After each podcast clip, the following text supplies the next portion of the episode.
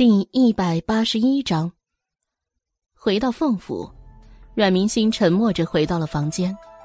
素竹疑惑的看向百灵：“怎么小姐兴高采烈的出去，回来就霜打的茄子了？”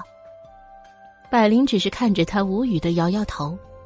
小姐的隐私不该说的也不能说，更何况他也不甚清楚。但是罪魁祸首是霍征少爷就是了。阮明星半靠在窗边的贵妃榻上，二舅母说：“这是特地从母亲从前的旧物中挪出来的。当初别院的东西，伴随着白嬷嬷等人一并都送到了凤府。现在他回来了，舅母怕他住不惯，房间里多数都是母亲从前的旧物。阮明星回到房间，就格外的安心，心绪也渐渐平复了下来。”反正霍长燕那个人，他是认定了，怎么也不会跳出他的掌心的。这个自信，阮明星还是有的。想着，现在最重要的事情，还是要解决如何让太子知道陈情。原本想着，霍征在军营历练，也立了功勋，是有为的少年将军。只要他提出陈情，只要他稍微乔装一下。就能够见到太子了，没想到他却莫名其妙的对他发脾气。如今最为捷径的那条路走不通了，他得另想出路才行。思来想去好几天，阮明星都没有想出一个正经的好办法来，而时间却越来越紧迫了。这时候就体现出他交友圈的贫瘠。由于这一事，他前些年一直在千仞山上。后来回京，又基本上除了稍微关系有点点头之交、更近一点点的长公主跟九公主之外，其他的除了凤府跟霍征，竟然一点关系也没有。他家倒是当官的，可是连大舅舅都不愿意冒险的浑水，想想也知道阮家会是个什么情况了。说不定父亲还会将他送官法办。治他个妖言惑众之罪。阮兆林那一家从上到下，从头发丝儿到地底踩的泥土，没有一个是看他顺眼的，百分之百逃不出一个好下场。阮明心想来想去，就只有长公主那一条路可以走了。他终于从贵妃榻上一个鲤鱼打挺爬了起来，对着门外高喊：“百灵，快进来！”小姐，怎么了？百灵看着他在屋里转来转去，忙忙碌碌，不知道要找什么。小姐，你要找什么？跟奴婢说一声就成，奴婢给你找。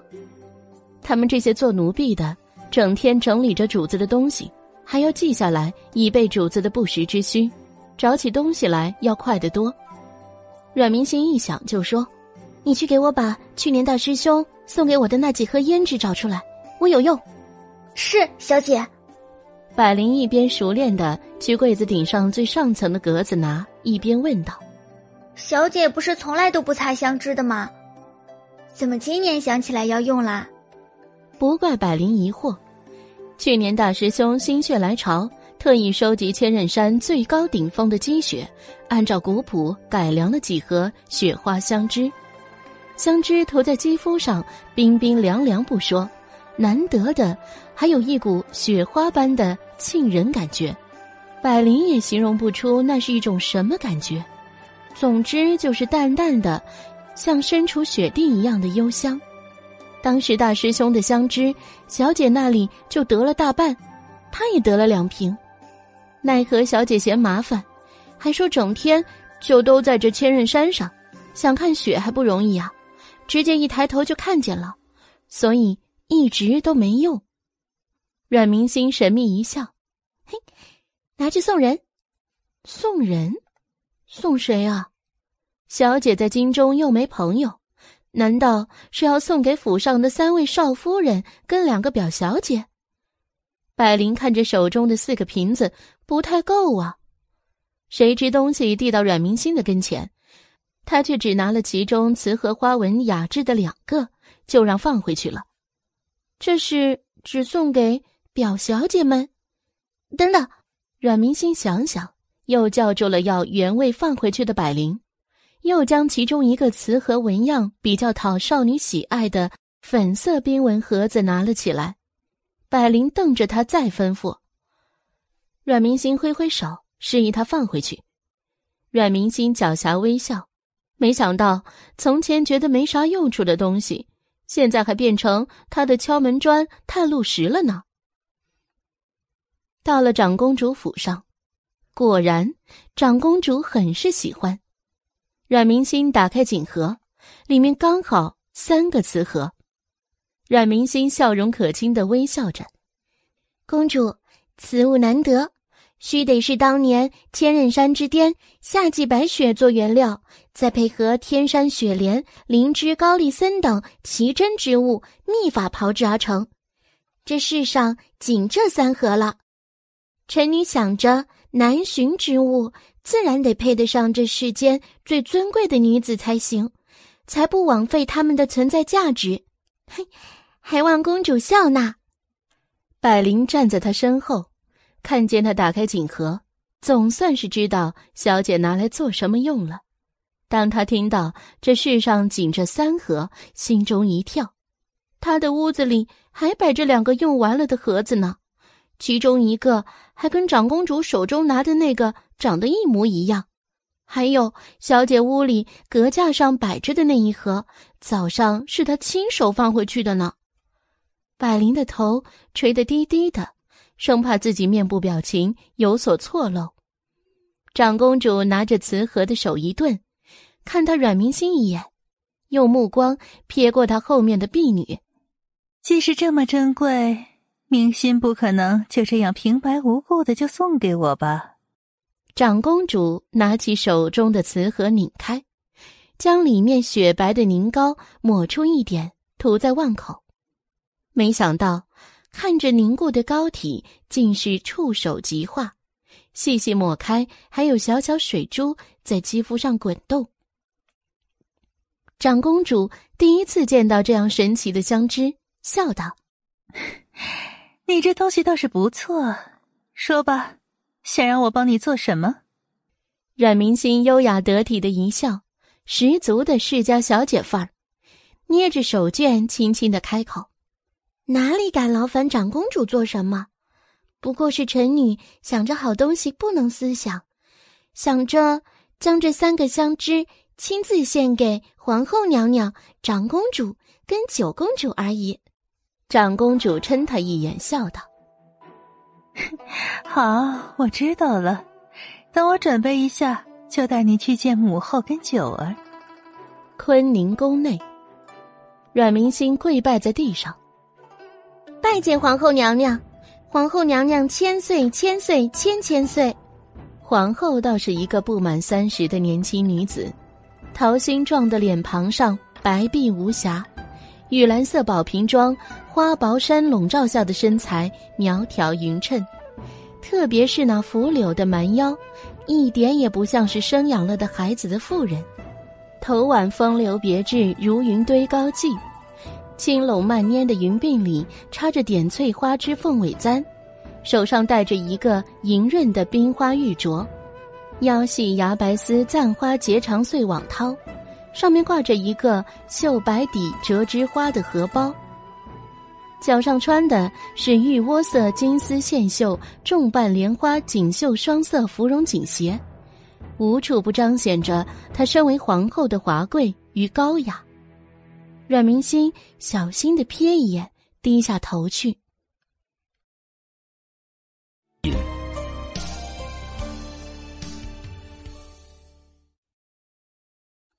第一百八十二章，耳边是悦耳的银铃声。这孩子倒是有理，快起来吧。皇后娘娘温柔的说：“听说皇上都夸赞你饱读诗书，礼仪有道。”是天下孝道的表率呢。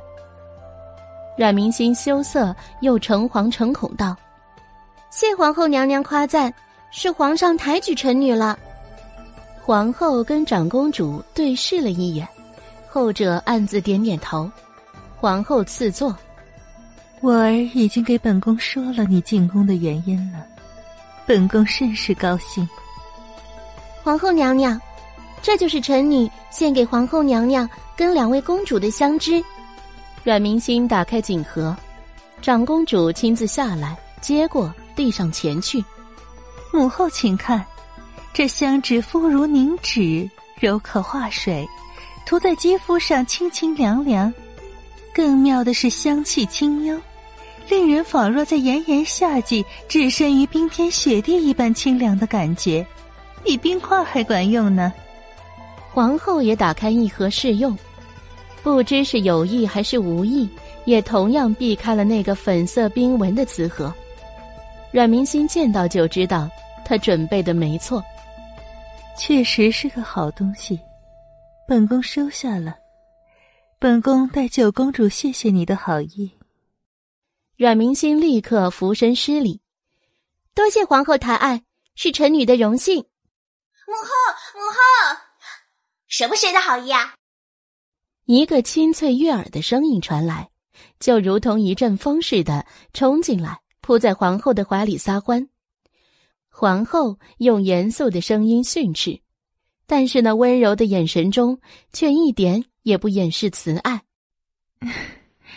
都跟你说了多少次了，你是大姑娘了，要讲究礼仪姿态，怎么老是这么毛毛躁躁的？还有客人在呢。皇后尴尬的看了阮明心一眼，阮明心低着头，刻意的避开他的目光，仿佛自己没有看到。其实他早就已经见怪不怪，这样的情景前世。每次进宫，他都会见到皇后。这一生就只有九公主一个女孩，真真的是把她当成眼珠子一样的疼爱。就连皇上多说她两句，皇后娘娘心里都是介意的不行。九公主这才发现，她后面似乎是还有一个人。是明星，我还真想着什么时候找你去玩呢，没想到你就进宫来了。咱们真是心有灵犀一点通啊！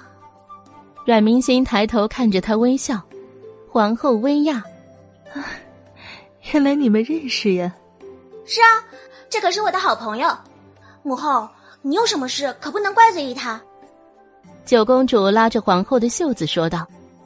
皇后刮刮她的鼻子：“你这小滑头，母后重赏他还来不及呢，怎么会怪罪于他呢？”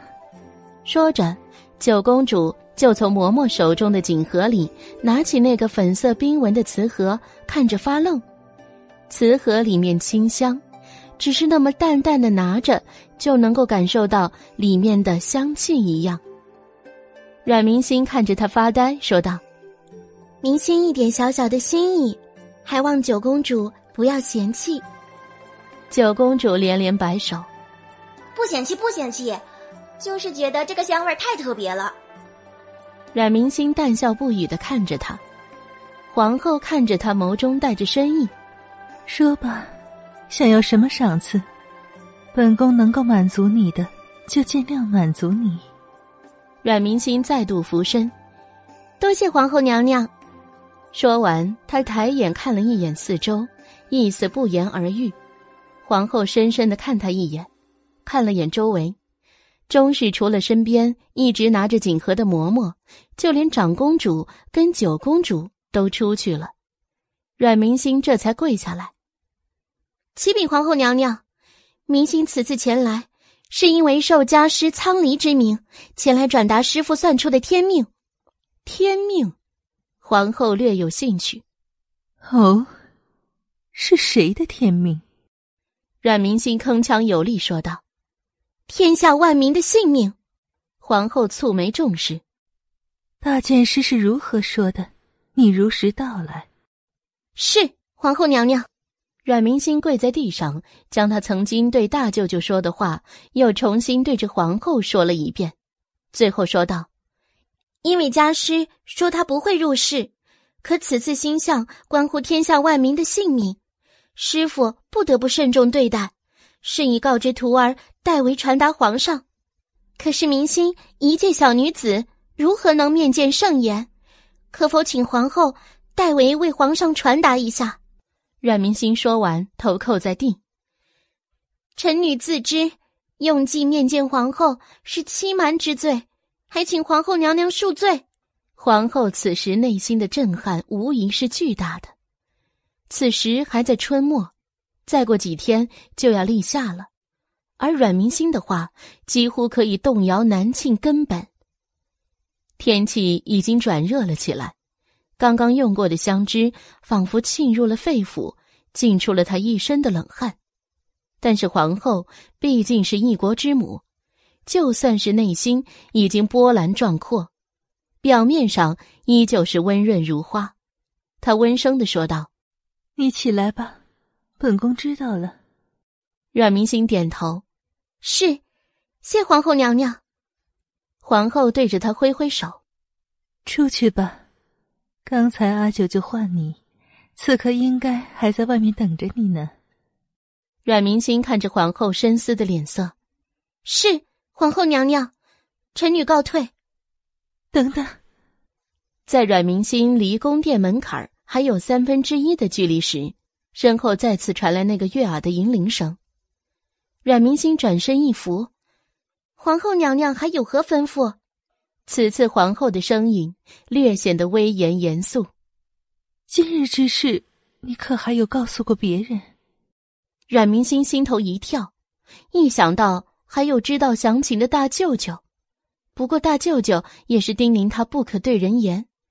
此事事关重大，这么几天了，大舅舅都还没有动静，估计是顾及凤家没有行动，或者是根本就没有相信他的话。阮明心跪着，从上至下的看着皇后，温柔中透着严肃的面庞，声音坚定无比：“回禀皇后娘娘，因为事关重大，师傅传信说，只能对皇上说起。”阮明心眼神微垂，似是有些伤心无奈。奈何臣女一无封告，二无诏命，实在是觐见皇上不得。幸好臣女。与长公主和九公主还算熟悉，请了长公主带臣女进来。皇后娘娘是一国之母，又是皇上的发妻，臣女将此事禀告于娘娘，也是与皇上无异。相信娘娘为了天下苍生，也一定会慎重的与皇上说起的。阮明心跪在地上。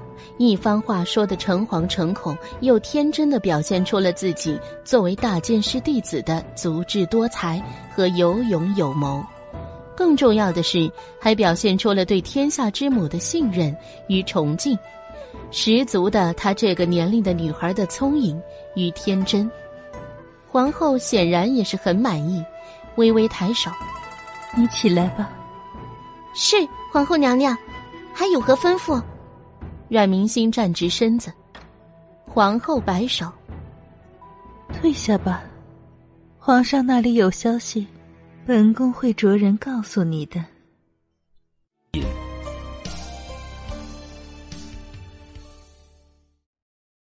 第一百八十三章，阮明心府里，多谢皇后娘娘，臣女告退。阮明心恭敬的退足三步后，才转过身。刚才恭敬谨慎的面容不复存在，嘴唇勾起，眼睛亮晶晶的。门外有皇后的心腹守着，九公主显然是等得不耐烦了，在台阶上踱来踱去的。一看见那扇大门里走出来一个清丽漂亮的石榴红的身影，高兴的飞奔过去，喳喳的叫着：“阿西，阿西，你出来了！你怎么才出来？”我都等你好久了。他语气轻快，嘟起的小嘴又显示着他欢乐中的委屈。正常娇宠长大的十一岁的女孩，谁人不是像她这样呢？阮明星任他牵着自己的手，看着他微笑不语。九公主也不再抱怨，一边拉着他往前走，一边问他：“啊，刚才你都跟母后聊些什么了？”这么郑重的样子，阮明心，这是秘密。他的声音清晰悦耳，又微微放低。两个身条长长又瘦小的女孩手拉着手，在三丈红墙围住的院子里，花团锦簇、绿意环绕的白道上，越走越远。阮明星回到凤府后，一句话也不说，脸色僵硬，谁也看不懂。整个清心园里寂静无声，院子里的丫头们都绷紧了皮子，走路踮着脚尖，能不到表小姐面前露面就不去露面。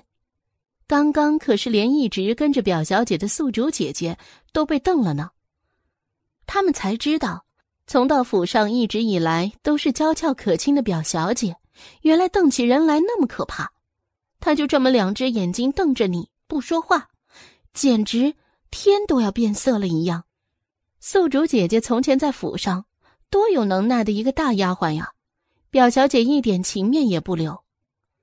事情说起来，还是要数昨天下午，表小姐回来的时候，因为小姐上午的时候走得急，又没传回来什么风声，凤府的人都着急了，一直到下午的时候，门房急急忙忙的跑进来禀告表小姐回来了。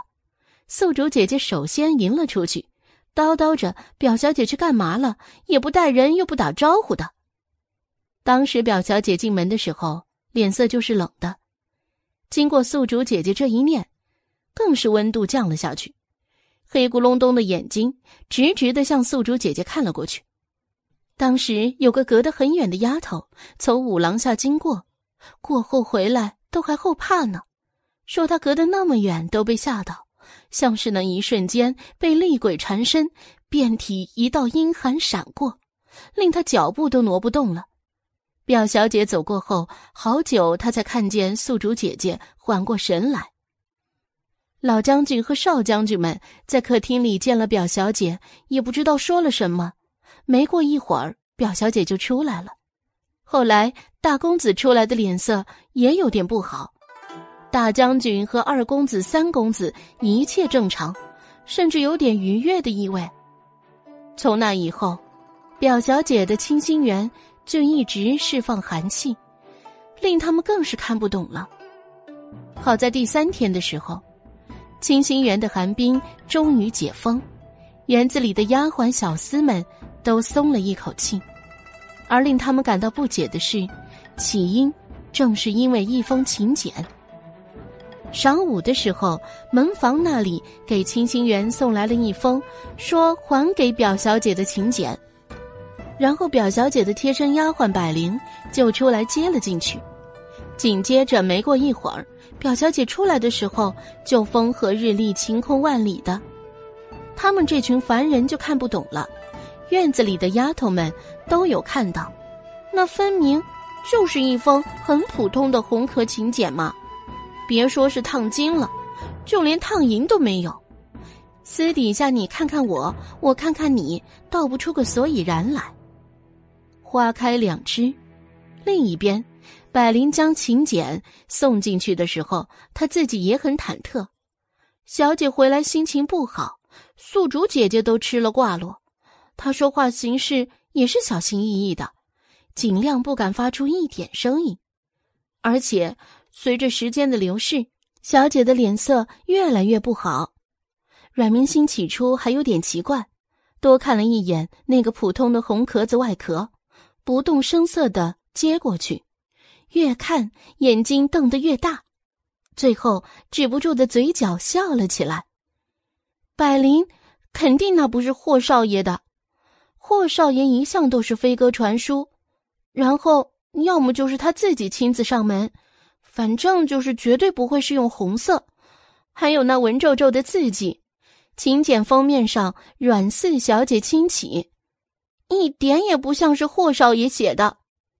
阮明星来来回回将请柬看了三遍，没错，真的是太子的亲笔。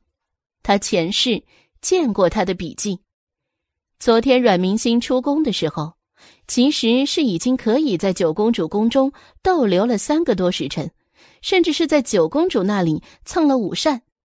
他原本想着姿势体大，皇后应该会立即就去禀告皇上的，然后他留在宫里，说不定还能省下一点时间，却没想到竟然一点动静也没有，一直到下午，他才不甘心的在九公主的不舍中离开了皇宫。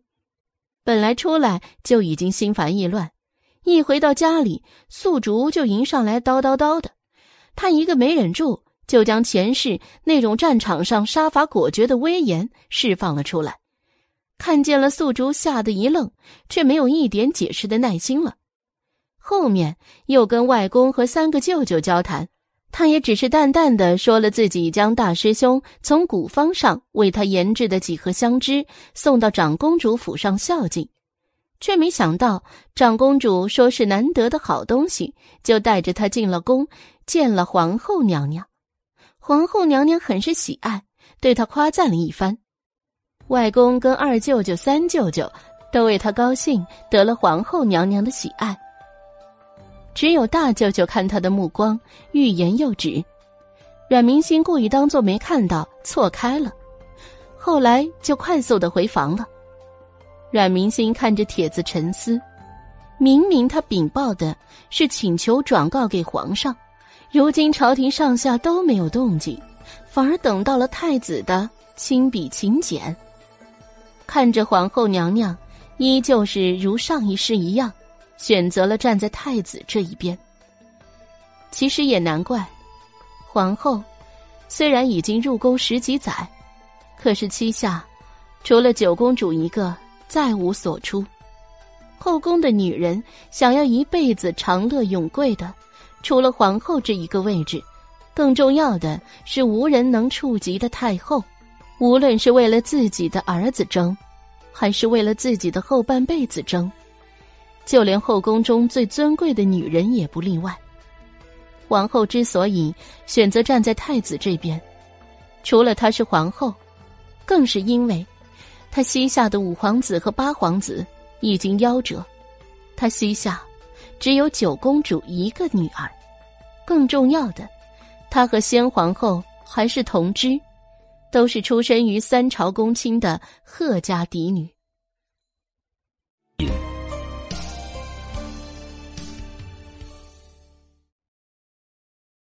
第一百八十四章，太子乃是先皇后难产生下的，皇帝疼惜他，不惜将他从小养在自己的身边。可是中宫之位关乎社稷，皇帝疼惜自己的儿子。自然是要为他觅得安逸，于是次年就接受了太子外加三朝公卿贺氏之女，先皇后的嫡亲妹妹贺敏入宫。两年之后，就迅速晋升到了后位。皇后是太子的姨母，自己没有儿子，贺氏家族的全部倚重，自然全部都压在了太子的身上。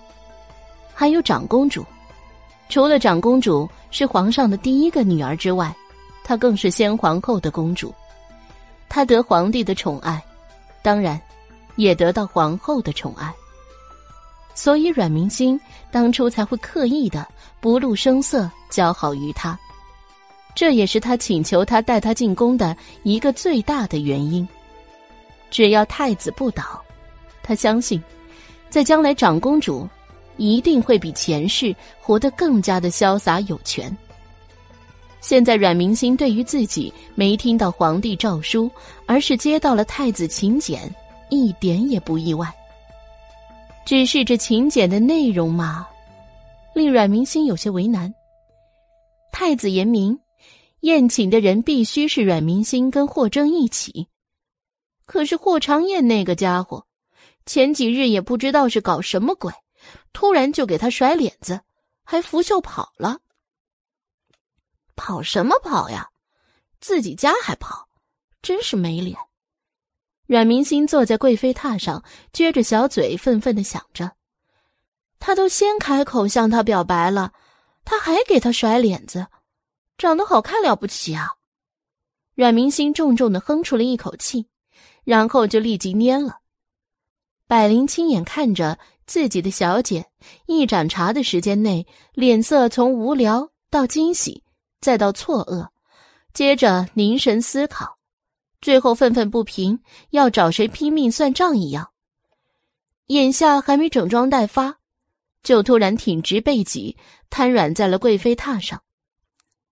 百灵上前蹲在贵妃榻前，看着把脸压得嘟起的小姐，心中暗松了一口气。寒冬已经过去，现在是春暖花开、懒洋洋的时间。他赶快帮阮明星分散注意力。小姐是遇到什么难事了吗？唉，阮明星懒洋洋的翻了一个身，面朝窗外，目光落在了残存的几个零星挂在枝头的白色杏花瓣上。杏花，唯美的像樱花，又似桃花。特别是春末的时候，许多人都傻傻的分不清哪个是杏花，哪个又是桃花跟樱花。杏花有灵性，花开无枝叶，枝干陪着红红的花苞，慢慢的盛开，簇簇拥拥。花开的时候变成粉色，越到凋零越变成白色。五月杏花白，那还是生命枯萎的信号。是为自己的哀伤挂白。母亲喜欢杏花，生命的多变与绚烂。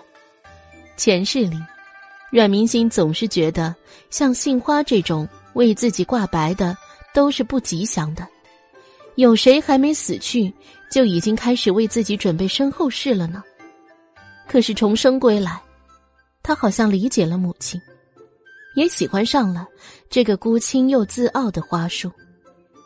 他们不以生命的凋零而挣扎，用最热情的红色来迎接自己的降生，然后自己挂白。他们这一辈子都将自己安置的好好的，按着计划将自己一生有条不紊、最完美的盛放。他的上辈子，就是将全部的身心都交到了龙逸轩的身上，从未为自己打算过。活得风霜又霹雳，所以最后才落败的那样凄惨。百灵没等待小姐的答案，不过更加确定了小姐现在的喜悦之情。良久，刚才一直久久都没有回应的阮明星，忽然心快的吩咐他去给他找一身漂亮的衣服，然后备马车出府。还让他顺便去告诉白嬷嬷跟宿主一声，让他们通知外公，他们午饭不回来吃了。女为悦己者容，既然他不来找他，那他就去找他不就得了吗？反正求婚他都做了，还害怕再去主动找他吗？百灵也被感染了，打开衣柜，小姐，这件可以吗？阮明星回过身来。不要，嗯，你给我拿那件散花水雾飞罗草百褶裙。那件裙子明艳又温柔，更重要的是水雾状的广袖飘飘，还很仙气呢，衬得她更加的明艳娇俏。阮明星甜甜的笑着，阮明星的眼光再次落到那个请柬上。宴请大剑师的两位弟子。切磋剑道，时间就是明天了。看来大皇子也是很着急呀。不过正好符合了他的意。时间已经过去五天了，再过十天就是立夏了。立夏之后就会开始阴雨绵绵不绝。还有这个必须让霍征与他一起，不过是看不起他一介女流，不相信他一口之言罢了。阮明星换好了衣服，整理了头发，就跟着百灵两个人急匆匆的出门了。毕竟霍侯府也是在城东，就跟他们阮府相邻两条街而已。城南到城东，可是要一个多时辰之久的，还有傍晚前要赶回来。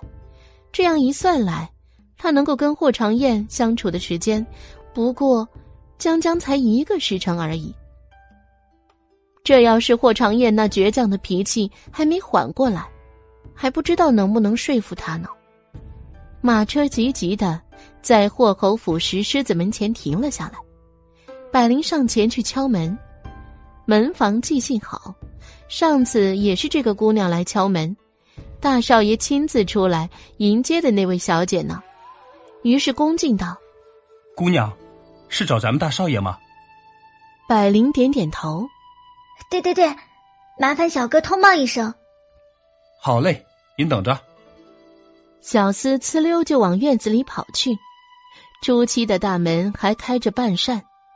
阮明心从马上下来，走到百灵身边站定。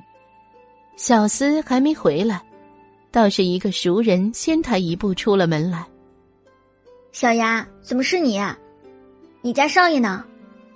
百灵不知其缘由，还以为霍少爷会像上次那样亲自出来接小姐进去呢，哪知道。小丫灭他一眼，鼻孔朝天上，看也不看他，就说道：“有我出来就不错了，你还想我们少爷出来亲自迎接你们不成？”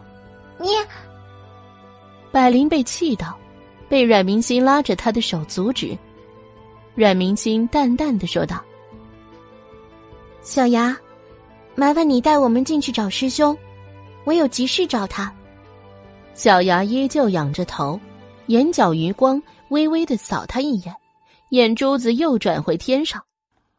我们少爷不在，阮四小姐请回吧。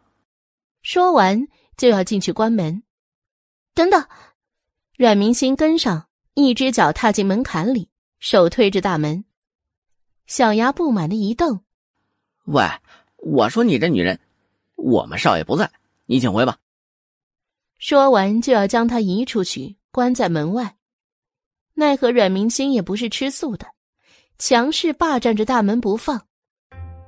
那你跟我说，他现在在哪里？小牙头背对着他，一声不吭。在哪里？阮明星继续问。小牙依旧不声不响。阮明星语气已经冷了下来。我最后问你一次，霍长燕到底在哪里？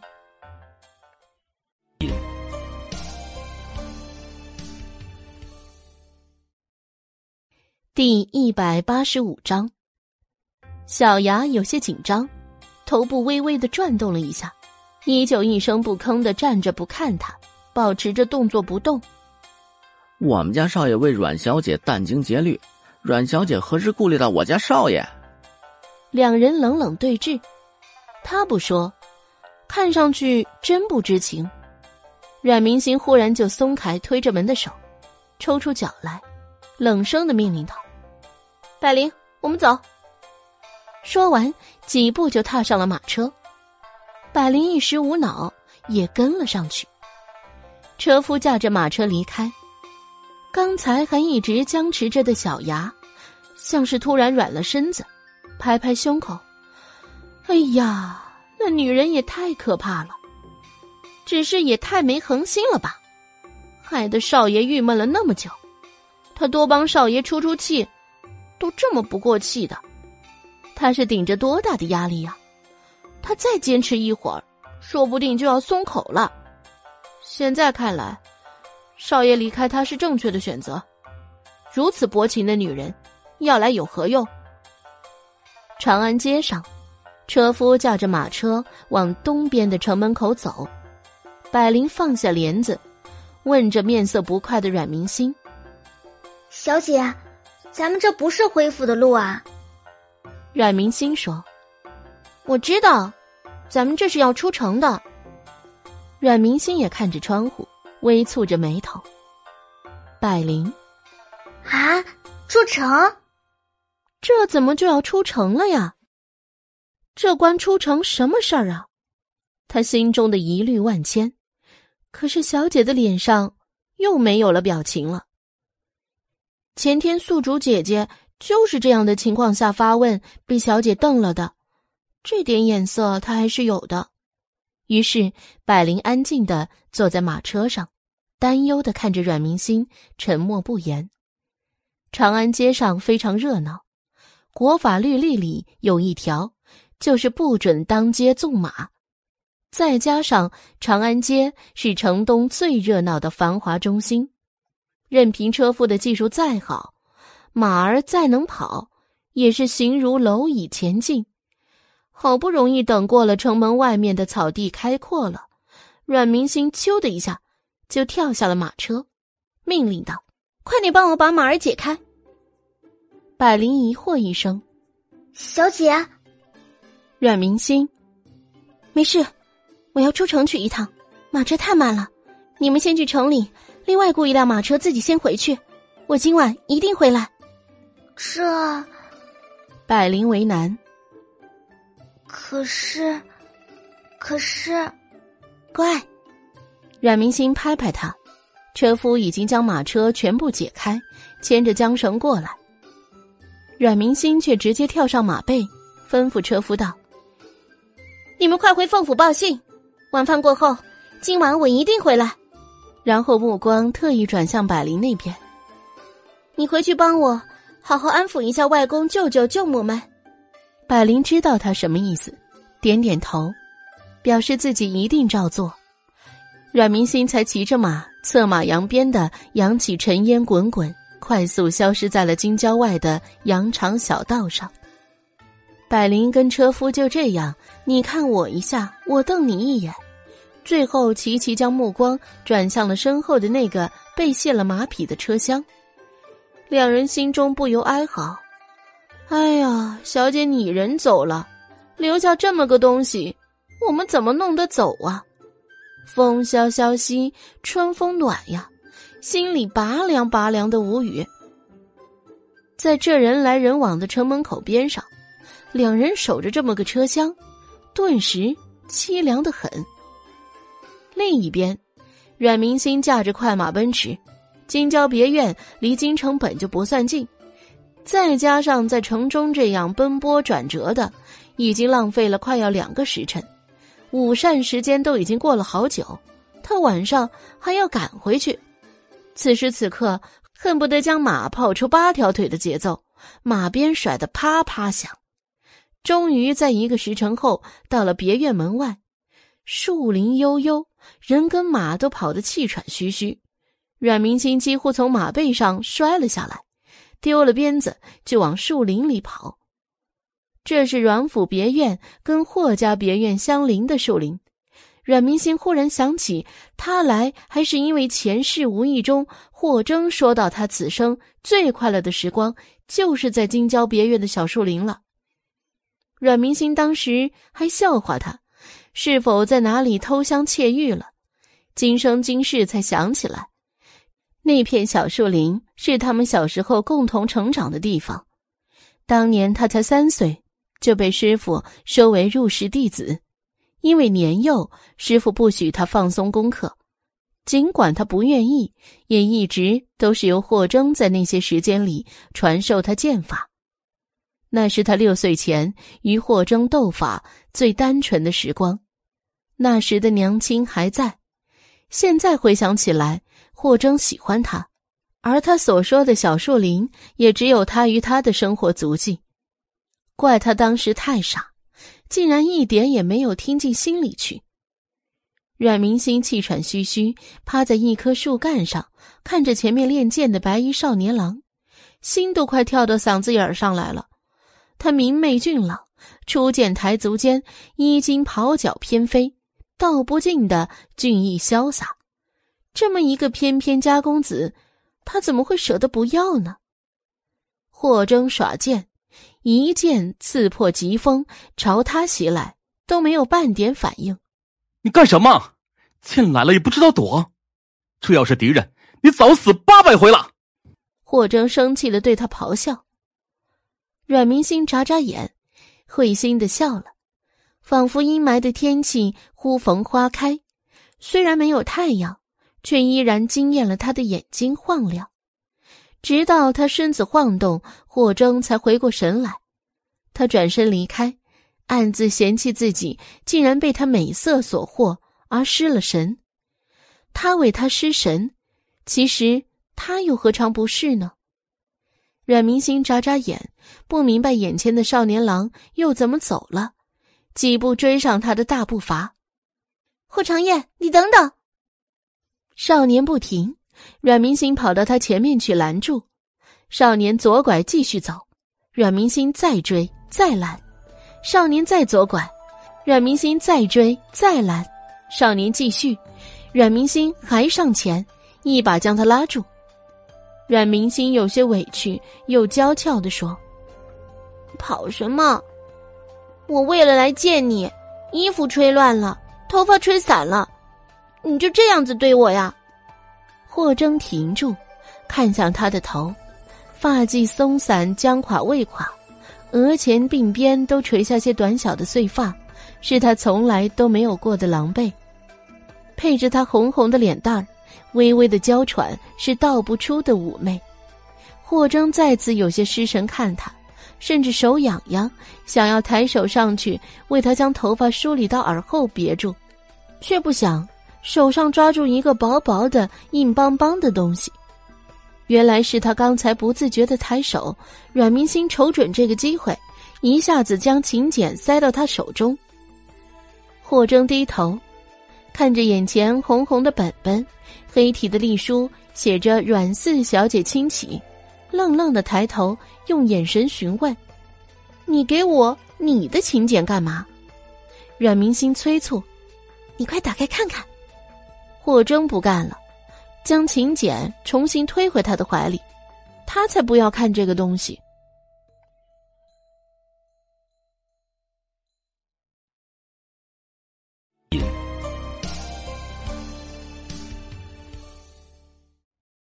第一百八十六章，两人站着推来覆去，阮明心干脆打开，将内容展现在他眼前。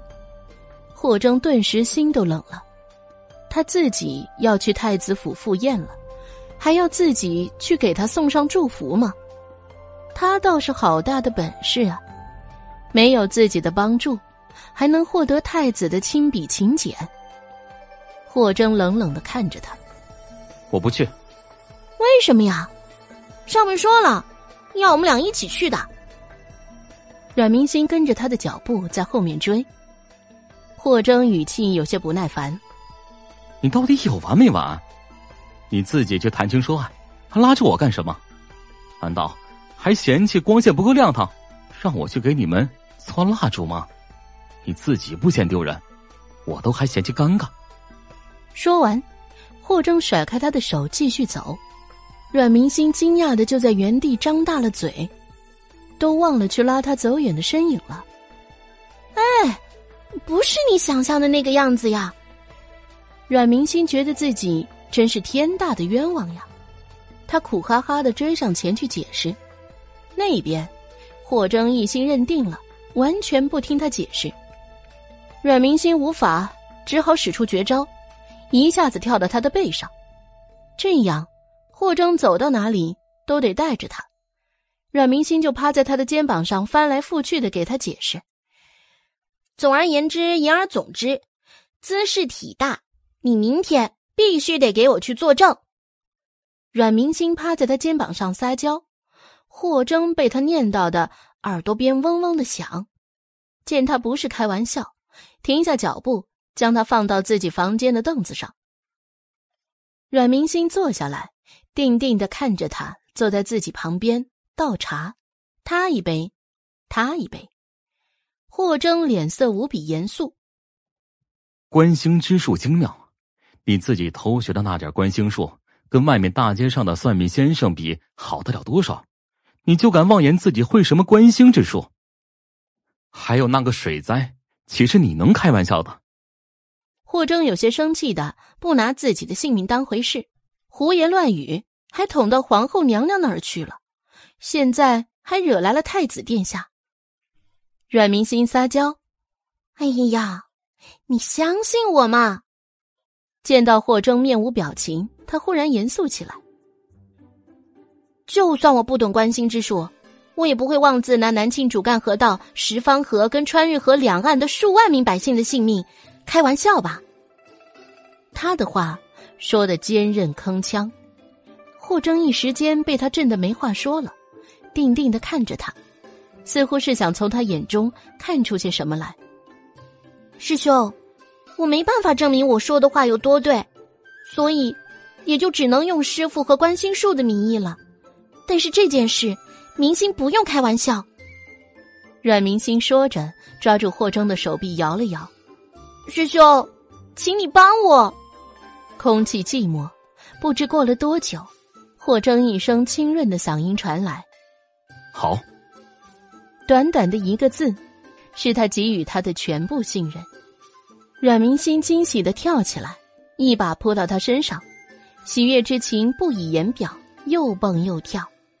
他明白，霍征这是在用自己的身家性命为他做担保。他的信任如此沉重，令他受之浓浓的甜蜜之下，有些无所适从。只是有的时候，师兄。为什么你对自己那么没有自信，不相信我是真心想要嫁给你的呢？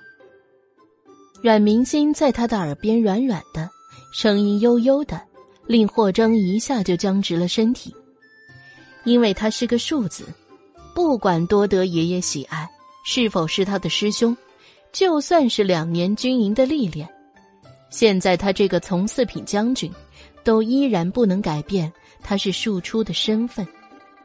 他该如何告诉他呢？他如此的高高在上，外公是南庆的第一大将军，父族又是百年的簪缨世家，母亲还是当年冠绝京城的第一美人，就连你自己也是才华横溢、备受皇上的华赞。正因为他如此耀眼，他才会患得患失。阮明星等了半天，霍征都没有说话。好啦好啦，我不问就是了。那咱们说好了，以后你都要相信我，我会做给你看的。啊！阮明星吧唧就在他脸上亲了一下。霍征愣愣的手拂过他亲过的脸颊，看着他，后者笑得花枝乱颤，少年的嘴角轻勾，终于露出了连日来第一个笑容。酉时时分，两人才从屋里出来。日落西沉，太阳落下山去，独留下一片红霞在天空，像是女子展开的丝蹄，迎风飘荡。霍征从别院另换了两匹骏马，快马加鞭赶回京城，刚好在城门落钥前冲入门内。霍征将阮明心送回凤府，天色已经黑透了。百灵、素竹、白嬷嬷三个人都等在门外呢。一见到阮明心，就急急的迎上去。小厮上前接过马缰，白嬷嬷担忧的拉过阮明心的小手：“我的小姐啊，您总算是回来了。大将军可担心你，一直在厅堂等着呢。您快去看看吧。”接着，他才注意到后面的霍征。他已经多年没有见到这个当年别院的少年郎了，将他打量了好一会儿。是霍少爷吧？多谢您把我们小姐送回来，老奴在此谢过您了。说完，白嬷嬷就屈膝一伏，素竹紧随其后。百灵摸不着头脑，也稀里糊涂的跟着蹲下身去，心里还默默想着。从前他见霍少爷也没这么多礼节呀，霍少爷会不会嫉恨他呀？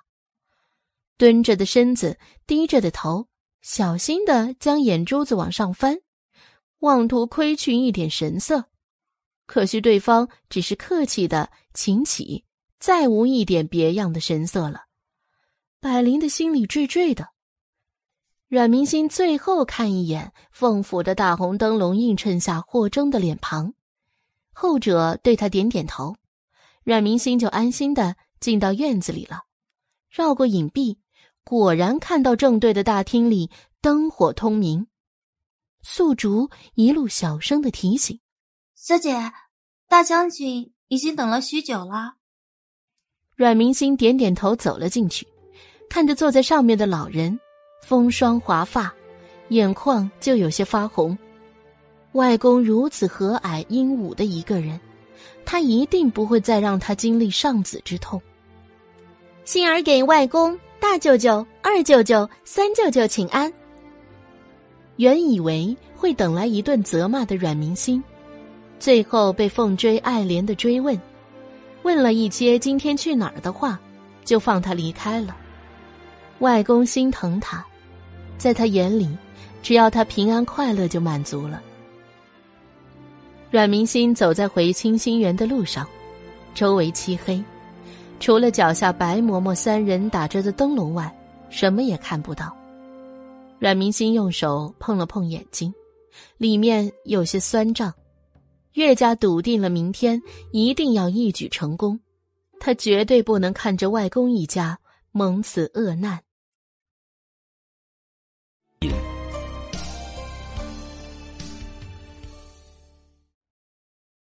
第一百八十七章，第二日，阮明心坐马车与霍征在东直门外会合。太子派的小太监早早等在门内，看见两人过来，敢问是阮四小姐跟霍小将军吗？霍征点点头，正是。小太监掏出东宫的腰牌给守门的侍卫看，侍卫交叉的刀戟放行，两人跟着小太监走。阮明星对皇宫已经很是熟悉了，但那也仅限于后宫。龙逸轩登基之后，再也未让他参加任何前朝的事。何况当时无太子，东宫说正统的，实际上。是属于处男之处，示意阮明心从未来过太子居住的东宫。越往里走，阮明心惊奇的就越是到处张望。同样，听说也从未到过东宫，首次被太子召见的霍征，却是目不斜视，仿佛这走的是他家后花园一样，熟悉又自在。阮明心撅撅嘴，小声的哼哼两声。小太监听见声响，疑惑转头，眼神询问。霍征冷峻，阮明心微笑。小太监以为是自己幻听了，也就继续带路。毕竟他们去的可是东宫啊，那个天下未来储君的宫殿，这是多大的荣幸啊！正殿内，太子独坐上首，两面两边。已经置了两副几案，上面摆放着色彩鲜艳的时蔬鲜果。阮明心和霍征先后进殿跪拜，三呼千岁。太子摆手：“霍少将军、阮四小姐，快请起，入座。今日是朋友间聚会，不讲究那些虚礼。”谢太子殿下。两人起身落座。阮明心观察着太子跟霍征。霍征虽然年轻。但是在这方面已经游刃有余，阮明心内心欣慰。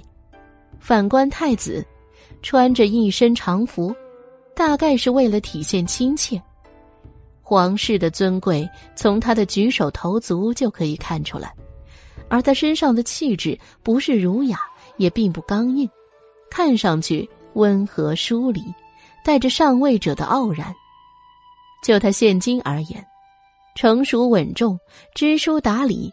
若是一直如此，皇上又何至于厌弃于他呢？明面上，这是以朋友的名义切剑术；实际上，他们才刚坐下来，就已经有美貌的宫婢陆续送上茶水点心，大家都心照不宣，也不捅破。宴席正酣。太子简单寒暄几句大剑师的名声、剑术，跟霍征的边关杀敌，话就转到阮明星这里来了。太子亲切的看向阮明星，听闻阮四小姐精通观星之术，那可是大剑师的精湛之意。观星之术博大精深，有时候连父皇都要倚重大剑师。没想到阮四小姐小小年纪，竟然也是如此精通此术也。阮明星莞尔一笑，故作谦虚道：“精通不敢，略有皮毛，雕虫小技而已。太子爷见笑了。”哦。太子目光转向了霍征，眼神和蔼可亲，又暗藏杀机。霍征不卑不亢，依旧是他一贯对外的冷峻。我这师妹惯是谦虚，七个弟子中，她是师傅最宠爱的弟子，有什么绝活，经常给她开小灶。言下之意就是师傅都对他单独开小灶了，名师成高徒，他的绝学都是深藏不露的。太子饮酒点头，然后又对着阮明星说道：“听闻阮四小姐前日向母后进献了一册今年夏季有涝灾的天象，不知可否确有其事啊？”他这是明知故问呢。阮明星当然得顺坡下驴，走出席案背后，跪到大殿正中央，回禀太子爷，确有其事。此消息原本是师傅传信送入京城。奈何皇后娘娘不信臣女所言，还望太子也为了天下苍生早做处理。此事若是成了，不仅是皇上、朝中大臣，就连天下人都会对太子殿下感恩戴德的，于您的储君之位只会更稳。太子手捏着杯子，可若是不成呢？你欺骗本太子如何说？阮明心不卑不亢。背脊挺直。若是太子殿下不信臣女，臣女自然会为着天下苍生考虑，另选一人担此重任。皇上如今成年皇子也多了，朝中不仅只有太子殿下一位皇子在当差。他的话语之中已经透出威胁。太子的杯子“砰”的一声，重重的放在桌子上，发出声响。他的眸光也骤然锋利。而阮明星毫不避讳的回视着他，他曾坐在上位，傲视群雄，这种眼神他是不怕的。两人的目光在空中交击，似乎带着铿锵的火花。良久，太子看着下面跪着的那个银红色的身影，咬牙切齿的说道：“你威胁本宫！”阮明星目视前方不出声，默认。此时，一直安静的当做陪衬的霍征发言了：“太子殿下，请听微臣说一句。”太子看向他，霍征看了眼明星，算是帮他解围。太子殿下现虽身在东宫，身为储君，可是殿下有没有想过，殿下行二，皇上的皇子有很多，如今成长起来能够在朝廷办差的就已经有大皇子、三皇子。四皇子，以后甚至会更多。而太子爷虽是也跟着皇上办差，可出彩却难。皇上现在正当壮年，太子殿下除了头顶的太子名号，应该于名声上多做建树。此事若成，天下敬仰。霍征坐在座位上，略略拱手，以示谦意。微臣忠言逆耳，还望太子也不要怪罪。太子看着霍征，久久没有说话。他当然知道，现在大皇子、三皇子、四皇子都已经办差了。往下说，小六、小七虽然没有长成，但是也快了。过不了两年，也会陆续的帮父皇分忧。现今看着大哥、三弟还没有什么动作，可是实际上，大哥现在做事越来越激进，表面上。是兄友弟恭，帮着他分忧；另一层意思，何尝又不是对他的威胁呢？三人就此僵持不动。久久之后，太子说道：“这件事，姑接下来可是要担很大风险啊！霍爱卿，你不会就这样想无凭无据的让姑当这个出头鸟吧？”霍征看着对面的阮明心一眼。太子殿下有何要求，请讲，我霍征能够做到的，一定义不容辞。太子淡淡的说道：“霍爱卿年轻有为，又是大剑师的徒弟，孤当然不能勉强于你。孤是惜才之人，当然想要多多与霍爱卿、阮四小姐结交朋友。”他特意将阮明心也着重点入，不仅仅因为。他是大剑师的入室弟子，更重要的是，阮明心此人的身上有种不同寻常的魅力。两次回京，都将京城搞得天翻地覆，人人闻名而惧之。更重要的是，恰恰两次父皇都特地颁旨褒奖于他。不仅是他，就连其他皇子，他想他们也是极尽的拉拢于他。小小女子有勇有谋。大才也，这是要拉拢他们战队到他的阵营了。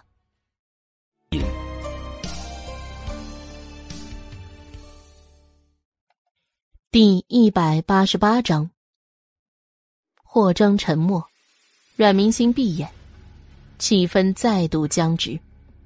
大皇子有勇无谋，打仗可以，但是论到守国，没有治国之道。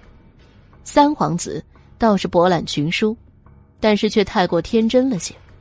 治国不是只要读书就可以了。还有四皇子。四皇子此人现在还好说，越是年长，越是滴水不漏。前世就连皇上都说此子脾气古怪，这样的人阴郁，有什么都压在心底，不出手则已，一出手必是一击中地，甚至不知道什么时候就着了他的道。五皇子早夭，六皇子任性没有大才。其实说起来，七皇子龙逸轩心机智谋都是可以，治国也懂得权衡之术，但是他怎么能够允许他再次登上大殿呢？阮明心看着太子清俊温润的眉目，倒是像极了龙腾，这也难怪龙腾宠他。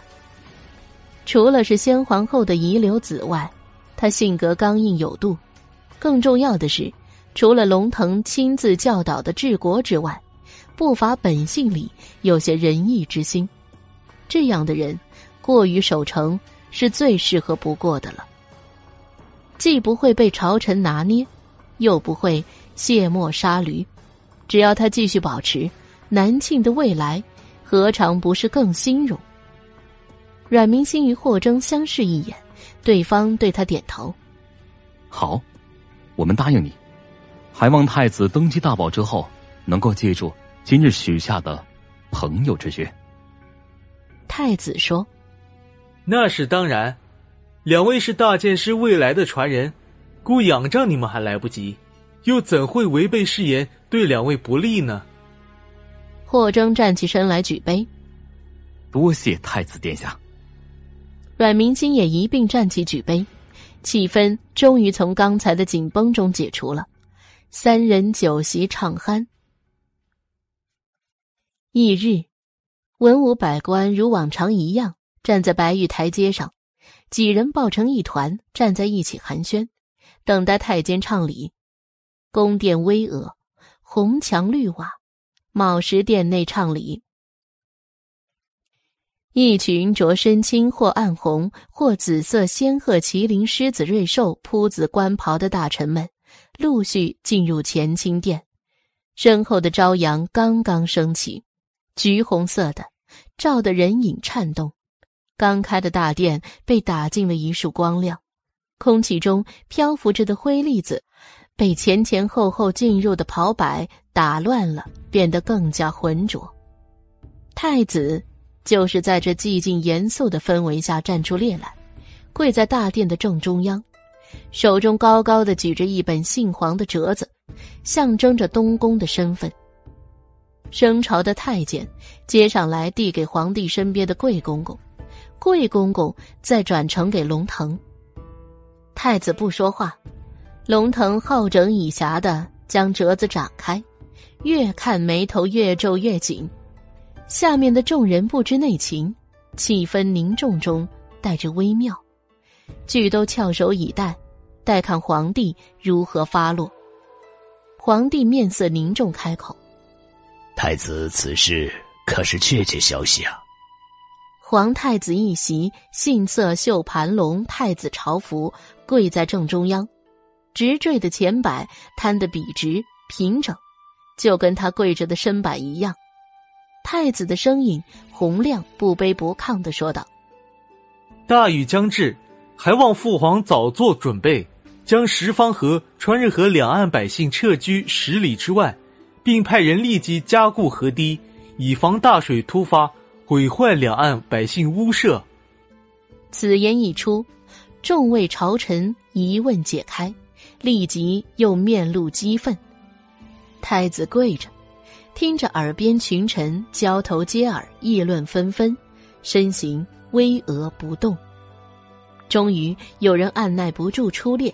跪在太子身后。皇上，如今天气干爽，晴空万里，莫说会引起水涝的大雨，就连一颗绵绵的小雨都没见着。太子年轻，追功逐利，皇上莫要轻信呐。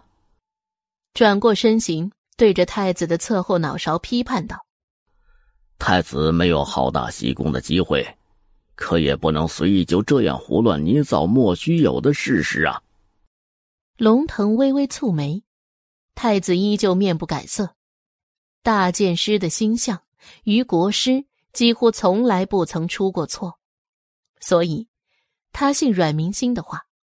而朝堂之上，然而一个接一个。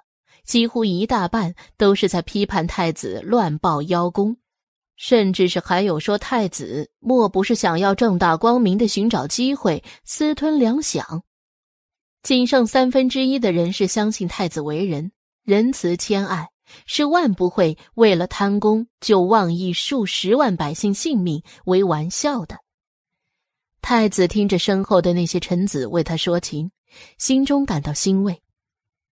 只是人数远不如那些攻坚他的多，这是他们贺氏一族以及门人的支持，太子心中有数。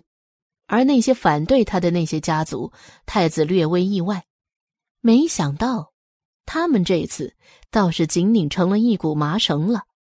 反倒是龙腾意外的看了一眼站着的那几个突兀的人，对方老神在在，或低着眼，唇瓣紧抿。一个字也不吐露，辨不清神色。皇帝欣慰，至少左右两侧领头的左相跟凤大将军这两个南晋的文武表率是坚持己见，维持中立。只是那个站在凤追身后的凤泽涵，以往看着总是坚毅的，无事不会垂下头，今日怎么也像那些缩头乌龟一样？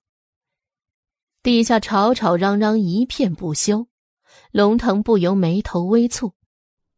好了，是非曲直，司天监占卜一下便知了。都起来吧，太子也起来。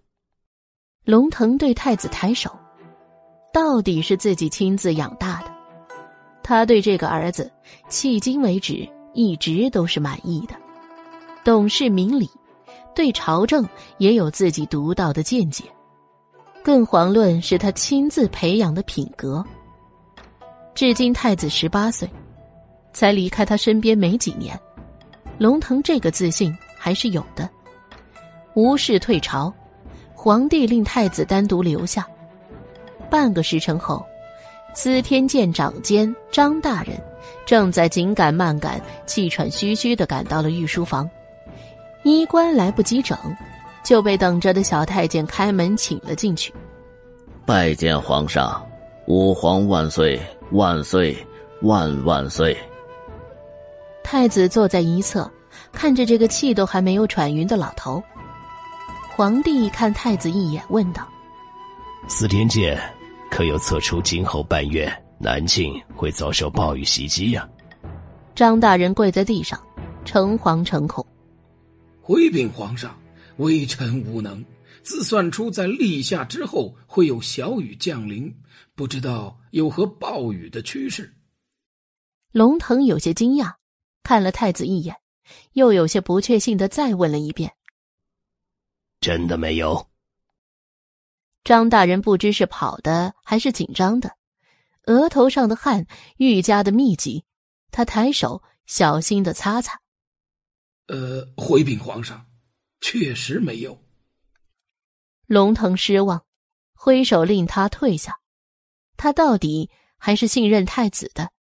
看着那个坐在下手，虽然刚才听到张大人回话略有诧异，基本上还是保持镇定的儿子问道：“太子是如何得知立夏会有小雨啊？”还有后面半句那奏折里的大雨倾盆是何解释？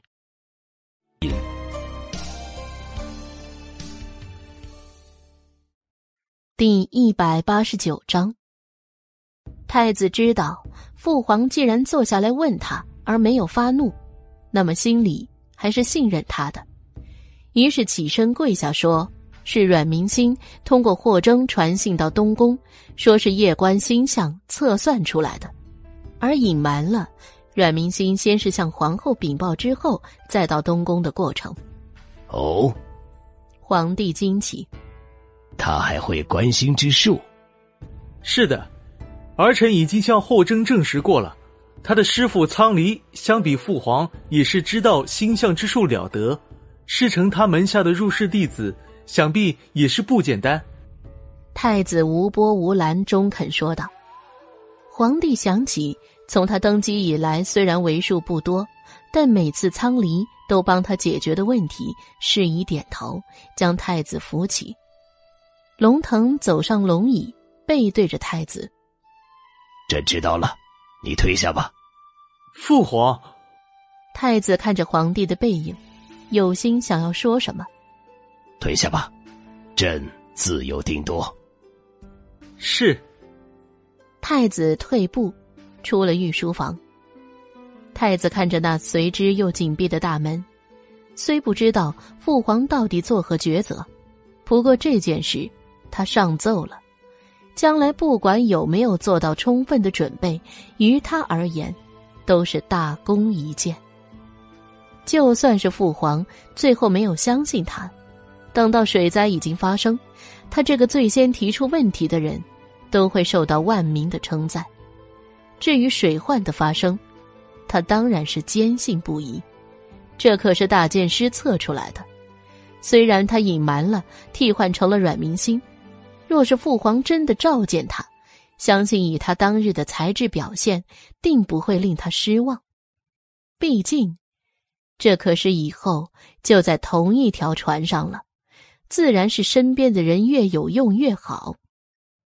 当日下午，太子就收到了信息，皇上秘密的召见了阮明心进宫。当时太子正在跟谋士们议事，说的自然是水灾如何防备与处理的具体对策。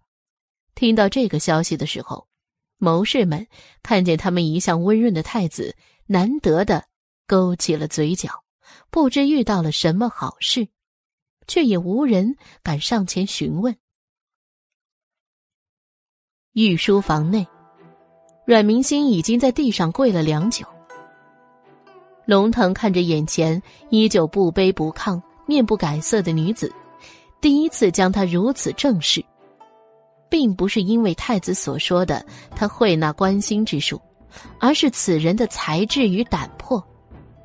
当年才六岁的小女孩。就敢那么豁出性命的要做成自己想要的事，这给每日日理万机、阅人无数的龙腾留下了极深的印象。哪怕她只是一个无关朝堂、国事家事的路边小女孩。后来，就是前段时间的那场赛诗会，她的文采以及气魄，毫不输于那些即将或已经成为国之栋梁的。才俊大人们，当时龙腾欣赏他，却也带着遗憾，恨不生为男儿身，投身以报国。而今，又是这个奇女子勘破天机，四处投门以寻求帮助，并且一击即中，就找到权力中心。他不知道，阮明心在自家大舅舅那里碰了壁。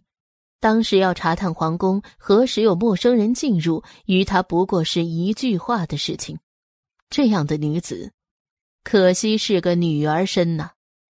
龙腾坐在龙椅上好久，才说道：“起来吧。”声音是复杂的。阮明金恭敬起身，跪得久了，腿有些打闪，却依旧保持着最初的仪态。龙腾挥手，给他赐座。小太监麻溜的搬上来一个椅子，阮明星谢过之后，方正的坐了上去。他也确实是累了，膝盖有些疼。这就像是一场无声的较量，谁坚持的久了，谁就是胜利者。可惜阮明星笃定了龙腾今日宣召他来，就说明了龙腾已经重视了太子的奏折请示。龙腾率先开口问道。你何来保证立夏之后必有暴雨？阮明心不紧不慢。皇上不信，可静待立夏时节。立夏之后，必有连续阴雨缠绵。龙腾静静看着他，这倒是跟司天剑所说的一字不差。阮明心再做保证：不若皇上与臣女打一个赌如何？看着前面的女孩，他现在面对她毫无惧意。龙腾说：“赌约，你能给朕什么？”阮明心，若是立夏之后半月后没有降大雨，臣女愿奉上项上人头，以平息此次民怨。他的眼睛晶亮，意味深长。但若是皇上输了，皇上用什么作为赌约？龙腾看得分明，他眼中的期盼。你想要什么？阮明心跪下。如若到时候天降大雨，皇上输了。臣女请求皇上为臣女降下赐婚圣旨。龙腾惊讶，深看他，真是越发的令他意外了。可是朕已经降下口谕，你的婚事为及笄之前不得谈论。阮明心急切开口：“明星是为了怕有人借明星婚配生事，明星可已经遇上好几次陪嫁外男了。他借机。”算是给裴家上上眼药，请赐明星空白婚纸，赐婚人处是空白的。皇上为明星颁下口谕，明星感激不尽。只是奈何家中长辈关心明星，总想帮明星决断。明星不求其他，只求将来的夫君能够自己选择就好，还请皇上成全。龙腾看着那跪着的小小身影，终于身子匍匐了下去。小女子不简单呢。皇帝当场允诺，延吉要看他预言是否成真。阮明心叩谢皇恩，就下去了。一出宫门，没想到整个凤府的凤老爷子，连同三位舅舅，都在宫门口等着。一见着他出来，四个大男人心里总算是落了地，急忙的迎了上来。阮明星捧着明皇圣旨，娇俏的叫人：“此地不是说话的时候。”待将他好好看到没有任何损伤之后，才让他上马车。四个男人跨上马背，往府里回去。凤老爷子到现在都还后怕，狠狠的瞪了欺瞒不报的老大一眼。凤泽涵被自家老子瞪得摸摸鼻子，与老三相视一眼。他俩性子谨慎，知道这样的事情，他们凤家是万不能参与进去的。只有老二凤泽天，还一副我外甥女了不起的模样，看得老爷子直来气儿。却不想在东直门出来，刚走完前面的东一长街，在城南一城东的岔路口上，另一辆仆人拥簇着的马车早已等在那儿了。阮明星撩开帘子，外面大舅舅已经与阮兆林寒暄起来。凤老爷子不搭理他，凤泽天却是坐在马背上吹胡子瞪眼睛，一副大大不满的样子。阮兆林跟凤泽涵站在一边，阮兆林面色诚恳的说道：“小女离家也有一段时日了，她祖母想念于她，亲自央求我来接。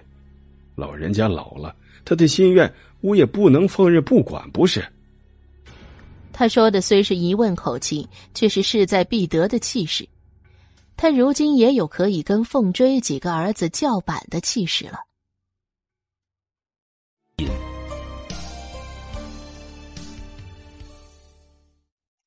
第一百九十章，凤泽涵虽善谋略，可是更多的还是行军打仗、排兵布阵上。阮兆林处处以孝道相压，没多久就处于弱势了。阮明星不忍心几位舅舅因为他屈礼于人前，尤其是阮兆林这样的伪君子，大舅舅高洁是说不过他的，于是坐在马车边缘说道：“大舅舅，明星离家多日，也甚是想念祖母他老人家，于公于私，明星都应该回去看望他老人家的。”又转头对着阮兆林说道：“父亲，请先回，稍后收拾了行李，随后就去看望祖母她老人家。”另一边，阮明心走后，皇帝又着人将太子宣来，秘密降旨，令太子着手处办水患规避一事。阮明心简单收拾了几件衣裳首饰，就带着百灵、素竹以及白嬷嬷等人回去了城东东筒子巷的阮府。轻装简行与来时的大车小车成了鲜明的对比。就好像他到阮府才像是做客一样，而回到凤府那才叫归家。于凤府上的一家人等在门口迎接他，缠着他问东问西的关心呵护，和同龄表哥表弟表姐妹们的至笑淋雨不同。阮府的大门口冷清清的，没有一个人不说，还大门紧闭。百灵当即就有些按耐不住要发作了。就连素竹白嬷嬷都蹙了眉。当真是没有对比就没有伤害。经历了凤府的温馨暖暖，一来见到原本就熟悉的，甚至是习惯了的环境，竟然有些心中悲凉。阮明星按下百灵的手，令他去敲门。门房的看着是狄小姐回来了，顿时眼睛一亮，将大门打开迎接。这位狄小姐真的是人不在府里，威严依旧无处不在，手段固若金汤。想想至今都还牢牢把握在他手里的管家之权，账铺每隔一段时间就要送到凤府里去的传言，门房脸上的笑容就更加狗腿了，恨不得小姐还没下马车的话，自己就冲上去当她下脚的脚凳。那说出去也是一种威风，不是？证明他跟狄小姐的关系很熟悉。阮明星进门，不管一路上多少双眼睛注视，他目不斜视，问了门人。阮兆林此时正在书房里。当初他走的时候，可是留下话了，回到府里率先找他谈一谈，他有话问他，他能有什么话可以问他？哼！阮明星冷笑：“当真是消息灵通啊！前脚他才从皇宫里出来，后脚他就围追堵截上了。安排白嬷嬷先将行李带回湖心阁安顿，雄赳赳的就去书房了。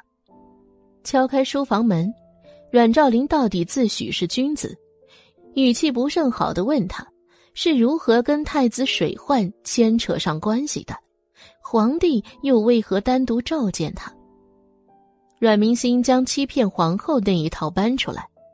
大剑师说的，他只是信使。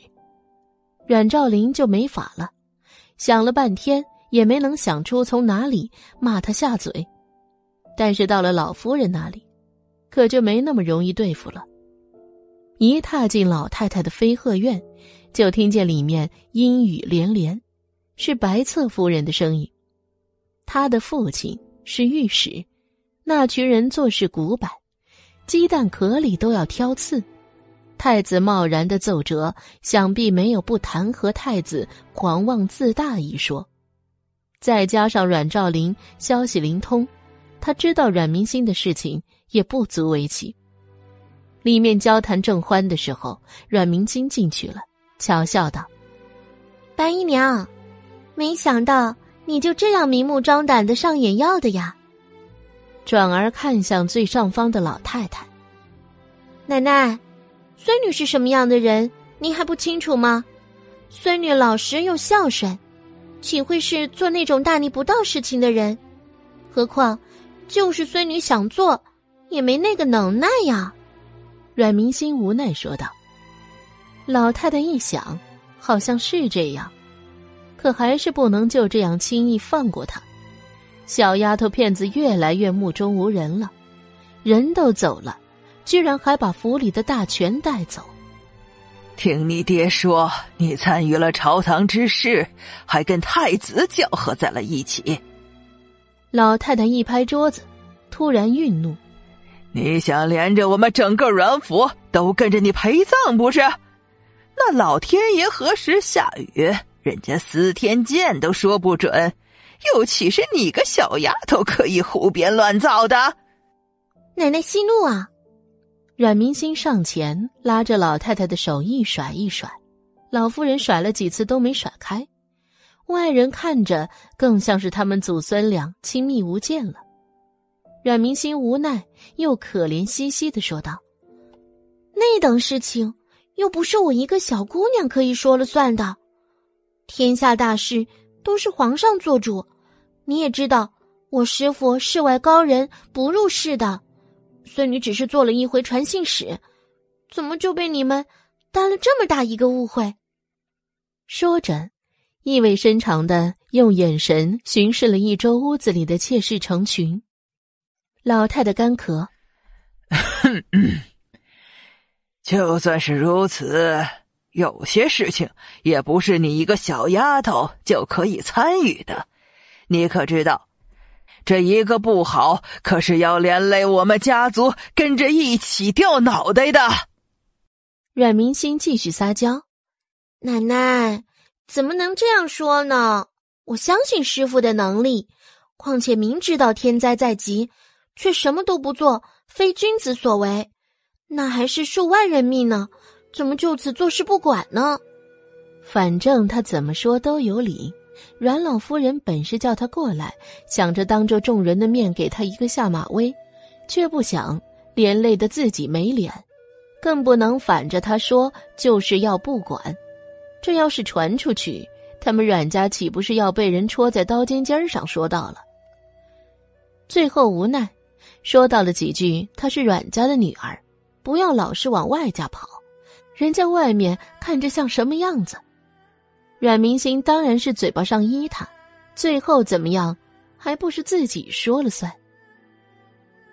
且说东宫内，太子一路走路都带风的喜气回去了，将刚才聚众的谋士们再次招来。原本他们之前商量的对策，是按照阮明星的说法。将居民撤居十里开外，修筑工事，然后朝廷安抚粮食物资补给。但是皇上刚才找他去，两人再次商量，皇帝的意思是将原本本地的居民资源搬迁，然后把河堤加固。这样一来，省了百姓们的物资受损，加固河堤工事的人手还多，只剩下七天时间了，自然。会迅速很多，到时候趁着绵绵阴雨，百姓们还有十天的时间慢慢撤离。太子府的人听后都觉甚是可行，然后紧锣密鼓的开始分工合作了，规劝百姓，工部派遣善于河堤修建的工事工匠，还有维护秩序、防止暴乱等等。然而他们干得热火朝天。外人真的就将太子府的人做事当做是笑话来看，在一片诗词歌赋的环绕下，立夏来了。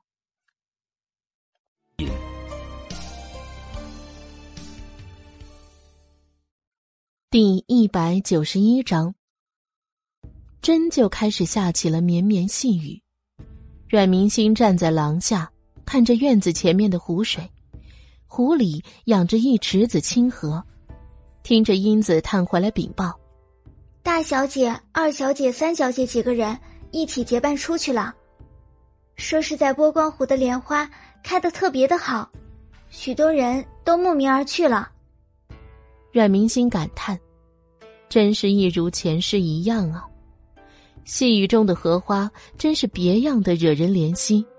就如同他眼前的被雨水冲刷的粉色花瓣，那不像是被雨淋，更像是有人拿着沾湿的棉花在轻柔摸摸它们，红的红，绿的绿，娇艳夺目。阮明心轻轻的点头，示意自己知道了，然后再也没有兴致看着一池的雨打荷花别样红了，这些，都是不吉利的。说他迷信也罢。自从重生之后，他对这些就格外注意以及忌惮了。立夏后的第五天，当日在朝堂上知道详情的大臣已经有些眉头，看着那屋檐下一直滴答不停的雨水，轻微的蹙了蹙眉。太子铿锵有力的声音犹在耳边：“细雨十日之后，连续三日将是特大暴雨袭来，到时候河堤坍塌，农田冲刷，百姓失服遍野，流离失所。”细雨第七日，依旧有百姓看着自家田地里的粮食着急。再这样下去，根都被浸泡的腐烂了，可这如何是好呀？第九日的时候，城中往日来往的繁华再也不在了，摊贩们不再冒雨支摊，出门赏荷的也不再出门了。或许是腻了，又或许是家中父亲对他们说了些什么。第十日，南庆全国人民都绷紧了一根弦。太子当日朝堂所言，已经在上层圈子流传了开来，下面的百姓们更是看着自家的粮食发愁，甚至有人用茅草在地里扎了棚子给粮食避雨。还有就是住在十方河跟川日河两岸的百姓们，他们发现河水真的是有些涨起来的趋势。还有那些墙角的蚂蚁，从前两日开始就陆陆续续的开始搬家，就连打洞的老鼠都在街上乱窜了起来。还有些鸡鸭没能送走的，整日在家里咯咯咯、嘎嘎嘎的乱叫。起初还有人抱怨，管好他们家的畜生，平白打扰人休息。但是谁家的鸡鸭都在叫，这畜生要叫。总不能拿根绳子把他们的嘴巴绑上吧？没办法，吵吵嚷嚷的不见人声，只闻牲畜，然后就是开始最后一波人的强制撤离。皇帝坐在御书房里，大门开着，连续下了十天的雨，天气温度又降了下去，没有声响的寒气径直往大开着的门里面灌。扑倒正面对着门口的龙椅上。太子爷同样紧张，细听滴答声，甚至觉得有些美妙。该做好的准备他都已经做好了，他胸有成竹。大臣们是真的有点觉得大事不妙了，有些按耐不住，都结伴上同僚家商讨去了。就在当天晚上，电闪雷鸣。顷刻间，暴雨扑簌而下，迅速果决，一点反应的时间都不给人留。谁都睡不着，爬起来坐在房门前或者窗台前看雨。闪电照着他们，或胡子花白，或皮肤娇嫩煞白，绷着的一颗心总算是落下了。至少人、粮食都能移动的，都撤走了。太子此举后想不凡，谁人都将他高看一眼了。阮明星也借着这场大雨，阮府的威望越加威严。原本嘲笑他的阮家众人，也不吭声了。唯一庆幸的，还好那不算是阮明星自己亲测的。若是如此，谁还敢惹他呀？晚上夜观星象，一句话就能看透你的生死。暴雨连续两日，京中谁人都以为太子从此高枕无忧、独霸圣宠的时候，意外发生了。暴雨连续敲击着瓦砾，砰砰作响。太子坐在东宫里也高枕无忧的时候，有太监穿着蓑衣，带着斗笠，直奔他东宫而来。太子认得他，那是父皇身边得力的太监贵公公的干儿子。太监都是无根之人，平常贵公公可都是将他带在身边学习如何伺候人的。今日没想到他居然过来了，太子挥手放他进来。小太监急惶惶的，仅是取下斗笠就急匆匆的进来了。太子最是清楚，贵公公那个人最是滴水不漏。没道理，他的徒弟这么不求上进，还没问出话来，小太监就已经砰的一声跪了下去，沾湿了一路的水汽。皇上有旨，请太子殿下速到御书房议事。随后看着太子明显疑惑，还没动，便提醒道：“太子爷快着点吧，众位大臣们都已经到齐了。太子乘着尖辇，迅速来到御书房前。下来后，仅仅是只有几步路，依旧是把外衣的袍子打湿了。好在外面还有一件披风。太子的绳子一拉，解开，就扔给了随行的贴身太监。进入到厅堂里面，果然，三品以上的大臣都已经齐聚，严阵以待的看着他。那些眼神很奇怪，氛围紧绷，仿佛拧的空气中都要将这水汽滴下来。太子仅是扫视一眼，就低下头去，如同往常一样摆袍跪下请安。皇帝却看着他没有叫起，这实在是。少有的事。太子直挺挺的跪着，凝视着皇帝的目光，问心无愧。龙腾深深的看他一眼，依旧是不忍苛责的。他对这个儿子总是格外的偏心。太子起来吧，看看这些奏折。皇帝的声音有些无力的将桌上摆着的一堆奏折递给边上一直站着的贵公公。太子疑惑，起身接过，退到一边，看了皇帝那略带疲惫的容颜，才将那堆最上面的奏折打开。竟然是废太子的。太子惊讶，迅速看了皇帝一眼，接着是第二本、第三本、第四本，其中居然有一半都是请求废太子，另一半。则是写着太子中饱私囊，冥界修筑河堤工程，实际上暗度陈仓，坚守自盗。只有一两本稍微委婉的说，下面的人蒙蔽太子，造成公事敷衍了事。太子翻了一下那两本折子的落款，原来是姓贺。皇上不由动怒。如今暴雨缠绵，不过才三日就两河决堤。死伤无数，太子，此事你应当作何解释？太子跪下，面色犹带着惊疑的慌乱。父皇明察，拨款可修筑工事工匠都是儿臣拨下去的，但是儿臣绝无半点私中受贿，这定是中间有人贪贿。龙腾大怒，令人彻查。太子因嫌疑暂时被禁足。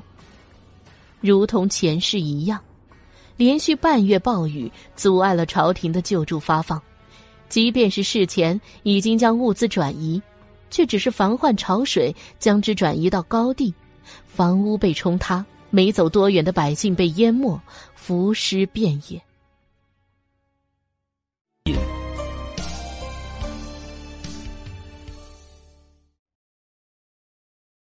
第一百九十二章。阮明心的心无疑是被揪痛的，他做了那么多，依旧是无法挽救前世那些百姓的厄运。大雨减缓，阮明心在家中待了半月有余，最后跪到了宫门前。此时养心殿内，龙腾正因为查到的事情震怒，他的儿子做了这么多的准备呀，就栽在了这最后关头。两河总督将太子的话当作义正孤言，竟是完全不当心。修筑工事完全不出力不说，还将太子打下去的饷银尽数贪没。那些百姓为了自己的家园，硬是自己自费的出钱出力，没想到两河总督居然还在这当中动了手脚，堤岸架构不坚固。将百姓们原本要用的坚石抹下，替换软烂的沙石，河水一泡就崩溃。更遑论是大雨淋漓、河水惊涛拍岸这样的暴击。能够坚持三日，已经是百姓们在沙石的缝隙中填充饱满的努力了。皇帝震怒，用奏折摔了好些大臣的颜面。这就是他们养的国之栋梁。就在这时。又有工人来报，说是阮明心那个小姑娘跪在宫外请求见皇上。她阮明心算什么呀？不过一个稚女。现在皇上正在气头上，谁也不发声，端看他如何被羞辱。却没想到，龙腾竟然允准他进来。养心殿是什么地方？这可是除了御书房外，专给大臣们议事的地方。能够进入这里的，自诩都是有身份、有资历的人。一个个目带疑惑的看着那个跪着不卑不亢的小女孩。龙腾随意的抬抬手，满身疲惫。起来吧。阮明心依旧跪着不动。回禀皇上，臣女不起。臣女是来向皇上讨要当初约定的圣旨的。众大臣一惊，没见过这么明目张胆讨要圣旨的。有些迂腐的顽固就忍不住了。现在天下遭灾，真是国之动荡的时候。你一个小小女娃儿，只想着自己的绣花踢毽子就算了，现在还将玩笑开到了皇上头上，你是养尊处优了，可何曾见过外面那些饿死浮漂？你一心只为着自己就算了，竟然还这么不知廉耻！这妥妥的阮兆林版礼仪大义的伪君子作风啊！阮明心最受不得的。就是这样的人，不分青红皂白就随意诬陷自己，当即就跟对方呛起声来。我是只顾自己，大人不了解我，为何要讨要圣旨就胡乱构陷于我？不知大人是何居心？还有，大人说我不关心天下苍生，难道大人就关心了吗？阮明心直盯盯的将他从头到脚扫视一遍，恶狠狠的说道。外面正在下大雨，百姓们流离失所，饿死浮漂，而大人呢，到现在还在养尊处优。他目光落在他干净整洁的朝服上，至少我还能体悟百姓之苦，而大人如此倾盆大雨，大人身上竟然连一滴水滴都没有，是浪费了多少人给你一个人打伞，还是穿了多少民脂民膏在身上？他的声音越说越大。说的那个针对他的官员心口一震，说的那养心殿里同样衣着整洁的官员们都哑口无言，俱都低下了头。因为上方，龙腾听见那个小丫头的话，也是一样观察他们的衣裳。按理来说，从外面进来都应该像是阮明心那样，不说全身湿透，总归会在下摆留下水印的，而他们。那干净的袍摆，没有一点水印的斑驳，顿时目光就寒了，冷冷的开口：“他的圣旨是朕亲自为他允下的，爱卿有何问题？”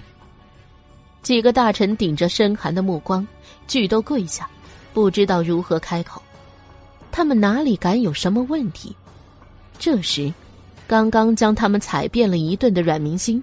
又似乎将他们解救于水深火热。他继续着刚才的话题，解释道：“在信雨没有落下之前，我已与皇上打赌，若是真发生水灾了，皇上输了，便要赐予我一道圣旨。”他看着他们一个个的，目光不复刚才的坚定，变得森寒，一字一句慢慢的说道：“若是我输了，便将献上。”我的项上人头，富儿他又语气轻佻。诸位大人以命相搏，你们敢吗？他那毫不客气、轻轻松松的话语，轻轻拂过耳畔，却犹如一股寒冰注入体内，将他们冻得遍体生寒。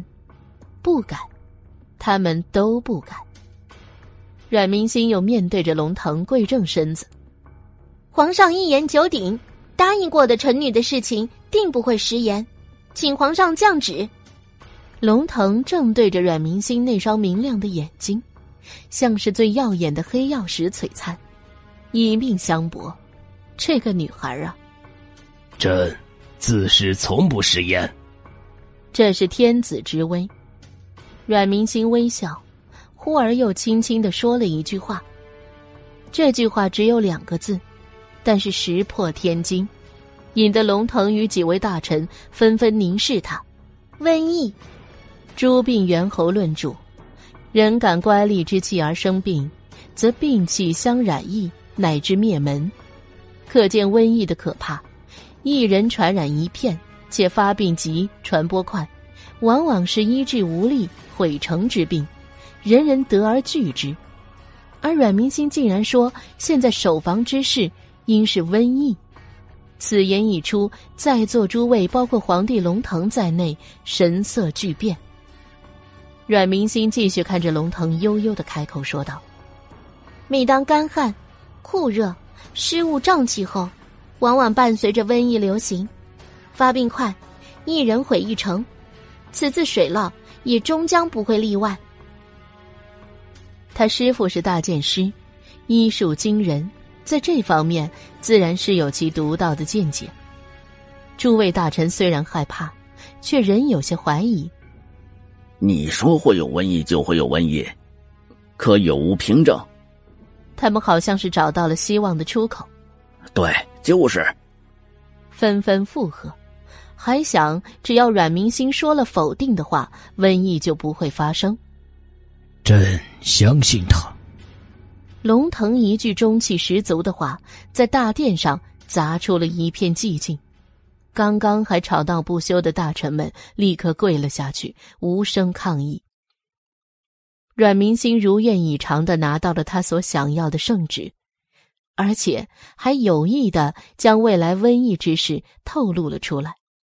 这一事，皇帝早做准备，相信再不会被打得措手不及。百姓北渡，奔逃避难。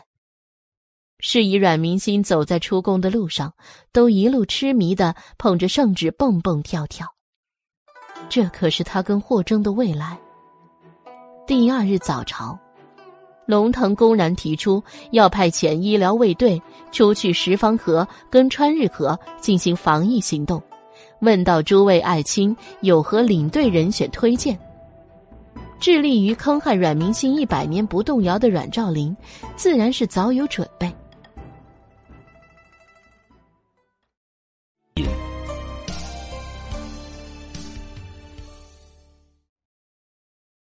第一百九十三章，只见阮兆林暗红色的飞鹤朝服缓缓出列，巩一的右手上夹带一本暗红的折子。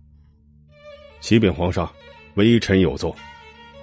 他双手高高的将奏折平举过头顶，原本在金龙宝座高台下的小太监有眼色的上前接过，递给了桂公公，然后再由桂公公贵胜转呈给了龙腾。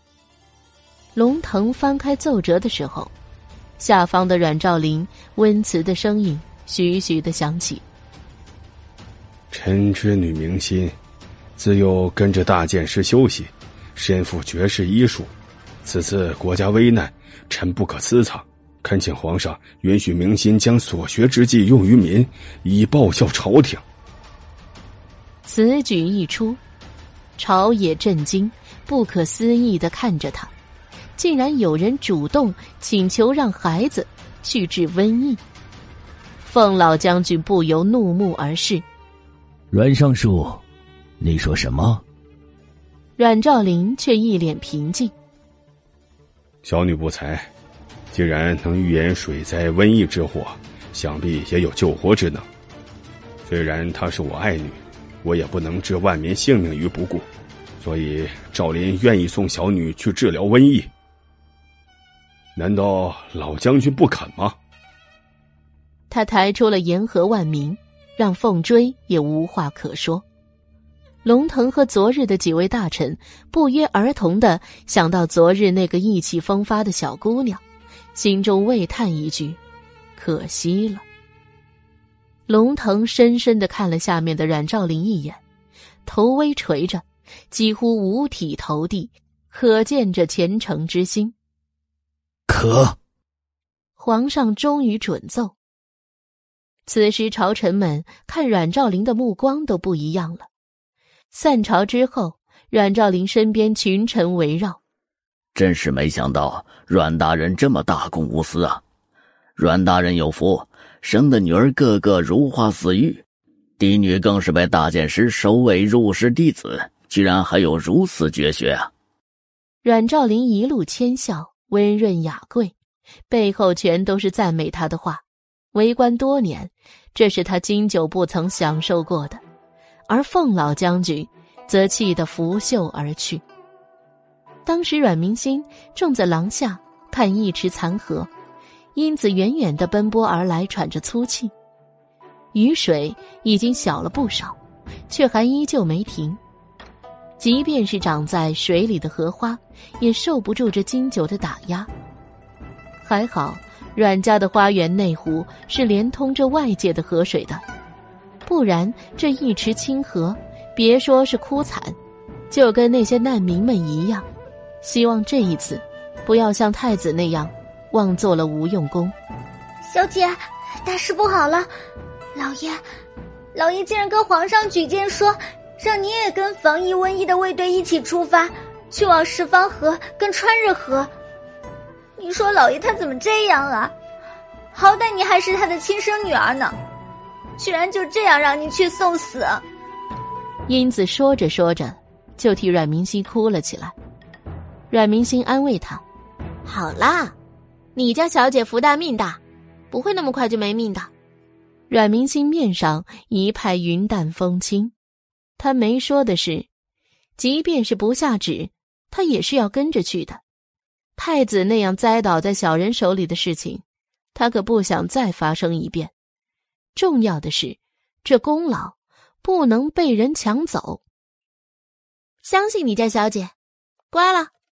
阮明心还想心情调戏自己的丫鬟，英子简直不知该作何感想了。卧室内。百灵正在收拾行李，他现在已经成了阮明星出门的标配了。一则是他多少身怀武功，二则就是他对阮明星绝对忠诚，万事站在他的角度出发。阮明星正在前面用膳，素竹陪着他一起去，一家人围着大圆桌。阮兆林难得和气一回，对待阮明星，好好叮嘱他去了。就要好好做事，报效朝廷等等。阮明心也不揭穿他的虚情假意，甚至还一度对着老夫人虚情假意的撒着娇、卖着萌。他给老夫人又是夹菜又是摇手。奶奶，您可说好喽，明星离开后，湖心阁可是要永远给明星留着的。他一面说着。一面还伤情的假意抹着眼泪啜泣道：“就算是明星此次去了回不来了，你一定要给明星留着。明星就是死了，将来归家，也好歹有个处。”呸呸呸！说什么傻话！老夫人跟阮兆林对视一眼，明星是去立功的，就算是不幸身亡，那也是我们阮家的荣耀。奶奶当然是希望你活着回来，享受这荣耀的。阮明星也笑着，一家人难得其乐融融，可是建在对他死亡的期待上的。阮明星回到房间，看到收拾好的行李，明知道是必不可少的，内心总是觉得空落落的。他沉寂了半天，往书房走去，出来后眼眶有些红。阮明星将一封霍征亲启的信件交给了素竹，特意交代要让他在自己走之后才交给霍征。到底是要前往瘟疫重灾区域，怎么都放心不下了。素竹的眼睛比他还要红，时不时还要拿帕子压一压眼角。郑重接过信之后，他保证一定会送到。现在也不说小姐不宜与外男交往的那些话了。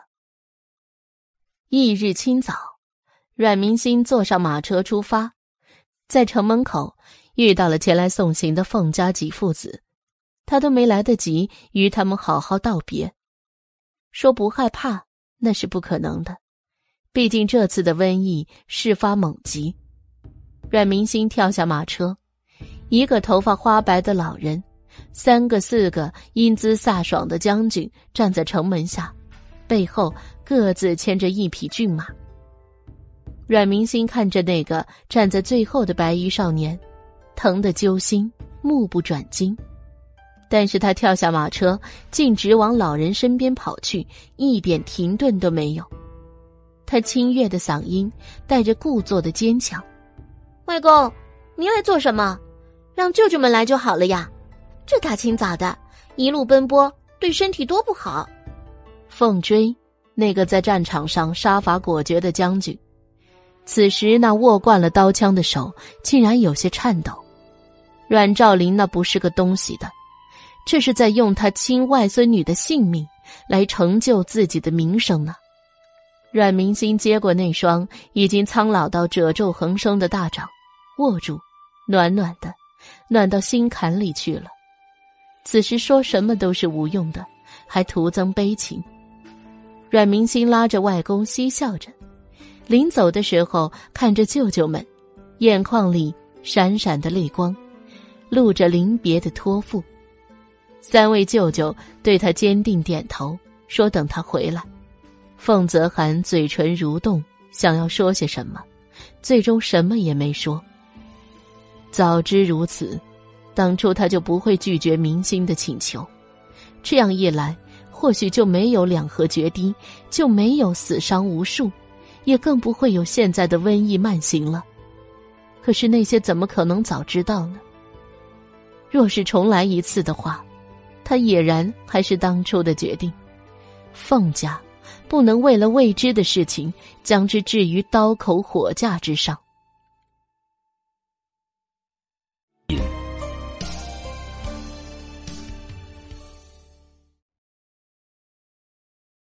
第一百九十四章，阮明心理解大舅舅，临别前还特意与大舅舅话别。期间没有任何的隔阂，这些都是真心的疼爱他的亲人。最后轮到了霍征，他一步步向他走来，他已经比他高出一个头不止了。阮明心就只在他的胸口处高一点，与他离得近了，看他的时候都要仰着头看。可是他舍不得离开他半步，保持着微弱的距离，呼吸着他身上干爽的气味。明明杀过那么多人，怎么就没有一点血腥气呢？阮明星的心里兀自开着小九九，他想到那封圣旨，幸好还没送出去，万一他这次回不来了怎么办？心里如是想着，可是出口的话却是另一番滋味。他们离得很近，说话的声音也很小。那个小女孩调笑着说：“霍长夜，要是我回不来，你一定要给我守满孝期，知道吗？皇上可是下了口谕的，没到弱冠之年是不得一亲的。即使我不在了，你这六年也是要属于我的，听到了没？”他最后那一句有着不甘心的气氛，甚至叉腰怒瞪着他。但凡他有一点要反抗的意思，就要将他就地正法的架势。然后，还没等他开口，他又兀自啰嗦的交代：“你籍贯之后就是成年人了，到时候我就管不了你了。不过你放心，我不会纠缠你的。到时候，你要是看中了中意的女子，自去成亲就好了。本小姐那时说不定早投胎了。”说完，他弱弱的叹了一口气。唉，待到那时，我们的师兄妹缘分也算是尽了。他说的是师兄妹，而不是其他。霍征心里比他还难受，他好不容易确定了这个女子是他一生想要守护的人，而现今自己却被困缚在京城，毫无办法。霍征第一次生出了对阮明星独占的心思。霍征郑重的承诺：“你放心，我一定会等你回来的。”阮明星嗤笑：“谁要你等啊？说不定到时候我又另找到看得顺眼的人了。他说着诀别的话，霍征还要再说。城门外进来的人催促了，是在外面的医卫队等得急了。阮明星不再多说，在四人的目光下上了马车，出了城门，跟刚刚的侍卫碰头。阮明星才想起来，他们这一行人到底是谁带队的呀？事出紧急，外面一点风声都没有。毕竟龙腾不想引起百姓的恐慌，这次行动是绝对的隐秘。就连许多大臣都不知道这次的领头人到底是谁。阮明星带着好奇看向侍卫手指的地方，那个普普通通的青色马车里，据说坐的就是这次的主持者七皇子龙逸轩。龙逸轩，怎么会是他呢？他记得龙逸轩比他年长不了几岁，就连六皇子都没有开始办差。怎么，龙逸轩就坐上了这么重要事情的主持人了？他果真是一向出乎他所料。阮明星和百灵坐在马车里，一路卫队环绕中间的几辆马车急行军。这里面除了阮明星跟龙逸轩，可都是从太医院出来的御医。此次的希望，可全都寄托在了他们的身上。时至午时。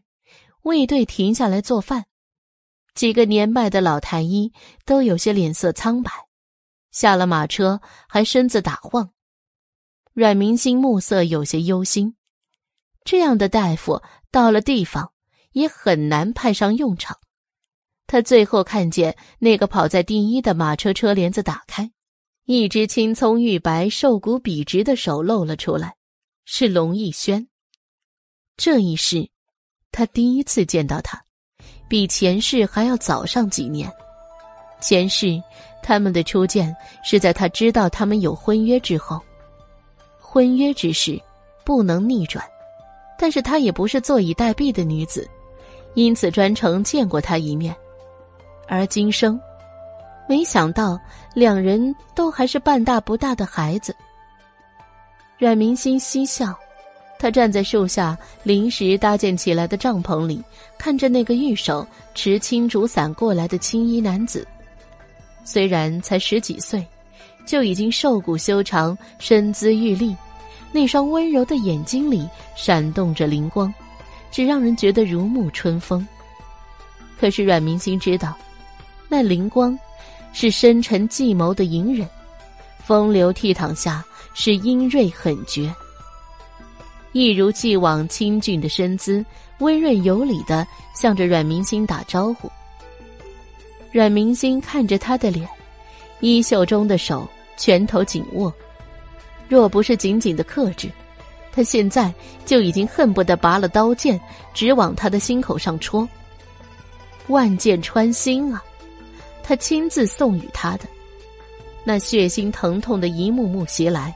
眼底的恨意忍不住就要爆发。阮四姑娘，对吧？清润的声音把他拉出癫狂报复的沉思。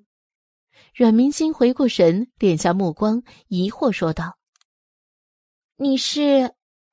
他们两个以前没有见过面，所以现在疑惑纯属正常。龙逸轩骤然一笑，自我介绍道：“好，我是父皇的妻子。”名逸轩，阮四姑娘在外唤我七公子便好。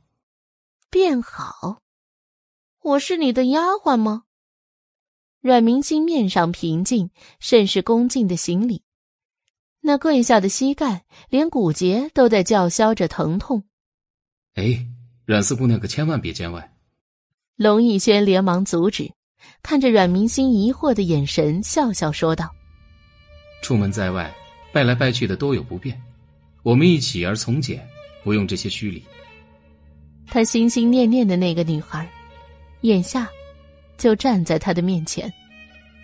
阮明心心里不满，却依旧恭敬的将礼节行完，笑着说：“话虽如此，可是您毕竟身份尊贵，该有的礼节不能少了，不然外面影响到您立威就不好了。”龙逸轩没有想到。阮明心会如是说，心中觉得这个女子果真聪慧透顶，甚至很会为人着想，心中感动。可是，一想到城门外看见的他与那个男青年依依不舍的情景，还有那天在望天楼上用西洋镜看见的他红衣飘舞、仙姿怒放，却最终依偎到了那个男子身上的场景，他就不甘心，血脉叫嚣着沸腾。他，本该是属于他的。还好，现在一切还未晚。阮明心看着他那清润的目光，就止不住恶心，几乎难掩杀意。他跟了他八年有余，太清楚他的为人了。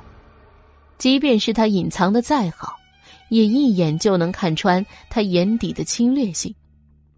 他内心冷笑：他堂堂皇子去治瘟疫，好啊，瘟疫是恶疾，一不小心就传染上了。世事难料，到时候可怨不得天，怨不得人呢。既然上天让他们在这里遇到，而且恰逢这种敏感时机，那么也就别怪到时候命运无常了。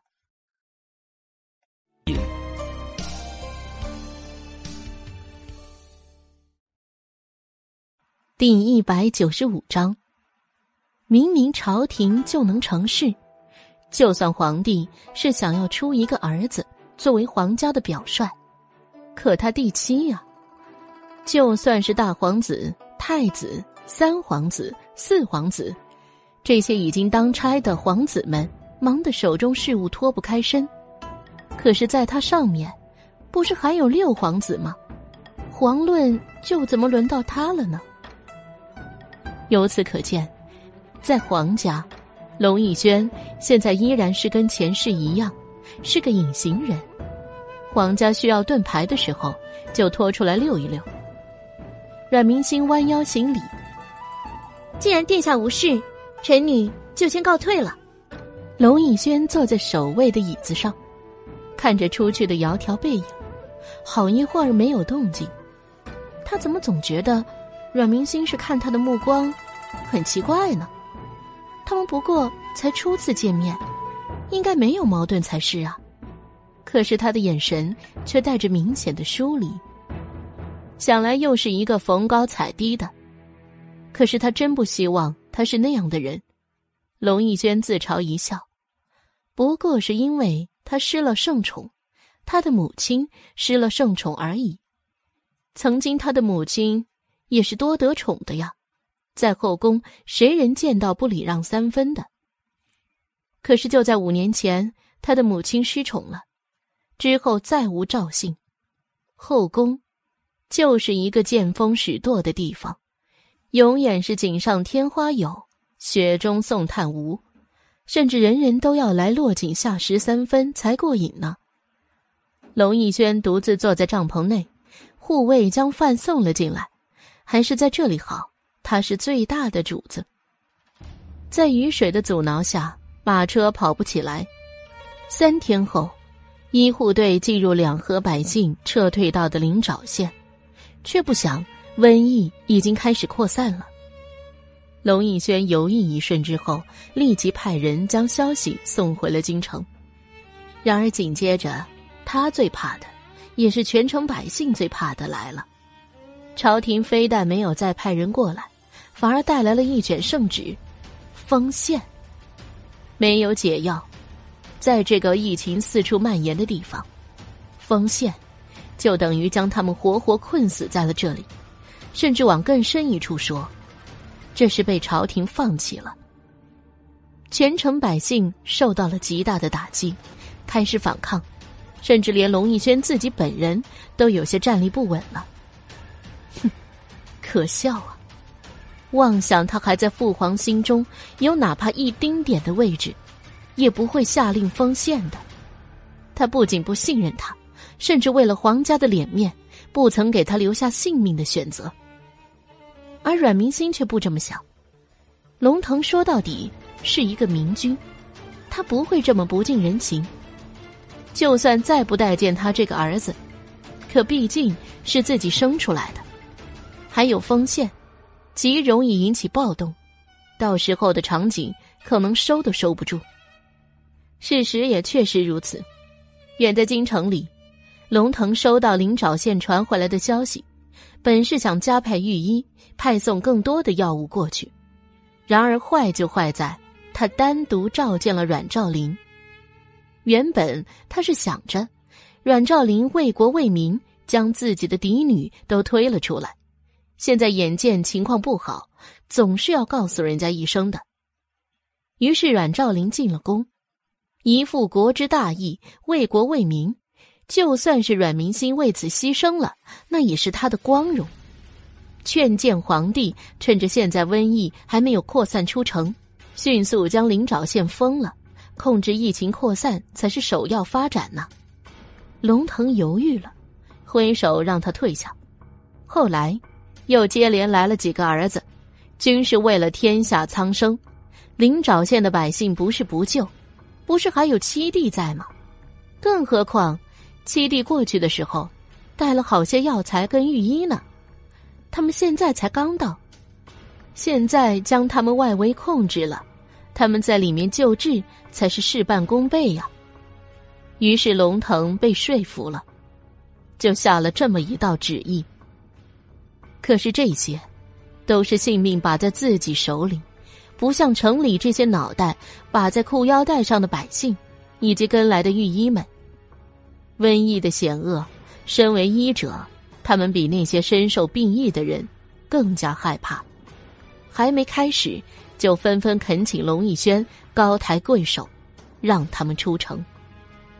不说龙逸轩本身连自己都出不去了，不可能放他们出去。更有他们这些人，可都是城里百姓。生命的寄托呀，也是他生命的寄托。治好了，大家都出去；治不好，一起困死在这里。龙逸轩不肯，百姓们一听说刚入城的大夫们一个个闹得要走，这如何使得？纷纷结队过来，将县衙团团围住，甚至有些已经开始攻击城门了。城楼上的将士们口袋白布。拉弓搭箭，毫不手软。这是御赐，甚至命令，违令者格杀勿论。越是阻挡，越是害怕。百姓们看见那些倒下的街坊邻居，哭嚎漫天，然后俱都不要命了的往城门冲去。大家听我说。阮明心听到消息，轻功而来，那从天而降的身影，就跟九天派下来拯救他们的仙女一样。火红的裙摆迎风烈烈招摇，比那天上的骄阳还要炽烈。冲击的百姓都停下来，看看这个落在城墙上的小身影。清丽的容颜比观音坐下的玉女还要灵气。阮明星用内功加重的声音的传播，道出的话语震撼人心。你们这样是无济于事的，城门封了，就连我们刚入城的人也一样出不去。你们这样，只是无谓的徒劳。他指着下面的那些尸体，你们看看，这就是你们冲击城门的后果。你们非但出不去，因为这些新增的尸体，反而还会更加的加重疫情，又是何苦呢？这样做的后果，非但不会拼得鱼死网破，只会是单方面的牺牲，甚至是最后的瘟疫流传出去，危害更多的人。三天，请给我三天的时间，我一定研制出新药为大家治病。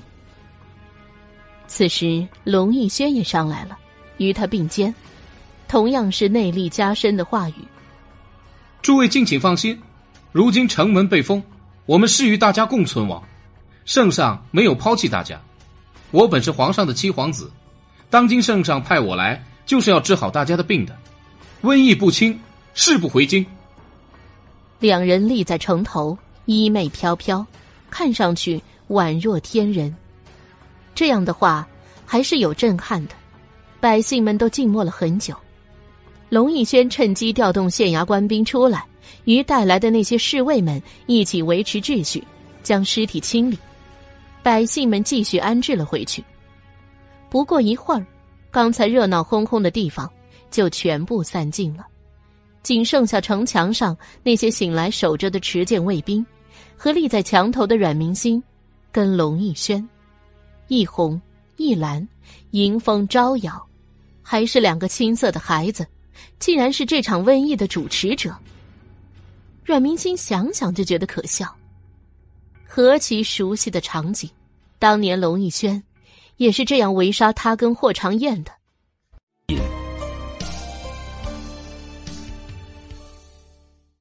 第一百九十六章，龙逸轩察觉身边的人气息变化，疑惑问道：“怎么了？”阮明星转身往城楼下走去，无所谓的说道：“没怎么。”但是那加快的脚步出卖了他的内心。龙逸轩几步追上他们，拉开的距离，与他并肩而走，观察着他的表情，想了一下，说道：“你好像很讨厌我，我能知道是为什么吗？”何止是讨厌，有时候他看向他的目光，简直就是从地狱里爬出来的，恨不能喝其血，啖其肉。他很确定，自己以前是从未见过他的，他这种仇视，从何而来？你想多了，阮明星停下脚步。臣女忘了规矩，请殿下先行。说着，阮明星就落后他两步。他讨厌与他并肩而行，这让他想到前世的那些龙逸轩许给他的承诺：并肩执手，共享着盛世繁华。最后，他杀了他，亲手，还不止一件。龙逸轩。总觉得背后凉凉的，像是有万箭破空而来，令他恨不得架起全身的防备，守护自身安全。可是这里，除了他，就只剩下阮明星了。他又觉得可笑，更加的揣测阮明星看不惯他，另有其因。阮明星确实是在用眼神扫视着他，那句“瘟疫不侵，誓不回京”。我与大家共存亡，这些话很振奋人心。这不应该像是一个从未办过差的皇子所说的。甚至当时的情况，除了城内的百姓，更有驻扎在城外的军队。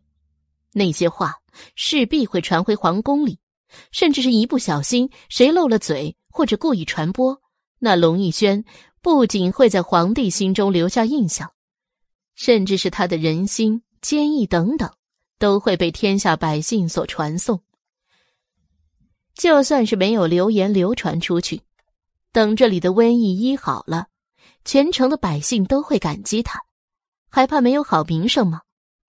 即使是最坏的情况，他死在了这里，至少皇帝注意了这个儿子，会有所亏欠，怎么说也该弥补到他母妃身上去。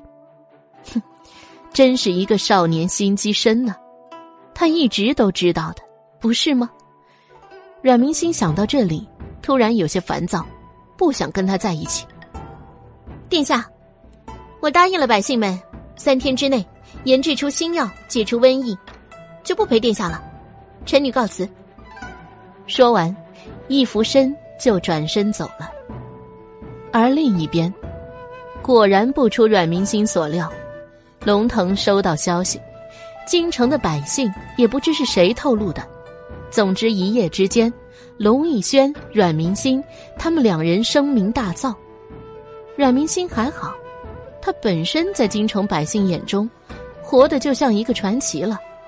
再多一项，就是再惊艳一项。而龙逸轩就不同了，他是皇帝没放太多关注的皇子，从前还小。后来更是长大了，从来没有出现于人前。京中的百姓知道他的很少，猛然一爆料，没想到他们七皇子这么仁慈，爱护百姓，立时之间大街小巷都是他的歌功颂德。阮兆林气得摔了杯子，他那么处心积虑，没想到千里之外都还有他扬名的机会。不过还有的熬呢。那是什么？可是瘟疫呀！自古以来发生瘟疫，哪次不是烧村灭寨才能制止的？皇上再不忍，不也还是下了那样的圣旨吗？哼，这些不过都是徒劳的努力。似乎马上就能听到阮明星生死的消息传来，阮兆林的心情陡转变好，出了门就左拐进了林姨娘的院子。灵沼县，阮明星在城中的一家药铺配方实验，全城的希望都压在他一个人身上。他已经熬了两天没有睡觉了。看着那些一碗碗熬出来的汤药，为实验的病人喝下去，一点起色都没有。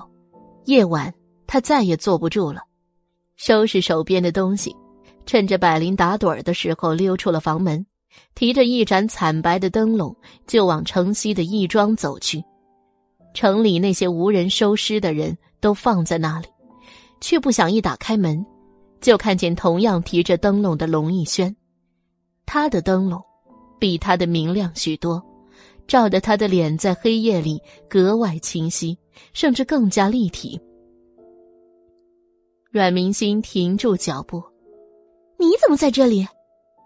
龙逸轩淡淡说道：“我每天都在，只是你没有看见我罢了。”阮明心回想自己这两天，确实是连饭都顾不上吃的，更别说那些乱七八糟的人。他说了：“不要有人打扰。”阮明星斜瞄他一眼：“我去验尸，你也要跟着去吗？”龙逸轩没有说话，只是不紧不慢的跟着他走，看着眼前俏丽的身影。现在不想着殿下您先走了，他勾起嘴角，微微的笑了笑，眼珠漆黑，眼中略有深意。义庄已经很久没有人来打理了。阮明星进去的时候，甚至在门口都闻到了腐尸的气味。他抽出袖帕捂住鼻子，一点也不管身后跟着的那个人。龙逸轩也不气恼，抽出腰间的汗巾也捂上了嘴唇，甚至比他还要有洁癖。但是他依然跟着进来了。阮明星看着棺材里的尸体，小心的用布巾抱着手，翻动死者的眼耳口鼻。还用银针试探。龙逸轩站在另一边，提着明亮的灯笼，将棺材里照得透亮。银针闪着寒寒的灵光，将那阴森的尸体映衬得更加可怖。这里面很危险，不仅有瘟疫，还有湿气。阮明星摆动的时候，从来不直接用手，他抽着银针。像是无聊，顺带开口问的一句：“皇子不做微堂，你就不怕死吗？跟着到这里来。”龙逸轩自嘲笑笑：“，那是天子才万人拥护惜命，我没有那个命。反正都已经这样了，你若是研究出解药了，那好，我们大家都活；要是研究不出，反正都是死，为什么不跟着你一起呢？”不知为何。龙逸轩紧接着又补充了一句：“你不用怕，我会一直陪着你，至少在这里能护你周全。”阮明星抬头看他一眼，那一眼很复杂，至少龙逸轩没有读懂其中的意味。护我周全，这些都是瘟疫，自个儿还要我来救，还护我周全，说的这么好听。还想在他身上空手套白狼吗？阮明星不管他在谋划什么，反正是一点也不信任他的，自顾自的忙活手中的事情，有条不紊。凌晨的时候，忙活了大半晚上，两个人终于归来。医馆内，百灵已经醒了，正忙得陀螺转的应付那群老太医，他也不知道。小姐是什么时候走的呀？老太医们认为，阮明星是找不到解药，独自逃了。毕竟，他可是会轻功的呀。那天飞的简直比后城楼还高，还说什么三天出解药，肯定是拖延时间，给自己逃跑做准备。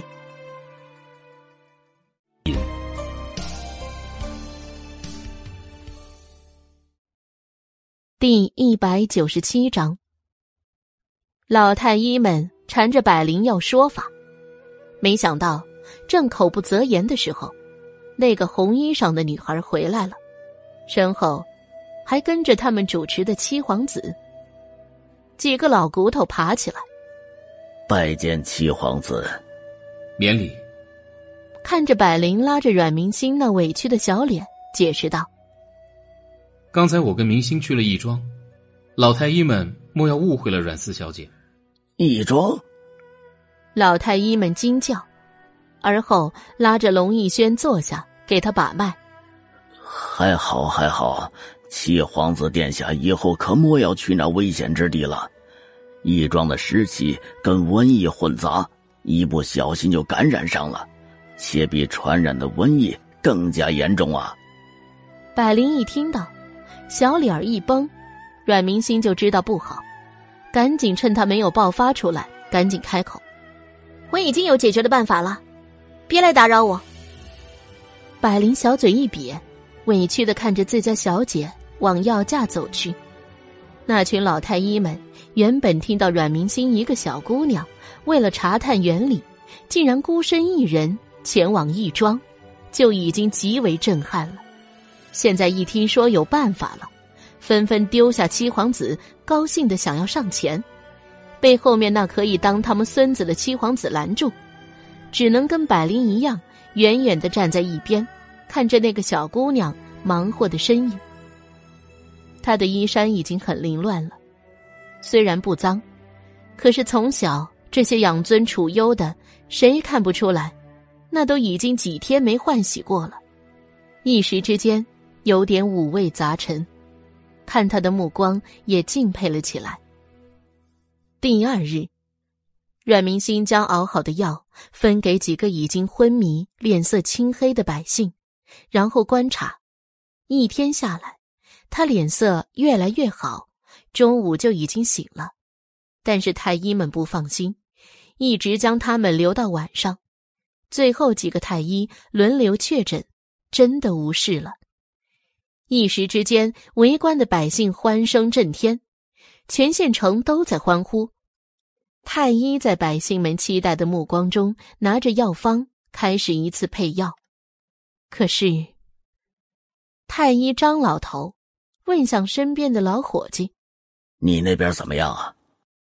王太医摇头，复又看向新进来的杜太医，杜太医同样是摇头。他们自己带的药材中没有子母草，原本想着本不过是再普通的一味药材，在灵沼县一定会有的，哪成想到居然阮明星那里是最重要的药材，缺一味药材如何配药？这时，有百姓们看着卫兵们在县城里的药铺翻箱倒柜，急迫的期望解药的他们已经等了一天一夜。不是说已经研制出解药了吗？药材铺子都翻了，怎么还不开始配药？于是有些耐不住的来到了阮明星所在的药店。阮明星正要迎上去，龙逸轩拉了他一把，将他挡在了身后。他是唯一可以研制出解药的人，全城的希望都在他的身上。百姓看到是龙逸轩，那天站在城头的七皇子。毕恭毕敬的问道：“皇子殿下，草民看女神医已经研制出了解药，还有全城的搜集药草，怎么这么久了还没开始配药啊？”这，这可是为难龙逸轩了。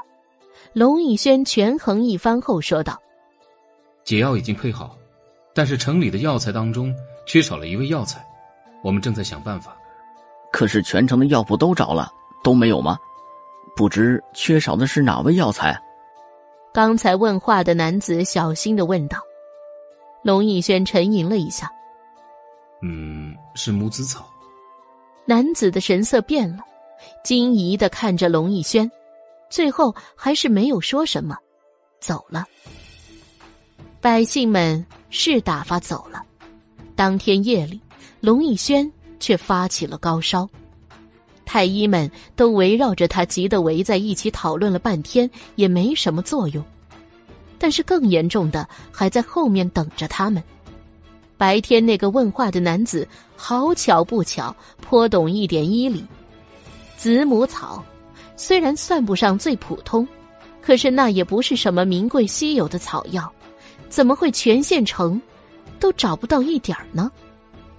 男子越想越觉得是官兵们合起伙来欺瞒大家，拖延时间，是想将他们困死在这里。男子回去将事情一讲，城里的百姓暴动，是要找那个七皇子讨个说法。于是，一群人举着火把站在县衙大门前叫嚣着。龙逸轩正躺在病床上。脸色惨白，嘴唇干燥，抬不起一点力气。一听见外面被围了，强撑着身子起来出去。他本就是皇子，就算是再不得宠，那也是养尊处优啊。再加上年龄还小，一病倒，竟是比那些久病的成年人还要严重。阮明星跟在他的后面，看着那个长条的身影消失在门外。目光有些深深的复杂。原本那个男子是来找他的，是他帮他挡了那一下。不过很快他就清醒了。龙逸轩此人阴险狡诈又狠戾，纯粹就是那种无利不起早的人。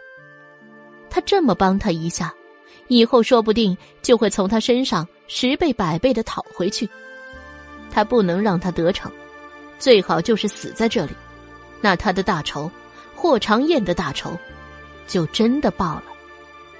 阮明星跟在后面走了出去，前院的大门口，燃烧着的熊熊火把连绵的好大一块，照得前面的人面孔清晰，房子清晰，甚至是连漆黑的天空都映得红了一片。阮明星感受着那熊熊的热源，还有龙逸轩撑着病体那激愤人心的话：“大家稍安勿躁。”今时今日，我也同样染病，比起你们，我也同样想要活。现在是真的缺了一味药，你们亲眼见证了那几个病人的好转，不是吗？我也同样出不去，但是皇上不会抛弃我们的。我龙逸轩在此发誓，是要与全城百姓共存亡，要生一起生，要死一起死。暗夜之中。那个站在暴动人群前的皇子年幼孱弱，但始终不曾折了脊梁。在这一刻，阮明星似乎看到他登基大典时候的情形：万人之上，唯我独尊。如今，他已经有了真龙天子的雏形霸气，而这，恰恰是他不愿看到的。龙逸轩安抚好暴动的黎民百姓。挥退了身边扶着的人，自己一步一步摇摇晃晃的往回走去。阮明心依旧冷冷的跟在身后一段距离。就算是龙逸轩不那么吩咐，他也不会靠近他。屋内太医用醋煮了的帕子蒙面，在给龙逸轩看诊。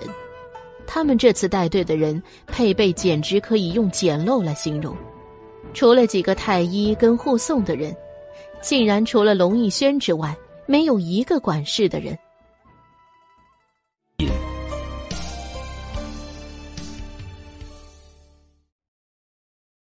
第一百九十八章，按照正常程序来说，不管是什么事情，只要是牵扯到大规模人命的，朝廷派人就不会只派遣一个管事的，就连小将军平定山匪，都还有一两个副将呢。除了这次来的是瘟疫之地之外，也侧面反映了龙逸轩除了不得皇帝宠爱，而且看上去他在亲友兄弟朝臣中也没有任何关系。不然，怎么会没有人为他考虑考虑？毕竟才位极官，就正式担任这么大的事情。龙逸轩看着此刻屋内的这些人，这些都是他从京城里带出来的主要团队了。看得出来，他最近以民为重的表现，很得几个太医的人心。虽然他是病体，尽管没什么用，太医们依旧每日为他诊脉，开一下缓解的汤药。龙逸轩扫了一眼屋子里的人后，继续说道：“我已经禀明父皇我们这里的情况，虽然有解药配方，可是却没有药材可以熬药。不过就这样被继续困下去也不是办法。嗯，我想先将阮四小姐送出去，毕竟她的医术最好，看看有没有其他办法，不能徒留在这里继续被感染了，否则到时候我们这些人就真的得困死、病死在这里了。”大家以为如何呀？他的目光真挚。太医们虽然也焦虑自己的身家性命，可是也不得不承认七皇子的话不无道理。至少不能让阮四小姐先病倒，否则他们可是一点办法都没有了。众人纷纷以为可以。阮明心冷着脸站在原地不动。他的惊讶不是没有，在这生死关头。他没想到，他第一个要送出去的人，不是他自己，也不是那群太医，竟然是他这个谁都不在乎的小女子。阮明心那一瞬间想了很多，房间里寂静无声，他与他对视良久。病榻之上，龙逸轩的眸光温柔而执着，那是他以前被他蒙骗时候见过的样子。后来回到房里之后，阮明心才回过味来。他当时不相信他说的那套冠冕堂皇的理由，可是后来一想，那说不定真的是龙逸轩的心中所想呢。起初他一直低估了自己在他眼中的分量，现在事实分析，他确实有那个值得他保的理由。不说其他的，他的命，最终肯定是需要他来救的。在那之前，他可不能先死了。既然有人好心保他性命，为何要放弃呢？阮明星吩咐百灵打包收拾行李，等着深夜的时候龙逸轩那边的安排。然而变故来得太快，令人措手不及。当时正值深夜，龙逸轩撑着病体，亲自护送了阮明星到城门下。漆黑的夜里，那个凹陷的城门像一个怪兽张开的大嘴，随时准备将路过他的事物叼到嘴里。百灵本能的紧了紧跟着阮明星的距离。其实，按照龙逸轩睿智来讲，他要出去，真的不是没有办法的，只是出去的人数不好说，还有出去之后，除了不好交代之外，更是会受到万民的唾骂。何况他自己本身身染瘟疫，出去也是被单独隔离了等死，那他为何还要出去？至少死在这里，他的名声会好。或许父皇看在他的面上，他的母妃要好过一些，所以他将这个生的机会让给了阮明心，这或许是他最后的一线生的希望。但是城门还没有打开。外面围住的侍卫已经将城门从外面传话进来，有圣旨道：“开城门。”龙逸轩的面色有一些古怪，按照他对他那些兄弟们的了解，是不会帮助他求情的，甚至会时时防着父皇反悔。而他们的父皇圣旨一下，绝不会给任何自己反悔的机会，否则他还如何一言九鼎呢？城门打开，迎进圣旨。龙逸轩没有让传旨的太监跟两名护卫在外宣旨，而是返回了县衙。几个老太医衣着整齐的，急急忙忙的过来，因为知道今晚阮明星要走，才与他道别，交代自家后事。皇帝圣旨：兹瘟疫蔓延，为保国家安稳，将灵沼县方圆十里封锁。任何人不得外出。传旨的太监也是伤心，就连咱家也是出去不得了。龙逸轩愣愣了好久，身边的太医们尽管已经被困在这里许久了，可是心中仍旧是有一份希望的。如今希望变成了绝望，一个个涕泗横流。这是要逼死我们的节奏啊！太监。也跟太医们抱作一团哭了起来。他还如此年轻，因为在宫中当差没有关系，这个传旨的任务不知怎么的就被推到了自个儿的身上来了。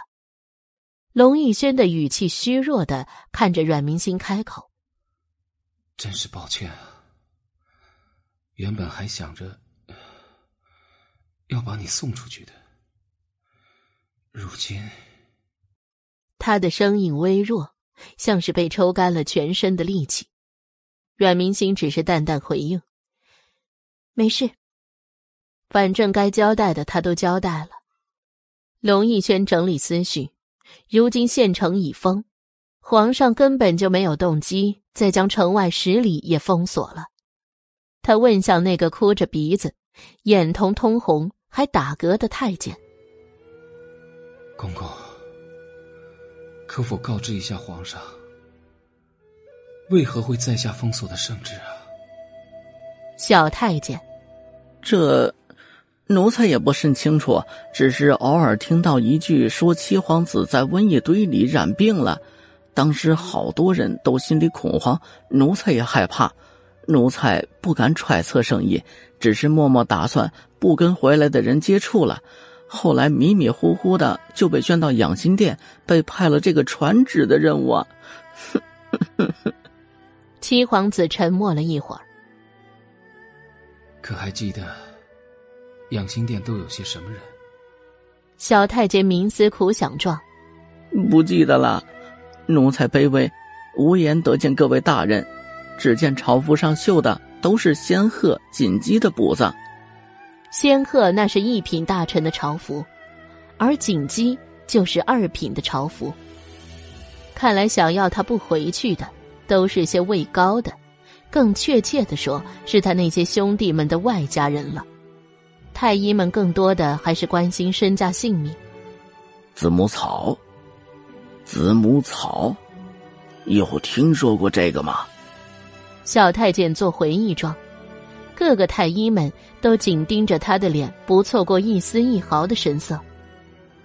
嗯，他们最擅长的，就是望闻问切了。除了他们，龙逸轩、阮明星也一目不错的看着他。小太监被盯着紧张，结结巴巴的开口，好久才摇摇头：“没听说过。不过听说皇上发了好大一通火，就连太子爷都劝不住呢。”听说是为了什么草药？好像京城没有。哦，对了，临兆县城也没有。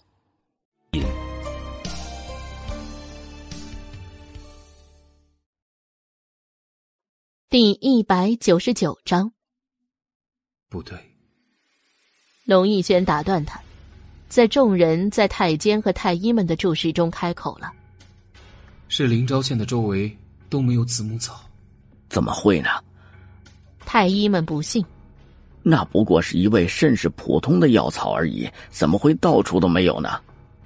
另一个胡子花白的老头也说：“正是，前段时间不就刚好是子母草的收成季节，现在正应该是药铺中子母草囤货最多的时候才是正常啊。”正因为如此，他们当初出发的时候才没有带着这味药材。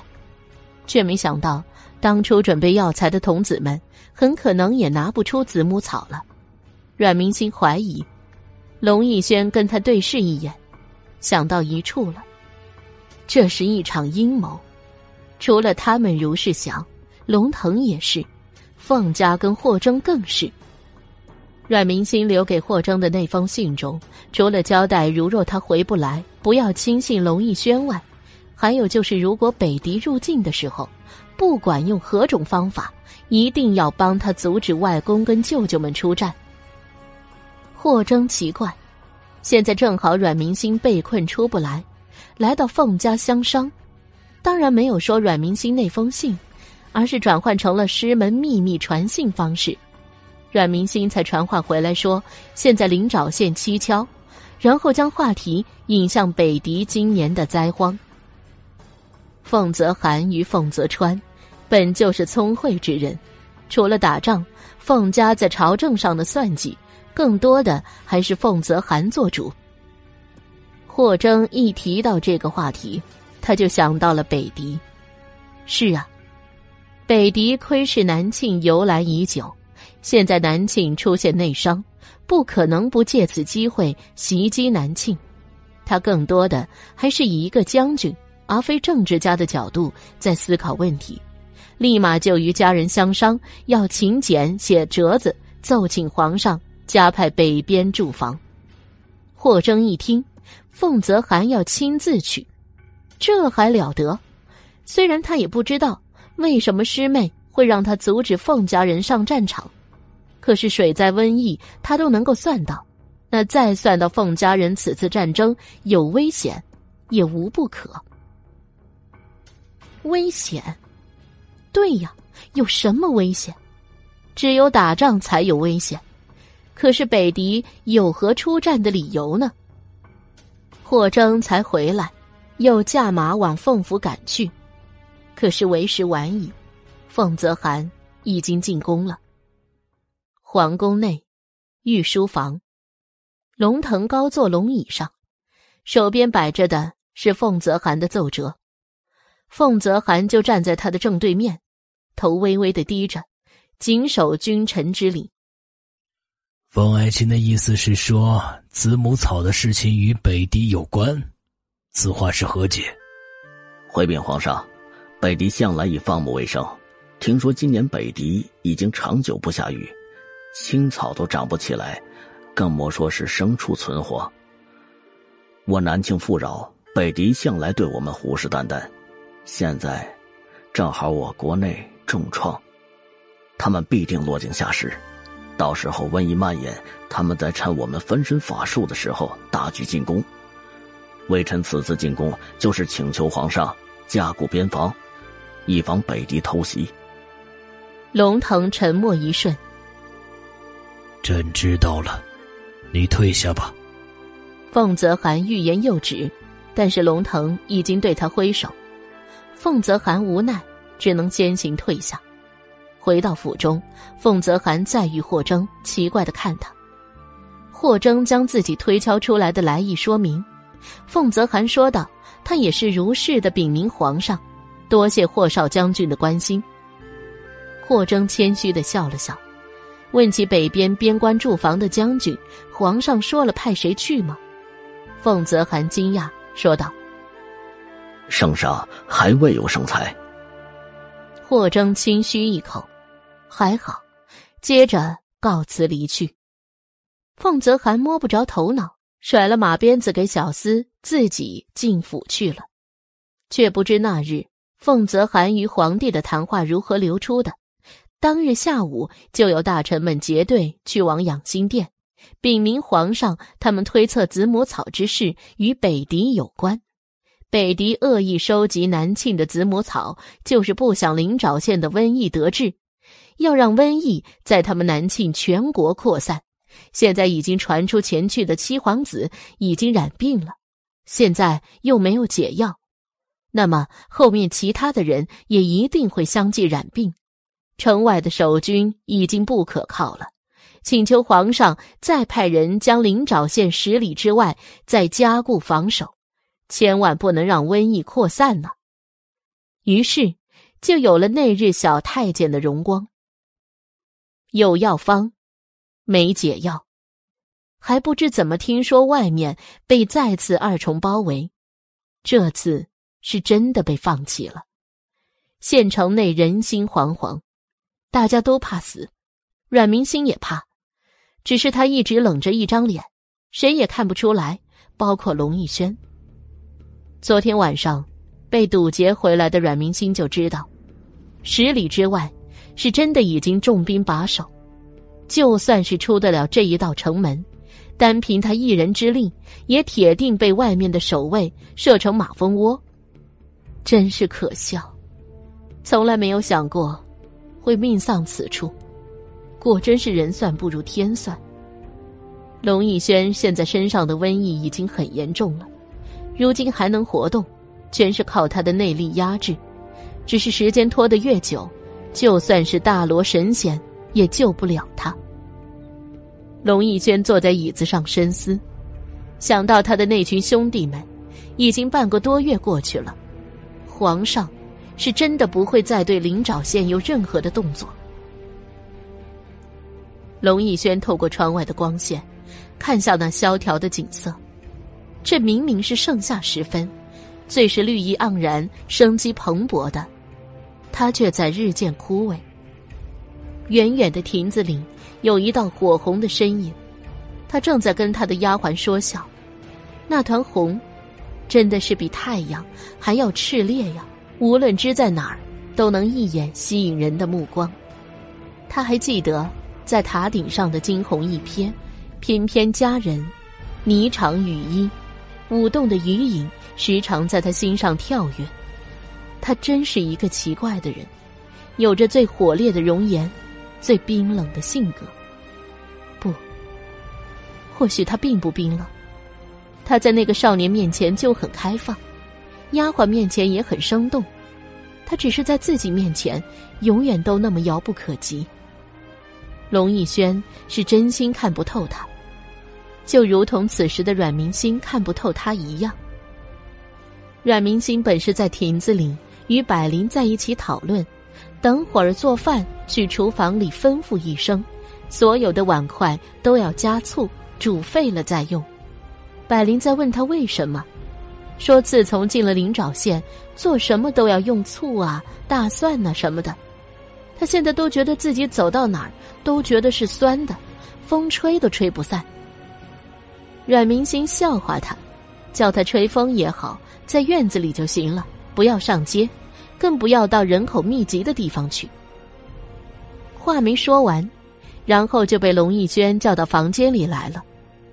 龙逸轩的房间他来了很多次，每次都是跟着那些老太医一起诊病，虽然。他从来不上手，这个房间的摆设就一直没有动过。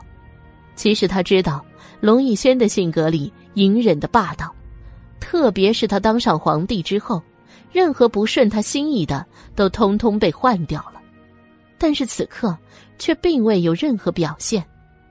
龙逸轩静静的凝视着他。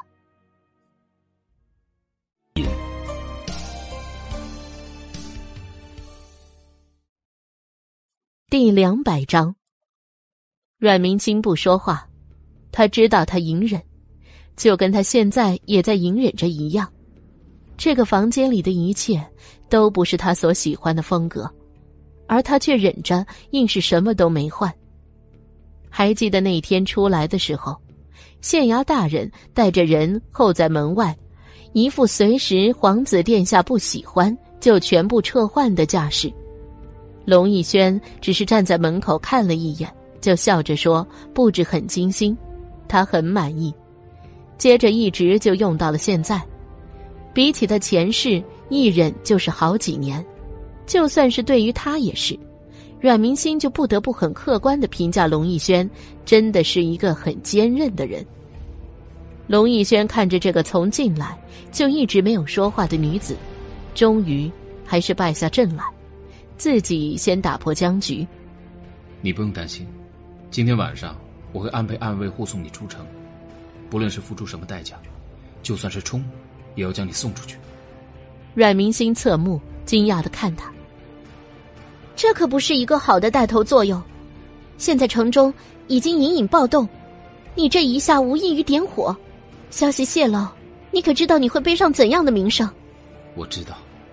龙逸轩云淡风轻的看着窗外，这次行动他没有通知太医们，他很清楚，最不能赌的，就是人心，多一个人知道，就多一份危险。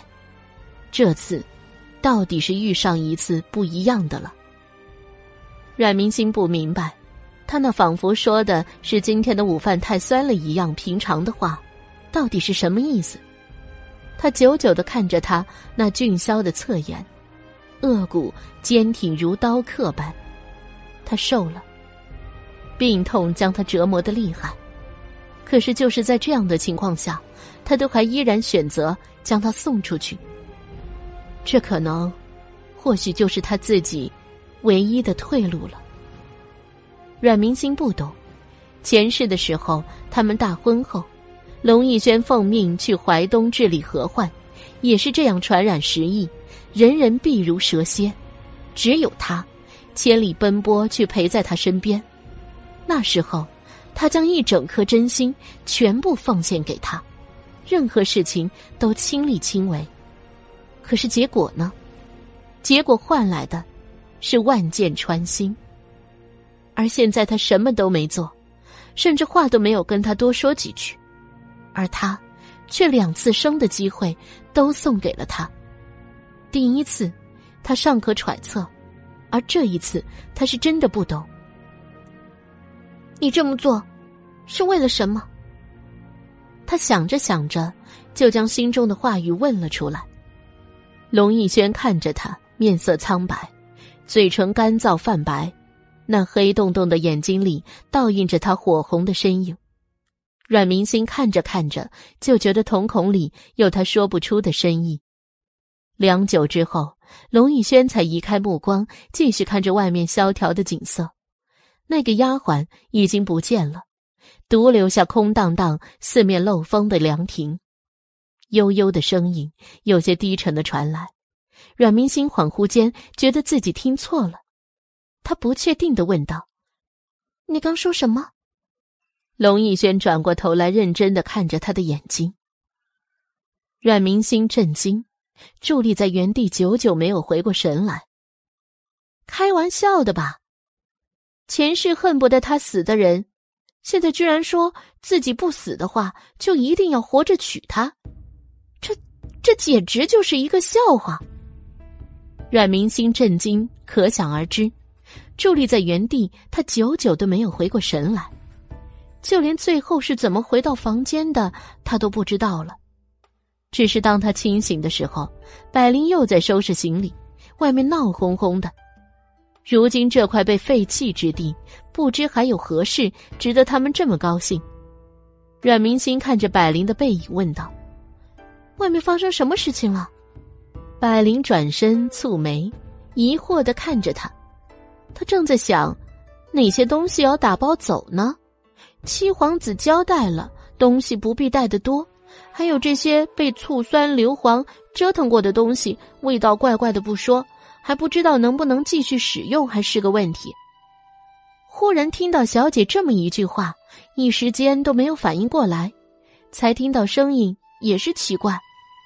是啊，怎么突然热闹起来了？他把包裹的绳子系好，说道：“小姐，您在这儿等一下，奴婢前去打探一下。”阮明星点点头，看着他放好的兰花碎花包裹，微微出神。阮明星等了一会儿，百灵还没有回来，索性理了理裙摆，自己走了出去。外面的百姓全都往城门口移去，阮明星看了半天，也没见着百灵的身影，也夹在人群中向城门移去。他是没病的人，在这拥堵的人潮里，要与别人接触实在艰难。阮明星走了一会儿，就飞身跃起，落在屋顶上，查看下面哪里有那个青色的百灵的身影。青砖红衣，风乍起。吹起她长裙飘飘，发丝飞舞，是一道绝美的孤傲。全城的百姓几乎都已经认识她，突然见到她从天上落下，就像是仙女再度降临人间。有些人忍不住，已经跪在地上哭了起来：“仙女，求您救救我们呐！救救我们呀！”一人的情绪带动一片，一片带动一群。整条街的人都跪了下来，对着他磕头哭求。阮明星不是没有受过万人朝拜，当年他封后的时候登上高台，群臣带领着百姓，周围侍卫万千，当时跪他的人远远比这里还多，还要尊贵。可是，他当时除了成功的满足，还有什么？阮明星已经想不起来了，而现在。却为下面的这群人悲哀，也为自己悲哀。没有药，他再也做不出承诺，只能静静的站在上面，看着他们，如同慈悲的菩萨看着诚恳的信徒们。可他毕竟不是菩萨。阮明星沉默，而下面哭得更大声了，如幼兽绝地的悲鸣。阮明心想，或许当年霍征就是听见追风逐月这样孱弱的鸣叫声，才决定将他们带回，而现实的，却是他们不是小兽，这里也没有霍征。他站得高，看得远。阮明星找了一圈。没有看到百灵，正打算离开，忽然看见远处的城门一阵骚动，城门上的守卫们依旧一动不动，举着弓箭，弯弓拉得满满的，似乎谁要敢多动一下，箭雨就立即落下来。恰在此时，城门却缓缓开启，一人一马车疾驰而来，像是天神降临。周身都围着光芒万丈，竟然是霍征，他怎么来了？百姓们动动身子，到底没敢上前围住，而阮明星却是触目惊心，那个洁白的身影冲进城门，没有丝毫停顿，径直往县府而去。百姓们紧紧尾随，但是他们如何跑得过马车呢？不过一会儿。那辆马车就消失在了巷尾。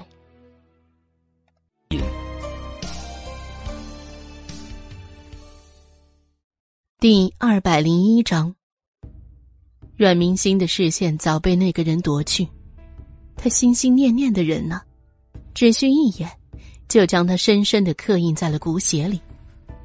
视线内广阔的衣袖被风吹得鼓鼓的，墨发往后飞起。头上的玉冠都快要束不住了，阮明星的眼神一路追逐着他，足尖一点就已往他的方向掠去。多少个屋檐的起起落落，他在前面跑，他在后面追，终于落到了他马车的旁边位置。周围是一股浓浓的草药味，阮明心却一点也无暇去顾及，离得近了。才看清他英俊的脸庞，更加深刻了。整张脸上都是风霜的痕迹，衣服也是皱皱巴巴的，除了一双眼睛晶亮晶亮的看着他。本是千言万语想要说，见到了，却谁都不想开口，打破这场宁静。马车还在疾驰，阮明星鼻尖的药香更加浓郁了。是一股清香中夹杂着苦涩的味道。阮明星吸吸鼻子，期待的撩开马车帘子，窗户被封得死死的，里面堆积了一整个车厢的麻布口袋，一点空隙也没有漏下。阮明星扶着车辕爬进去，解开最前面的一个口袋上的麻袋。浓郁的清香飘散出来，细细的灰褐色的藤蔓在他的指尖鼻下穿梭。阮明星闭上眼睛，神情迷醉，好像这是天上的仙草一般。这些，确实是天上的仙草，一整车都是。这就是他们所迫切需要的子母草，救命的药草啊！阮明心惊喜的看着这个停下马车的人，千言万语只化作了那一道：“师兄。”府衙的门已经打开了，里面有人出来，就正好看见马车的车辕上身子玉婷的白衣少年，轻柔的抚摸着他们这里最美丽的少女的头顶，姿态亲昵。女子笑了笑，却没有躲开，灵动的红色。愈发衬托着那抹白的清逸刚劲，有些晃人眼。还是那个白衣公子率先反应过来，他轻轻的咳嗽一声，阮明星跳下了马车，又是从前他们所见到的冷漠。只听他冷静的指挥着：“快将这些药草搬到药房里去，立即去通知几位老太医来检查，熬药。”侍卫们反应过来，熬药。狂喜，瞬间无精打采的动作精神了百倍，手脚也不无力了，走路堪比飞起来。抱着的那些布袋子，简直比抱着媳妇儿还要高兴，死死的舍不得放手，生怕这救命的药草长了翅膀飞跑了。阮明星看着他有些憔悴的容颜，也不知道是几天几夜没休息的样子，吩咐人带他到客房去休息，让人好生伺候。与他一点头，就急不可耐的往药房赶去了。院子里人头攒动。几个老太医动作比他快多了，已经抓着药草称斤论两的往那一长排排着的药罐里装药了。几个小厮在打水，画着刻度线的量尺在药罐里比试水的深浅，还有抱着柴火快速跑的，一会儿的功夫就已经堆得老高。阮明星眨眨眼，喜悦之情也是溢于言表。太医们一见他进来，就激动的语无伦次，七嘴八舌，都是在说这批药材新鲜，药劲好，是今年这批新出产的野生药材。阮明星笑笑，也开始着手煎药的事情。往常空寂的院子里多了人气，忽然就多了一份仙气。那个一身白衣的翩翩公子猛然的出现在了院子里，吸引了无数人的视线。阮明星看着他，走出来问道：“你怎么不休息就过来了？这边烟尘大，小心待会儿熏你的眼睛。”其实他更担心的是他怎么不休息。现在看着精神抖擞的，就怕他等会儿支撑不住，直接晕倒过去。他可挪不动他，却压根儿忘了，除了他，这里还有许多人，任凭谁也不会要到他动手的时候。霍征只是笑笑，并不说话。这时候，龙逸轩被人扶着过来了，他已经甚是虚弱。突然听说到了子母草可以治病了，他的狂喜可想而知。只是当他走进院子，看见那个站在院子中央的男子，呼吸又瞬间的僵直。那一瞬间，那个塔顶，那翩飞的身影。以及最后那一幕，龙逸轩倏的一下将目光转向里面熬药的阮明星，他就像是一个翩跹的红蝴蝶一样，以一群青褂子中那么突出，还哼着小调，他高兴的心情可想而知。龙逸轩秀笑的手，静静的捏在一起，他的心情可想而知。而另一边，和他对视的霍征，也在不动声色的打量着他。明星的信中特别提及要防范的人，眼前的少年一身宝蓝色的深衣，比他矮了大半个头，面色秀丽苍白。明明是炎热的夏季，他却浑身泛着冷气。霍征感受了一下，眼前的少年居然一直在使用内力。释放着寒气，也不知道他到底支撑了多久，这副虚弱的模样。两人都是平静的模样，隔着一层淡淡的疏离。这原本与龙逸轩的性格不相符合的，两个都是气场强大的人，他们两人那么冷淡的气场凝滞交织，一时间大家都噤若寒蝉，各自小心翼翼的忙活着自己手上的事情。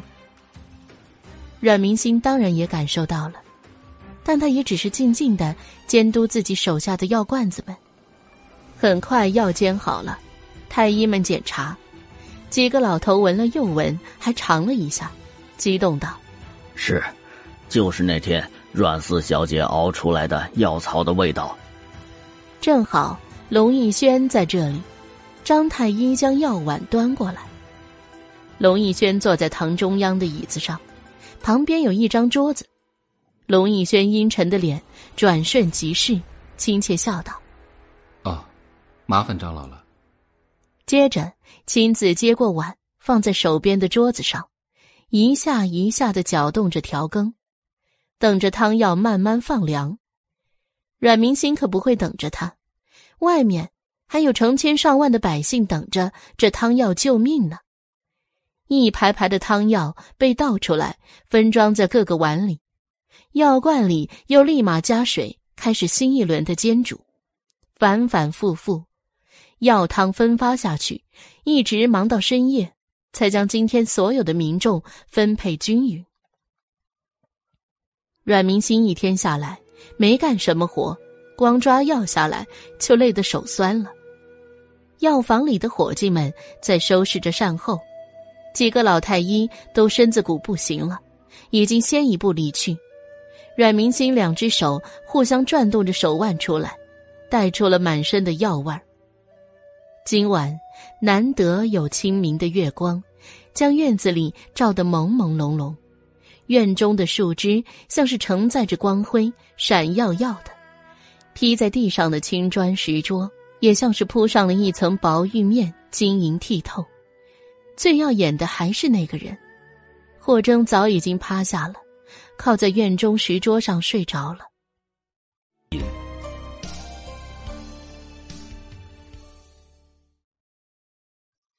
第二百零二章。阮明星看着那个匍匐着的白色身影，俊秀修长的弯折着，月光洒在他身上，抚平了他白日里的刚毅，多了一层清润。他今天风尘仆仆的来，带来了他们救命的药材不说，更是带来了他们回去的机会。原本他都已经真的做好了要随着龙逸轩的护卫冲出去的打算。阮明星笑了起来。笑得眼睛都朦胧了，有了水润的晶莹。果真，一直都是他，不惜一切护他周全。看着那个朦胧的揉眼睛、分不清今夕是何夕的少年，阮明心是真不想笑的。但是谁叫那个刚还把他感动的眼睛涩涩的人，怎么一下子就变得这么呆萌了起来？因为弯曲着趴久了，霍征刚醒来的时候还不甚清晰，再加上旅途劳顿，他睡得太熟，梦里还梦到那个红衣小姑娘缩在墙角，可怜兮兮的哭泣，于是他一着急就直接站了起来，但是弯了一下午，加半晚上的骨脊，不是他身强力壮，就也是那么强壮的。一站起来，咔的一声，疼得他不小心叫出了声音。阮明星见他歪着脖子，撑着背，那身姿，真不像是他英勇神武的六师兄所有的，痴痴的嘲笑他，人还没老，身子就衰了。霍征是真的疼啊，背脊骨刚突然打闪，没一会儿缓不过来，狠狠的瞪着他，龇牙咧嘴，面色越来越冷。阮明心就不笑了，到底是自己看中的男人，可不能就这样伤了身子，上前去帮他点按舒缓。等霍征好些了，才虚扶着他，任由他送自己回去。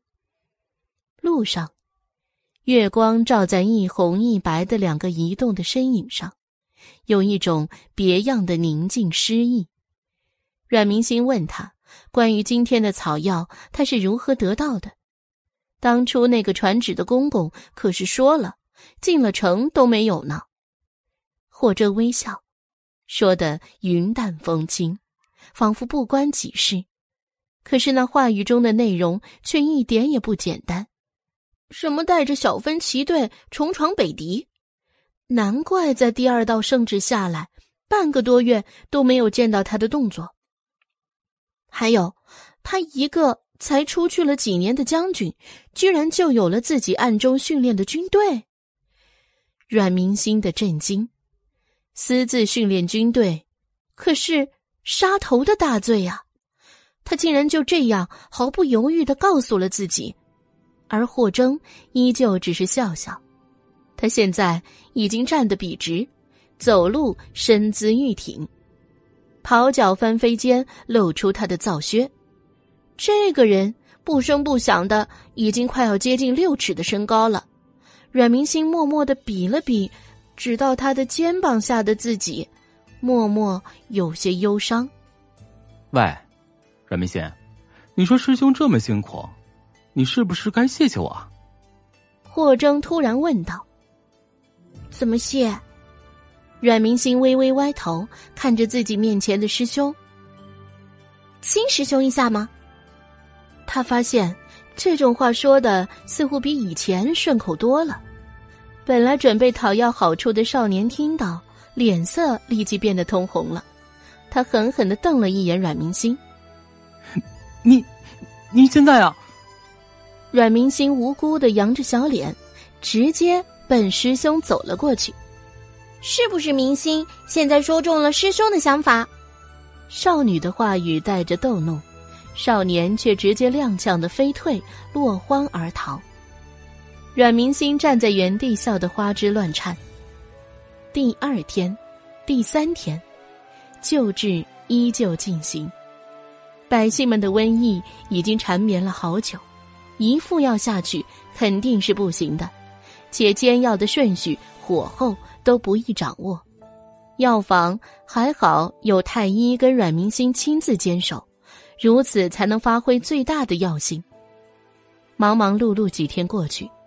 阮明星累瘫了，躺在床上一动不动。百灵伺候他，伺候的欢天喜地，毫无怨言。对待来看望他家小姐的霍少爷也是眼睛光亮，主动的退到房间外去把守着。霍征坐在床边，看着床上的明艳女子，睁着水咕噜的大眼睛，看着自己久久的发呆，在他眼前挥挥手，想什么呢？他都进来好久了，一直不理人，想你，猝不及防，霍征心跳鼓动。小姑娘虽然时常说些露骨不着边际的话，可她依旧每次都对他难以把持。阮明心依旧露骨的看着他，仿佛要从现象看到他的本质，看透他一生的命运一般。在前世，这场瘟疫是无救的。朝廷根本就没有来得及，原本那些村里的百姓们就已经开始北渡了，然后瘟疫一直扩散，死伤无数，甚至引来了战争。而这一次控制住了，凭他们的共同努力，没有大面积的死亡，也没有传播出去，更加不会有战争的到来。历史是可以改变的，人的命运也一定是可以改变的。只要他足够努力，他就一定能阻止龙逸轩登基，然后跟他心爱的人一辈子生活在一起。一想到这里，阮明星看他的目光更加的热切了。霍征有些抵挡不住，微微偏过脑袋，露出了红红的耳朵。窗外真是阳光明媚，就跟他的心情一样。霍征偷偷的斜眼余光看着旁边的女孩，却被那个一直盯着他的人抓个正着。这下好了，连脖子都红了。霍征忽然想到自己来的目的，他是来问那封信的。他将一直贴身带着的信从怀里掏出来，目光正视着他，不错过他的眼神中的一丝一毫，迟疑的问道。这封信，这封信里面你提到的小心七皇子，他不明白这是为什么。阮明心接过信封，直接赤脚下床，来到内室放水盆的连洗架边，将那封信展开看一眼内容后，就将扯平的信纸沉入了铜盆的水底。很快，那封信上的字迹浑浊开来。墨色氤氲着往上丝丝缕缕的漂浮，直到那张纸完全变得干净彻透般的灰蒙蒙，才将手拿了出来，拿起上面的？毛巾擦干。霍征看着女孩的从容淡定，不觉莞尔。阮明星却继续往床上爬，霍征不由错目：“你还要睡？谁说上床就是要睡觉了？”那一瞬间，小女孩妖娆妩媚，如花朵含苞待放。霍征错开眼光，阮明星把玩着头发，嬉笑看他。某人自觉的继续看窗外的风景。阮明星不再逗他，靠在银枕上，正经的说道：“龙逸轩的心机深沉，是个不得不防的人。还有，我们现在已经跟太子一条船了。龙逸轩这个表面没有威胁，对谁都友善，其实就是那森林中默默织网的毒蜘蛛。看着小巧无害，实际上默默渗透，最终谁也逃不出去。”霍征侧目，没想到他对龙逸轩的评价这么高。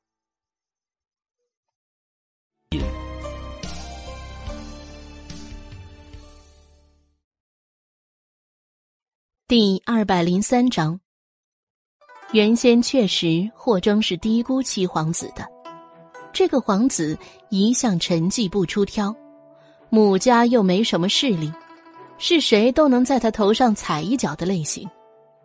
可是现在回想一下，确实是没有人注意到他。他不招惹别人，别人也不管他，这不符合宫中的生存规则呀。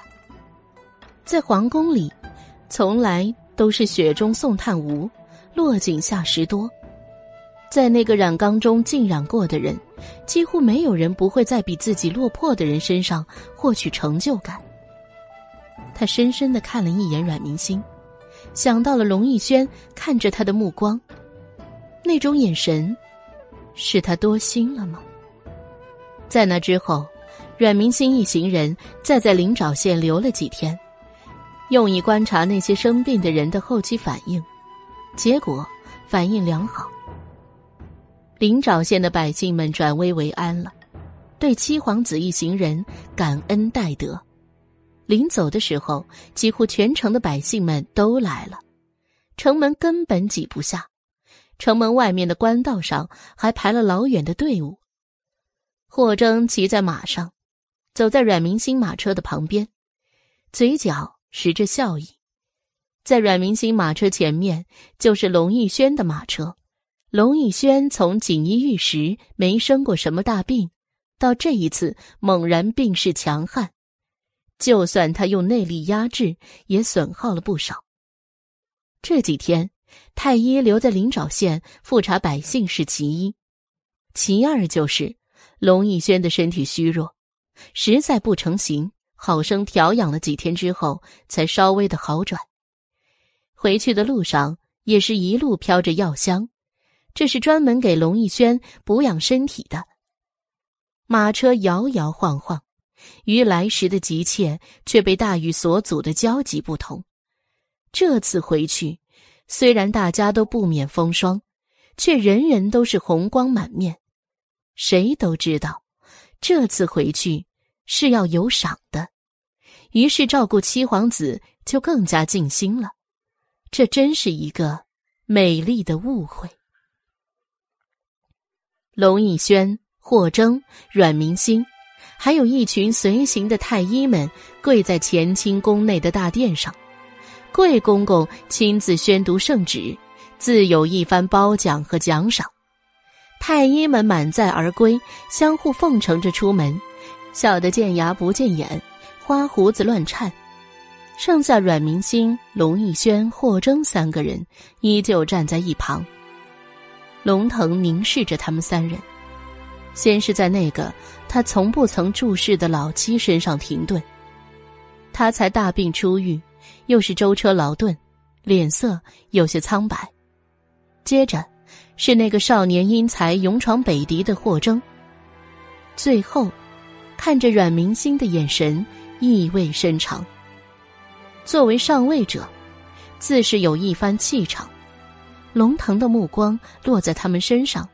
似乎谁也不偏颇，豪迈的说道：“此次你们三人有功，说吧，想要的什么奖赏，朕都答应你们。”龙逸轩站在三个人最前方，他看了看后面的阮明星，犹疑的一瞬间，率先上前一步，跪下作揖道：“儿臣作为父皇的儿子，自是应当为父皇排忧解难。”龙逸轩沉默了一下，郑重开口：“儿臣此次与阮四小姐患难与共，同生共死，心中对阮四小姐倾慕有加。儿臣想要请求父皇为儿臣跟阮四小姐赐婚。这一句话，犹如洪钟敲响，在当场几人心中余音震荡，一圈圈扩散，久久不绝。霍征的心跳一停，看着一脸平静的阮明心，却是什么神色也无，猜不透他是何想法。果真，那个七皇子对他有心。皇帝也是一样，复杂的看着那个跪着的自家的儿子。这，然后看了一眼阮明心，就没有了话语。龙逸轩抬头。看不懂父皇是为什么，他蹙着眉凝视着他，仿佛非要等出一个结果来。一道女声从他身后不远处传来，声音清灵、优雅、悦耳，却像是淬了寒冰的剑一般，直直的刺破他粉色的梦想。七皇子，皇上是不会给您赐婚的。龙逸轩重重的不解，瞪大双眼。猛地回头看他，看着那张红艳艳的小嘴，一张一合，吐出最绝情的话语。因为先前皇上已经赐给了我一道赐婚旨意。龙逸轩回头看着他的父皇，龙腾缓缓点头，将他希望完全打碎。阮明心眼帘低垂，神色冷凝。霍征站在他的身旁。感觉他身上突然释放出来了一股强烈的冰冷气场，将他完全隔绝在外。赐婚了，他被赐婚给谁了？怎么他从来都不知道呢？不是说没有及笄不谈论婚嫁的吗？还有那种冷凝的蔑视，是对谁的？七皇子，还是他？他不是说要嫁给自己？果然是醉话吗？霍征的心里思绪翻腾。皇帝问：“想要什么奖赏？”他也没有说。为国尽忠是他为人臣子的本分。出了乾清宫门，默默的跟在他的身后。两人一路走着，一路宫廷寂静，最后就在进两人府邸的岔路巷口分道扬镳。马车哒哒哒的踏在青石板上，已经盛夏了。炽热的骄阳烤得马车顶盖自上往下的轰隆着热气。马车里空气闷，阮明星让百灵将窗户上的帘子打开透气。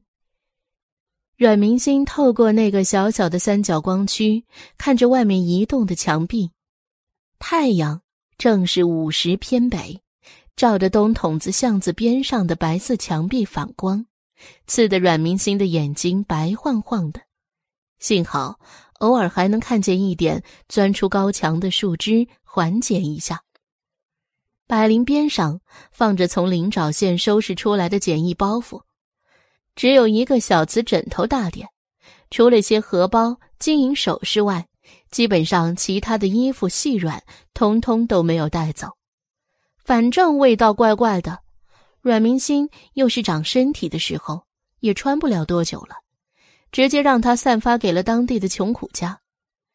他看着他家小姐，好像是从皇宫出来之后就一直冷着一张脸，跟回来的时候可差远了。难道是刚才跟霍少爷分别不高兴了？想起一路上他家小姐时常将霍家少爷逗得脸红尴尬，百灵自认为找到了自家小姐郁闷的原因。不过这个他实在不好劝了，只好一个人在车厢里看看这里，看看那里，尽量不惹小姐眼烦心烦。而阮明心呢，瞟了两眼百灵，就移开了目光，继续看着外面往后倒去的墙面。这个小丫头，什么心事都写在脸上。离阮府真是越来越近了呢。阮明星的嘴唇微微的抿着，稍微有点紧。马车停了下来，车夫拿来脚蹬，百灵率先跳下去，然后左手挎着包袱，右手伸出来扶自家小姐下马车。谦谦公子佳人如玉，世家公子该有的气度，世家的小姐们也该有应有的排场。一靠近这个府邸，百灵就自觉的转换了一个丫鬟该有的规矩，而他们一向洒脱的小姐也同样被规矩拘束了起来，如同这下马车一样。第二百零四章，一步一步，两人下车。明明在路上，两个女子都是直接跳上跳下的。阮明心敛着锦裙上前，阮府朱漆的大门开了大半。裴玉芳携着白侧夫人、林姨娘、叶婉娘跟几个庶女一同等在大门的正前方。阮明心踏上台阶。裴玉芳亲昵的迎上来，拉着阮明心的小手，怜惜着说：“看我们四小姐，出门一趟瘦了不少，这双玉手也粗糙了些许。你父亲正在上差，下衙了就能见到了。”阮明心看他一眼，抽回手，嘴唇微勾轻笑：“女儿不急，给母亲请安。”他的声音无波无澜。清清冷冷，虽然符合理智，却毫无半点感情在里面。哼，给脸不要。裴玉芳看他这样，也收起了笑意，眼神冷冷的，中规中矩的说道：“起来吧，一派当家主母的风范。”多谢母亲。然后是后面一片庶女妾室对他的问安。阮明心将他们一个个扫过去，徐徐抬手。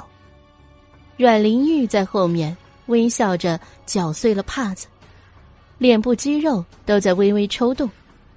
阮静玲、阮灵芝依旧是一个外放，一个冷漠，事不关己。还有站在最后面的阮玲玉，一如既往的勾着头沉默。阮明心将他们的神色一一的印在眼中。看着裴玉芳说道：“女儿还要去给奶奶报平安，不知母亲。”裴玉芳耐住情绪，一副巧笑嫣然：“呵呵，府上的狄小姐好不容易回来了，咱们自是要去老夫人那里唠唠嗑。你们呢？”说完，看着后面的一众姨太太小姐们，众人齐齐俯身，听太太言。叶姨娘最会来事儿，边走还边说：“四小姐离开后，老太太那里没了四小姐逗趣儿，估计了不少呢。妾身伺候着，还时常听到老夫人念叨着四小姐呢，是吧，林妹妹？”她对身边的林姨娘使个眼色。林姨娘最是清高，自恃身份。比其余几个姨娘都要高贵，可是前几天阮静玲不小心打碎了老夫人最爱的一个瓷器，这几天都耐着性子在老夫人跟前尽孝呢。叶婉娘因为是老夫人亲侄女，老是欺压她一头，回去可没少折腾房里的家事。老太太怎么会念叨阮明心呢？这个家里。估计没有一个人期望他活着回来的，但是此时此刻，他也不好直接反驳了叶姨娘，只能顺着说是。看着那个走在前面的红色身影，嘴角冷冷的勾起。阮明心回来了，管家之权，又不知道要怎么样了呢？有你们的好日子过了。阮静林虽然冲动又莽撞，做事不经大脑，可是自家姨娘自己疼，自己惹下的祸事，林姨娘帮他伏低做小赔罪。听着叶姨娘又拉自己娘亲下水，对着他重重的哼了一声，不出意外，又被妹妹阮灵芝拉住了。阮明心走在前面，奈何他有内功啊。别说是后面那些说话的小九九了，就是谁的呼吸声，他都可以听得一清二楚。他只做不知情，踏入到飞鹤院的院门，周身的冷气就退下了，脸上噙着灿烂的笑容，脚步飞快的往中间的大厅走去。刚跨进门，就见着坐在正上手的老夫人一本正经的等着。阮明心的笑意加深了，声音银铃动听，愉悦的唤到奶奶，就往老夫人的面前扑去。后面裴玉芳一众人等几乎咬碎了银牙，小贱人就知道装，可是他们谁又不装呢？也只有暗恨阮明心身份高贵，又有皇宠而已。这次回来，百分百皇上又要给他加赐什么封赏，自然是得罪不起的。那就唯有一个忍字了。老太太。又何尝不是呢？这张脸出去一趟回来，几乎又有了些变化。老太太对阮明心是陌生的，她觉得几乎每见一次阮明心，这张脸都在变化，越来越明艳，越来越跟她当年的娘一样绝色。老太太不喜欢看到他这张脸，又不能对他加以冷色，他现在。毕竟是一个有功之人，于是，一屋子的欢声笑语，和乐融融。一直到阮兆林回来，屋子里静了下来。众人都不懂他为何一回来就摆着一张脸。老夫人眼神询问他，阮兆林只是恭敬请安之后，就转身看着阮明星，眼神冒着寒光。跪下。屋内落针可闻，好一会儿，裴玉芳才上前。老爷，这是发生何事了？阮兆林扶开裴玉芳，拉着他的手臂，胸口气得一起一伏，一撩袍摆就跨步坐在右上手，大马金刀的死死瞪着堂屋中间依旧站着的阮明星。我叫你跪下，你听到没有？反了不成？你别以为出去立了一个功就无法无天了，你别忘了，你这立功的机会还是我亲自给你争取来的。现在你就是这样回报我的，回报我们阮家这十几年对你的栽培的。阮兆林气的指着他，呼呼的喘着粗气。阮明星呵一声，不屑一顾的撇开目光，然后又眼珠回转。冷冷的对视着他，不知父亲说这话是何意？我立了功没错，你以为我是想立这个功吗？他眼神冷凝，愤愤的指责：“有你这样的父亲吗？将自己的亲生女儿送到瘟疫堆里去，在自己亲生女儿生死攸关的时候，自己非但不想方设法救她不说，还要火上添油的。”将她的出路堵死，你知道活在那里是什么滋味吗？少女的话语字字清晰，那是每天都在与死人为伍，生怕自己哪一天不小心就染上瘟疫，要药没药，上天无门。明明出城就在眼前，却被你生生的关上了。阮明心右手指着天，拍着自己的胸口。看着他，目光冰冷，没有一丝感情，大声的吼道：“我立功，那是我用命换来的，不是你赐来的。”他食指直直的指着阮兆林的眼睛：“你这么伟大，当初怎么不自己去试一试瘟疫的滋味？要把我推去？你去啊！去了你也立功了，升官加爵，金银财宝数之不尽啊！”他的声音越说越大声。几乎是在声嘶力竭的嘶吼。阮兆林气得几乎把手中的椅子扶手捏碎，旁边的老夫人被他吼得眼晕，他几乎不认识这个眼前突然爆发的小女子，是不是刚才还在刻意讨好他的女孩？裴氏跟着几个姨娘也是一样的，以前就知道阮明星厉害，可都是听说那是对外面很绝。没想到，他居然对自己的家人也是这么无情。居然敢当堂跟自己的亲生父亲呛声，还当庭诅咒他得瘟疫。第二百零五章，阮明星和父亲的对话，其中最大的信息量，却是阮明星他之所以会被派到那个瘟疫爆发的地方去，竟然是老爷一手促成的，而且还生生阻断了他回城的路。老太太是惊疑的，这个儿子一向是看不惯他这个孙女，没想到会这么做。要知道。这简直是授人以柄！阮兆林看着众人的视线，狠狠一拍桌子：“你胡说什么？那是圣上的旨意，岂是为爹我能够做主的？”阮明心右眼一眯，嗤笑着不回话。如今全天下都知道他是功臣，他们可都不能拿他如何了。阮兆林当然也是知道的，正是因为知道。所以回来，才会要挫一挫他的锐气。可是没想到，他的锐气没有挫成，反倒自己被将了一军，气得他深呼吸了很久，才平复下去。好，我问你，七皇子求婚，你为何要拒绝？天下没有不透风的墙。阮明星前脚刚走，后面七皇子求婚被拒的消息就传了出来。然而，以讹传讹的话不可尽信。当时殿内的实情，就只有当事人才清楚。阮明星当然不会道出自己手中还有一张赐婚对象梅田的圣旨，只是冷冷的回道：“我自己的婚事，我自己做主。七皇子，我不喜欢。”好，好，很好。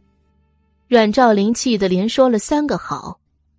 皇家的殿下你都看不上，那天下间你还想要谁？你说。阮父也来了脾气，他一家之主的颜面总要找回来。阮明星站在屋子里转悠，仿佛在认真思考，忽然像是灵光一闪，食指点着太阳穴，啊，有了，霍章就不错。阮兆林简直就要被他气笑了。虽然下午也听说霍征后来得了家风，官阶更上一层，可是哪能跟皇子相比呀？他直接冷哼哼的说道：“ 你就看上他？他不过是一个庶子，有什么资格跟七皇子相提并论呢？”在我心中，霍长燕救了我的命，他比七皇子重要。阮明心说完，绝尘而去，因为他看见父亲那种已经气得青灰的脸，他不想听见任何诋毁霍征的话。别人不行，阮兆林更不行。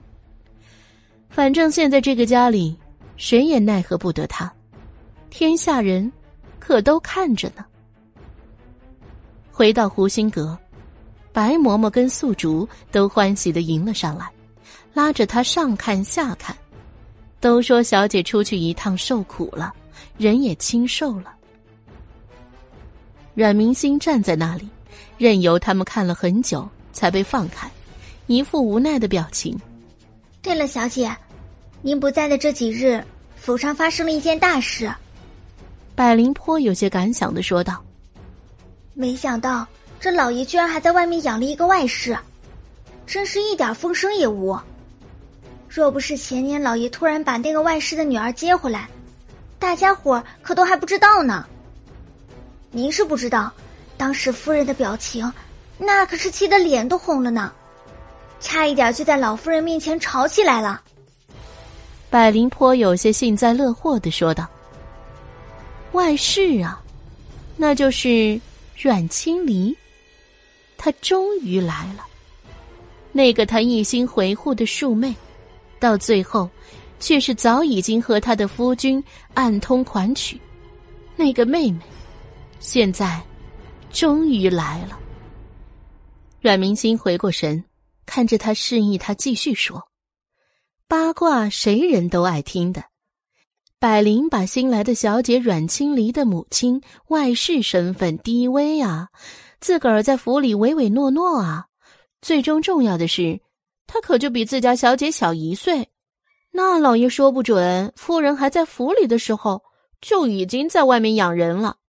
然后呢，又是府上的夫人姨娘，终于同仇敌忾了一回，这次不内斗了，一致将矛头对准了这个新来的。早八百年，不知道啥时候就开始抢走老爷宠爱的女人的女儿。阮明心静静的听着，眼神冷漠，仿佛事不关己。末了，做了一个最后总结：“我爹就是女儿多。”他这句话说的莫名其妙。百灵费解，想着府上就三个少爷，六个小姐。可不就是生女儿的命吗？基本上还全都集中在了那一段时间里。几个小姐的年龄都差不多，到时候要嫁小姐娶媳妇儿，一年一年的嫁妆聘礼，可不全部凑一起了。阮府家大业大，也不知道能不能一下子出那么多。消息传得很快，傍晚的时候，整个府里都知道了。下午，老爷回来了，跟四小姐大吵了一架，甚至阮明星之所以会去灵沼县，就是老爷刻意将小姐送去的声音流传到了府外。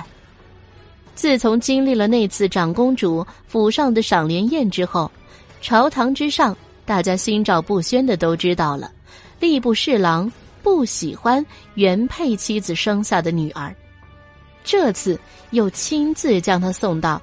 这么危险的地方去，私下里都隐隐有些对他的议论。如今从家里这段争吵一模糊的传开，大家看从前那个风度翩翩的状元郎，都有些神色晦暗不明。奈何阮明心非但没死，还立了功回来，一时间大家对他的态度倒是意味不明了起来。身为吏部尚书，知人善用是没错的，不说那是他嫡女，就是后面的那两次带头请求封闭城门的，就令人难以接受。一时间，上层的官员都对他敬而远之，不过下面的那些小官嘛，对他就更加的巴结了。吏部，那可是掌握着四品以下所有官员的提督调任之权的存在。这些都是后话，不过今夜注定是一个不平静的夜晚。先是一向对他宠溺、不忍多苛责一句的白嬷嬷，劝导阮明星不应该跟老爷这么对着干。说到底，他还是他的亲爹，小姐还要在府上生存，还有将来小姐的婚事，父母之命、媒妁之言，可都掌控在他们手上。阮明星也只是喝着清甜可口、甜甜的南瓜粥，微笑，一副任由他说我吃我的架势。白嬷嬷无法叹气，素竹着急的嘴上起了泡，这次就连小姐的奶娘说都没用，她也就没有什么说服力了。铺床的时候都心不在焉的。阮明星瞥一眼屏风背后，微笑与百灵对视一眼。后者撅着嘴，也是一副担忧的模样。阮明星哼了一声，继续喝粥。他就是故意跟阮兆林吵的。刚刚立功回来，无人敢动他，这是其一。这其二嘛，他当然是要抓住一切能够毁坏阮兆林名声的事情来做呀。阮明星得意，在一群担忧的目光中洗漱换衣。在百灵素竹、白嬷嬷担忧的目光中，趴到床上，高兴的莫名可状。阮兆林过得不好，他就放心了。第二百零六章，三人你看看我，我看看你的无奈状。阮明星不想看见他们一副苦瓜脸，麻利的挥挥手。百灵与素竹无奈的叹了一口气，一人一边的帮他放下了床帐。今天刚回来，素竹担心百灵劳顿，将他赶回去，自己留下来值夜，就睡在外隔间的小床上。湖心阁就是这点好，临水而建，盛夏的时候正是酷暑难耐的时候，白天要比其他的院子凉快许多，夜晚更是微风徐徐，吹起一片水汽。正所谓是夜晚寒凉，水汽氤氲，漆黑的夜，高高的挂着一轮圆圆的明月，将湖水点亮。天上一个圆盘，地上也是一个圆盘。忽然，那个搁地上的圆盘就像是被谁丢入了石子，以圆盘的正中心为点，一圈圈往周围扩散。阮明星睡不着。站在床边吹风，看着那个湖上的黑影，足尖一点点从院墙的另一边径直几下，就到了他的窗前。他在内，他在外，两人目光凝视。他真是自信，半夜闯人家的府邸，连个黑金覆面都不用，就这么亮着一张俊颜，仿佛在说自己光明正大。阮明星嗤笑，嘿。哪里来的小毛贼？夜半三更擅闯女儿闺房，是想偷香窃玉不成？霍征不懂他的幽默，连连摆手：“不不，你误会了，想我只是担心过来看看你。”阮明星看着他，仿佛一直要站到天荒地老。霍征的耳朵又有些热了，他看着他结结巴巴的说道：“今天听听说，听说。”你跟你父亲说，说要嫁给我。他抑制不住心中的跳动，纠结了一晚上，最后还是没能忍住来找他。阮明星莞尔，傻小子，他曾经亲口给他说的，他不信，现在听到别人说了，又跑来问他。阮明星想到那种自己特意求来的圣旨，忽然脾气就上来了。谁说要嫁给你了？那不过是我搪塞我父亲将我嫁给七皇子的理由罢了。原来是这样，霍征一路提着的心忽然就失落了下去。月光下，整个人都有些蔫头蔫脑的。阮明星看着他的样子，不由得打趣：“你还杵在这里做什么？传出去，我的名声还要不要了？”哪想霍征立即接道：“没关系，名声坏了我娶你。”你要拿我当挡将牌也没关系。少年终究是下定了决心，如今还只是七皇子，就算他将来可以魅惑天下，他也要为他斩尽桃花。阮明星看着他，心情有些复杂。今晚的他真是有些不一样。霍征久久没等到他的回话，有些不自在。那，那我走了啊。临走前还回头强调了一遍：“我真的没关系。”也不知道他到底说的是哪一个没关系。阮明星小声的嘀咕一句：“小时候你是这样闯入人家闺房的。”只是那个时候的霍长燕，可比今晚的正常多了。阮明星回忆的想着，原本兴奋焦躁的心情，经过霍征这一打扰。阮明星奇迹的平静了下来，忽然有了睡意，于是手拉着一小撮头发玩弄着回到床上躺着。阮明星看了一眼屏风的对面，昏黄的煤油灯照得素白底子的四叠屏风上的色彩朦朦胧胧的，明明是艳红的牡丹花，也变成了夕阳的残照一样。阮明心静心的听了一下素竹那边没有任何的声响，然后满意的闭上了眼睛。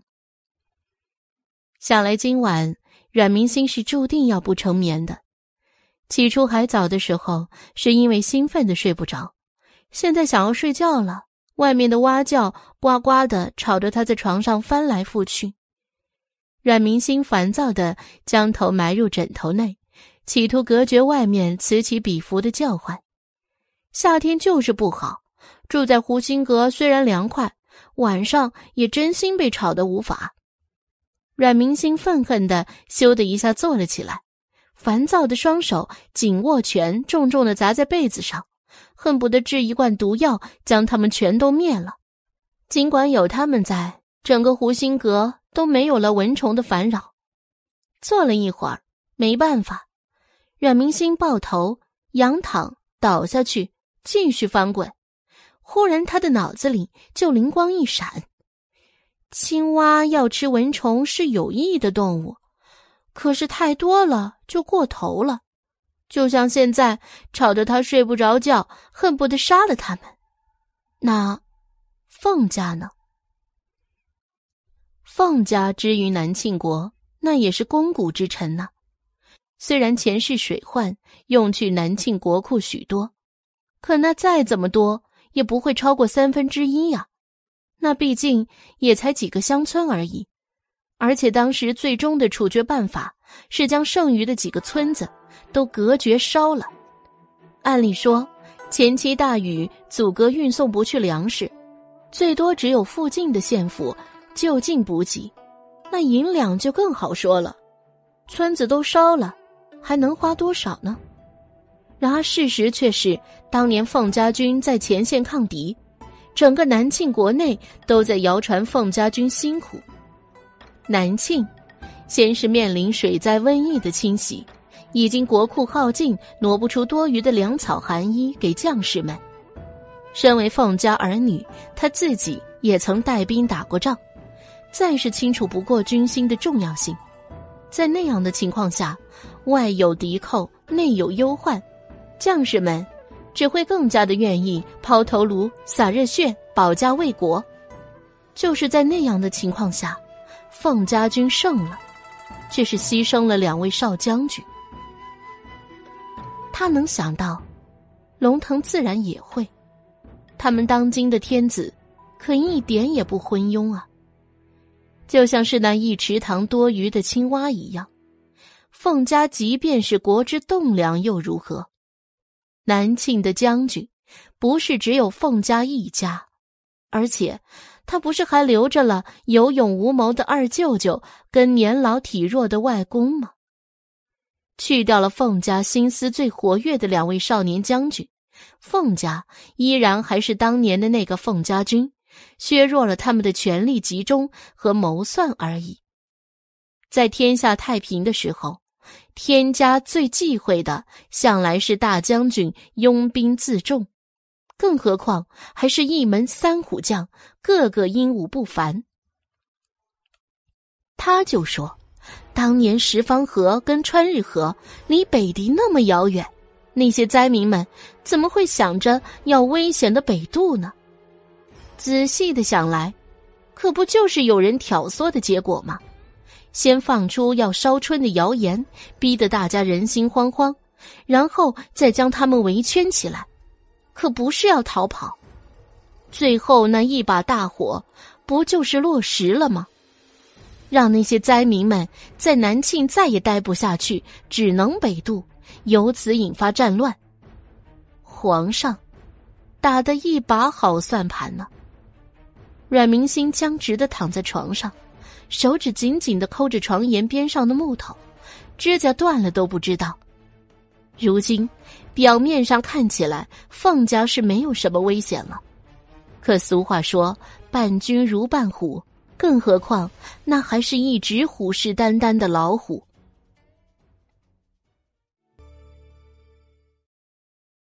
第二百零七章，路漫漫其修远兮，看来。他必须得放大格局，必须要有足够的资本与皇帝对抗才行。阮明星平躺在床上，看着朦胧的轻纱，头枕在右手的手臂上，右腿屈起，左腿搭在右腿膝盖上一晃一晃的。他记得前世的时候，有一个断尘渊的地方，是个四不管之地，即四国都不管的地方。里面猛兽无数，更有九州罪大恶极之人的向往之处。因为逃到了那里，就再也没有追击性命之忧。那里的人呐，可都是穷凶恶极、无恶不作的呀。更重要的是，是些能够豁出性命的人。他要给自己、给凤家留出后路。阮明星的小腿一晃一晃的，眉头一紧一松，最终做出了决定。这一次，不像灵沼县的瘟疫，而是时时刻刻都有性命之忧，且事关重大，不可走漏消息。阮明星只是对百灵稍加提及，就留书出走了，说是回千仞山。这一次他没带百灵，因为他都不知道。那边是什么情况？只知道最后有人一统断尘渊，成为四国都忌惮的黑玉之王。阮家之人只道他是关不住，走了更好，省得看到烦心。裴玉芳就更加开心了。阮明心一走，这管家主权不就继续由他主持了吗？而凤家那边。阮明星送信过去，只说要跟着师傅一起出去游历。虽然凤老爷子在家里叨叨了他几天，一回来不来看看他这个糟老头子就走不满外，也是为这个外孙女能跟大剑师这个师傅出游高兴啊。青天白日，一只雪白的大雕从天而降，落入东大街一座青砖瓦房连绵的院子里。皇城下的人都停下了脚步，跟手中的事情仰天而望。一会儿，那只大雕又腾空而起，飞得还不甚很高。远远的侧面看过去，洁白的大鸟背上有一红色的裙带飘飘，墨发在他的身后随之平行飞舞，张扬自由肆意，宛若天外飞仙，艳羡了多少人。一起落，阮明星骑着追月落到了城南新桥胡同。这一边住的更多平民百姓家的孩子们都出来围观新奇了。虽然昨天已经给外公送过信了，但就在刚才那一瞬间，阮明星觉得或许亲自来跟外公和舅舅们道别更好。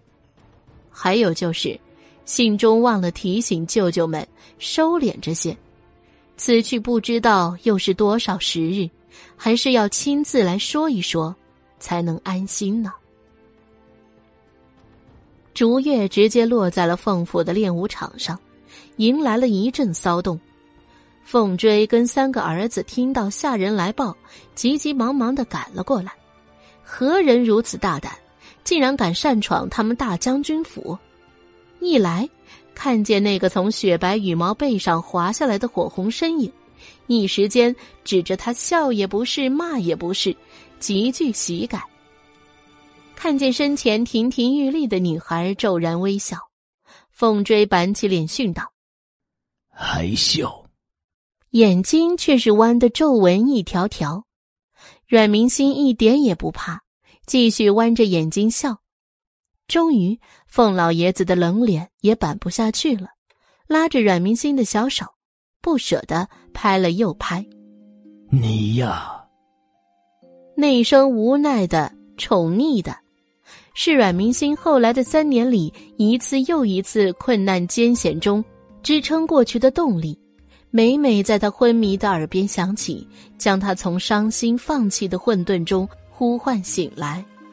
凤老爷子总算是等到亲外孙女来跟他辞行了，心中又是高兴又是难过，千叮咛万嘱咐，一定要好好保重身体。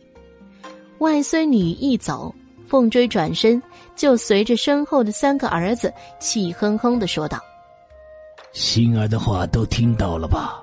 以后你们一个个的都给我收敛点，特别是你老二，做事上朝。”多跟着你大哥学学。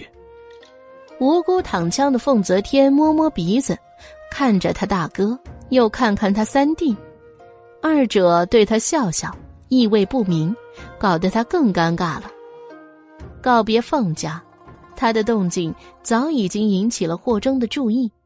空中响起雪雕的长鸣，明星抬头，就见到了竹峰，他立刻让竹月追了上去。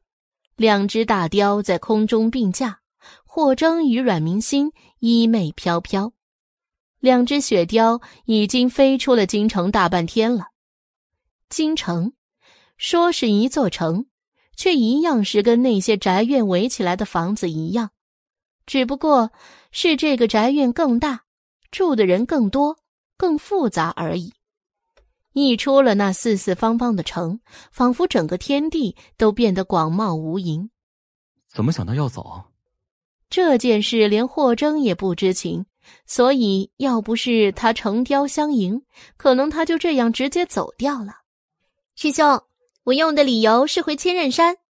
阮明心看着霍征，两人全部都用的传音入室对话，停在了空中。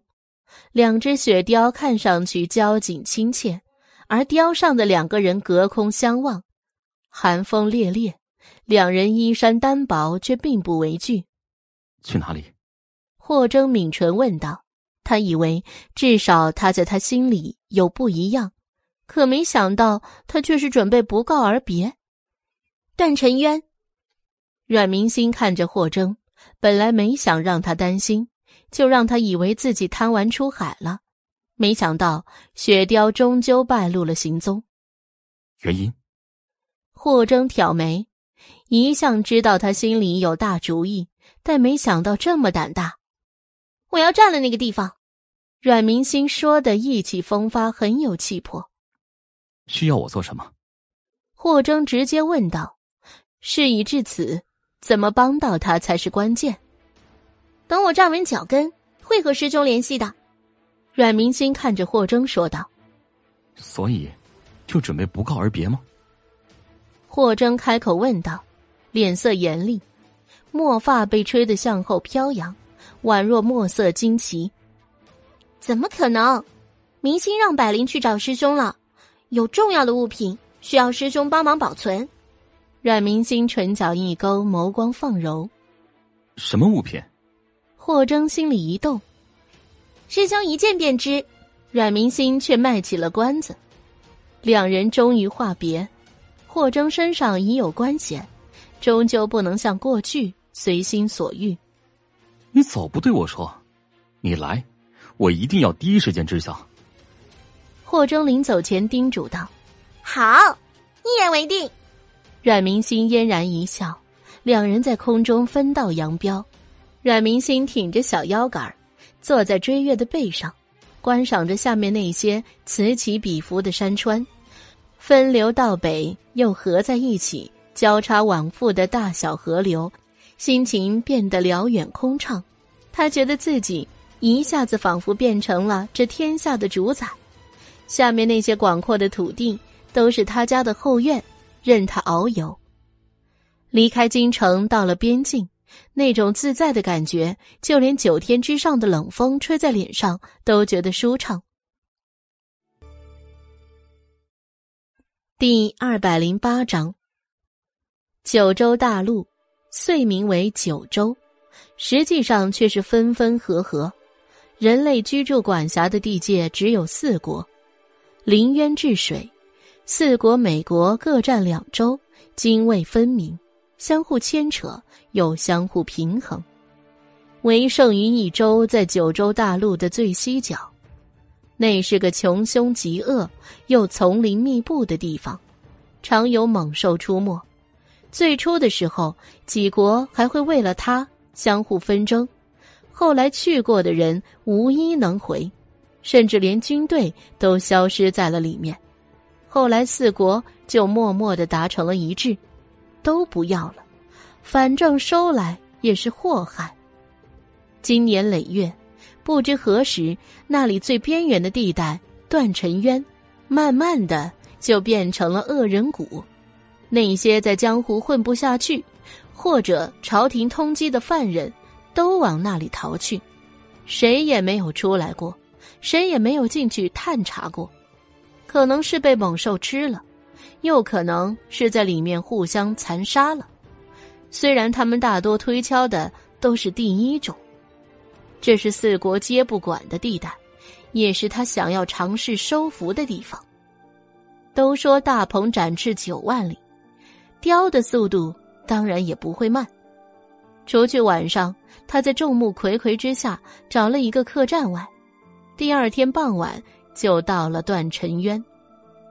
当时真的是夕阳西下，太阳的残光橘红色，照得连陡峭的石壁都昏昏欲睡。莫说那些被洒下橘色光芒的树叶了，尽管郁郁葱葱，也阻挡不了阮明星觉得自己该找个地方安置睡觉的决定了。正当他骑着追月，在天空盘旋，考虑是否就在山顶上靠着追月将就一宿的时候。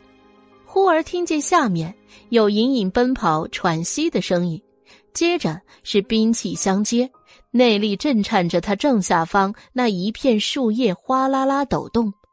得了，这下别想光想着看戏了，树叶都被他们给刷拉掉了，露出空空的枝干，还是那种粗壮的枝干。别问他细小的都跑到哪儿去了。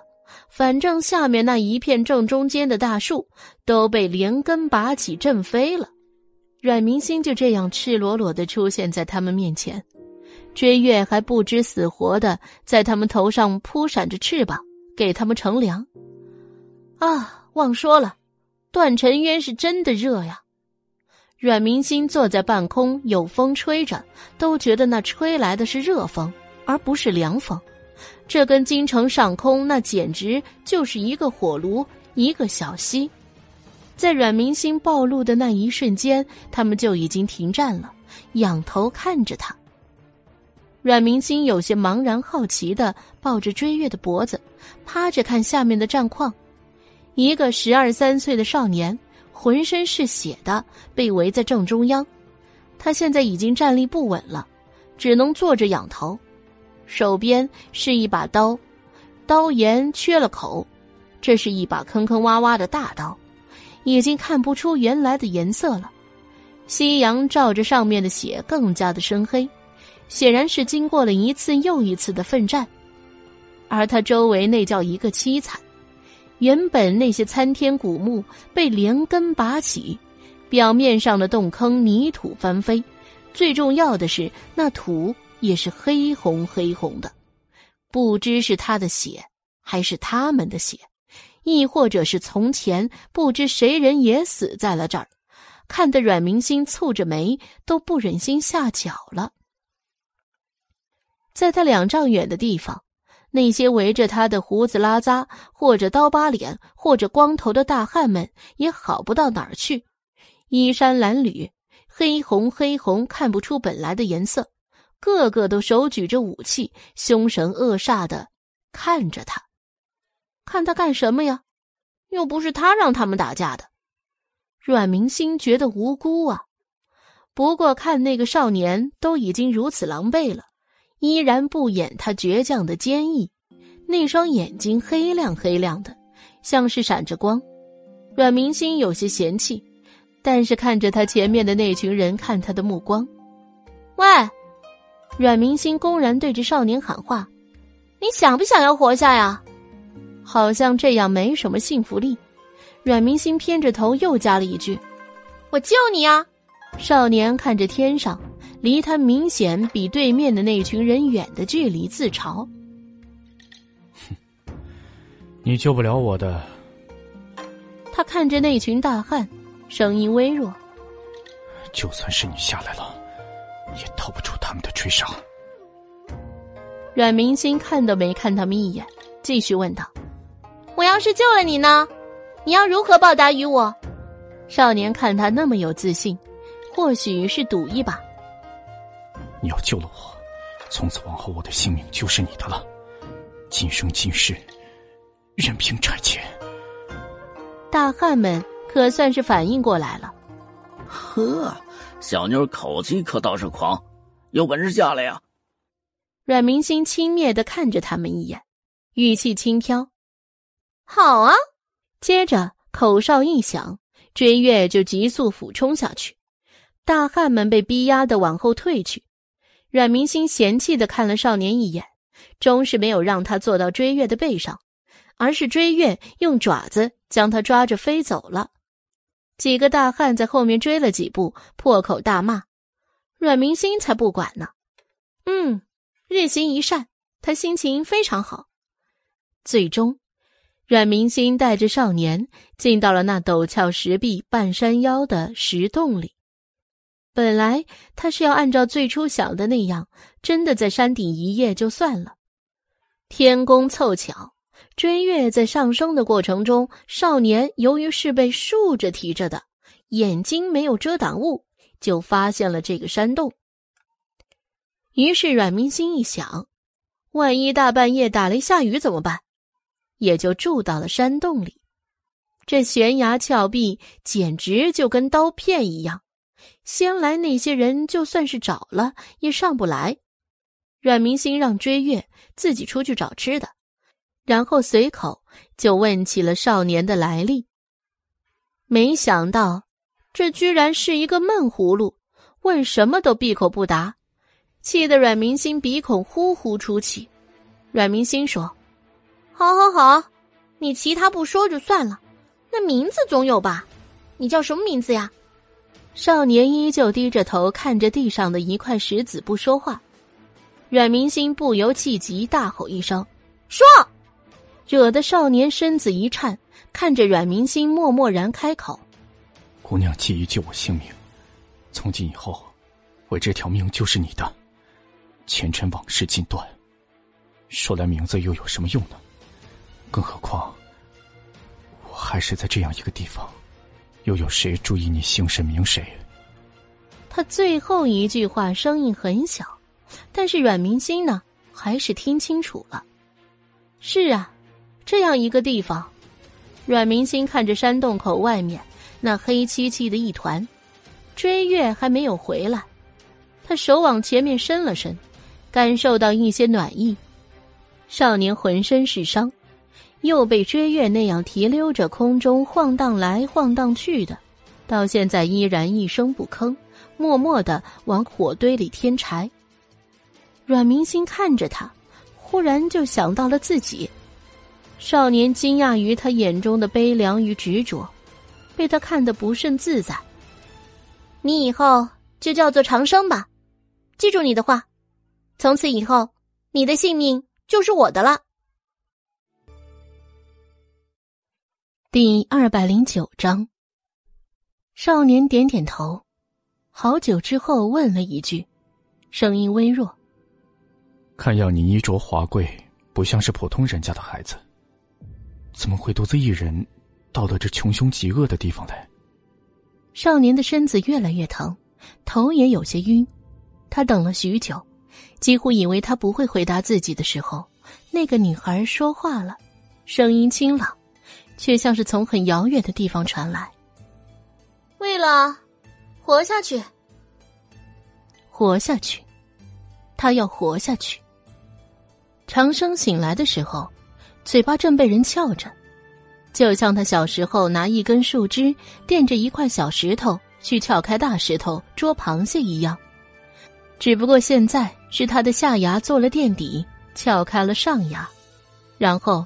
就有一股苦涩的东西流进了嘴里，他本能的想要吐出去，不过还没等他做出动作的时候，一个狠厉的声音就威胁着说：“不准吐，否则我把你扔下去。”少年无法忍着那又苦又酸又臭的味道，将温热的馊水全部喝了下去。睁开眯缝的眼，忍了好久才清醒过来。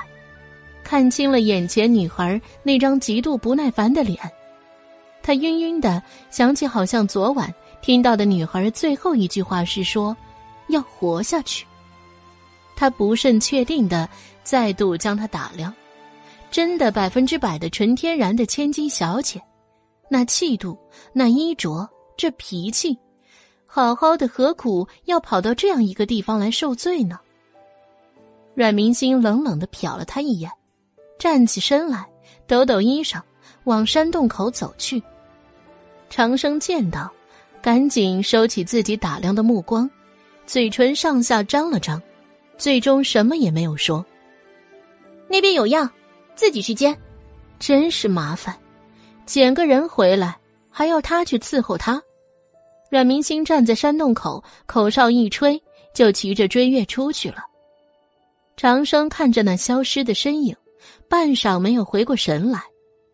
这个地方很快就被那些恶人找到，明显是一定要杀了这个少年的。雪雕未在，阮明星就迎来了这样的一场恶战，绝对是恶战。纵然明星有多年的迎战经验，这里的高手如云，却还是只有狼狈逃走的一条路可以走。逃，几乎是慌不择路的逃。雪雕不在。两个半大的孩子，却只有拼命的逃亡。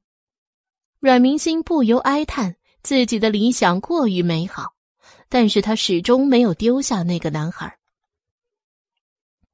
深秋的太阳已失去了炽热，照在人身上暖洋洋的。高耸入云的山峰下，一块大的出奇的石头上躺着两个人，近看都是稚气未脱的脸庞。介于孩童和少女之间的女孩的睫毛轻微的抖动了两下，像是扑闪的蝶翼。待适应了光线之后，才慢慢的睁开眼睛。水灵灵的眸子里没有平时的聪慧与坚毅，透着一丝不清醒的迷茫。他身边是一个衣衫褴褛、比自己大不了多少的少年的躯体，现在他正缩在他的身侧。一副被他环在怀里呵护着的模样，阮明心不由吃惊的坐起。原来昨夜梦的迷糊时，不停靠近的热源竟然是他。扑腾扑腾的眨了眨眼睛，昨日的经历才回归到脑海。阮明心这才记起来，身边的人是自己昨日拼命救下来的。甩甩头，称霸段尘渊何尝容易？几乎这开头就是不顺的，为一个陌生人去拼命，如果稍有差池，那他重活一世的生命就得不偿失了。他为什么要这样做？或许是可怜那个少年尚未开始自己的人生就结束了自己的生命，又或许是在他身上看到了自己的影子。阮明心轻轻的从他怀里退了出来。一双尽是细小伤痕的小手撑在石头上，在这山中密林里，他们不但要提防躲避大型的吃人猛兽，还要注意着不让剧毒的蛇虫鼠蚁近身，否则一旦被咬到，连死因都不知晓。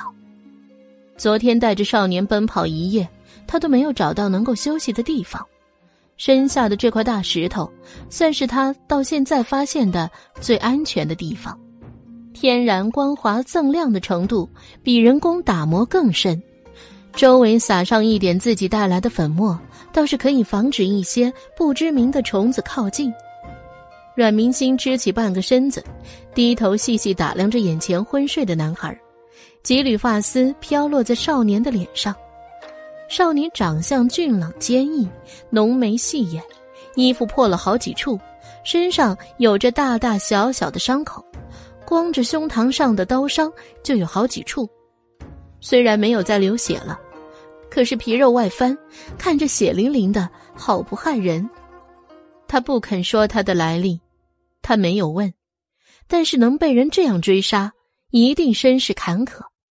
半天都不见男孩有任何动静，阮明星猛地一惊，心想：这人该不会昨晚逃亡一夜？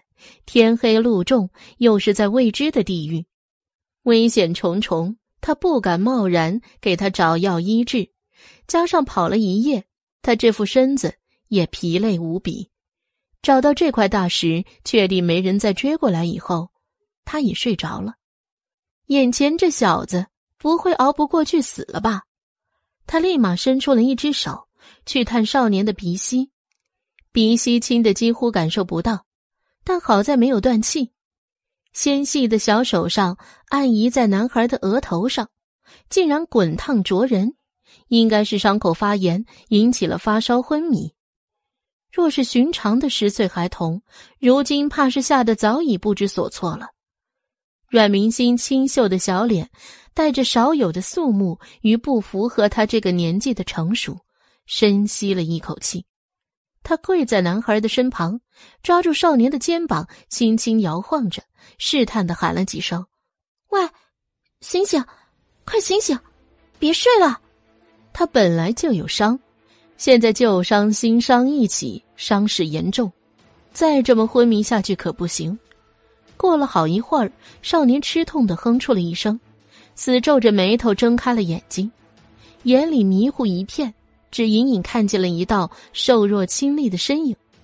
他慢慢伸手抓住阮明星的手，指骨圆滑，硬是扣得阮明星动作不了。阮明星见少年醒了，暗自松了一口气，也不挣扎，细细的眉一挑：“怎么？”辛辛苦苦救了你，你就是这样对待救命恩人的？听见阮明星的挑衅，少年苍白的面色没有丝毫尴尬，无力的收回手，按在胸口，疼。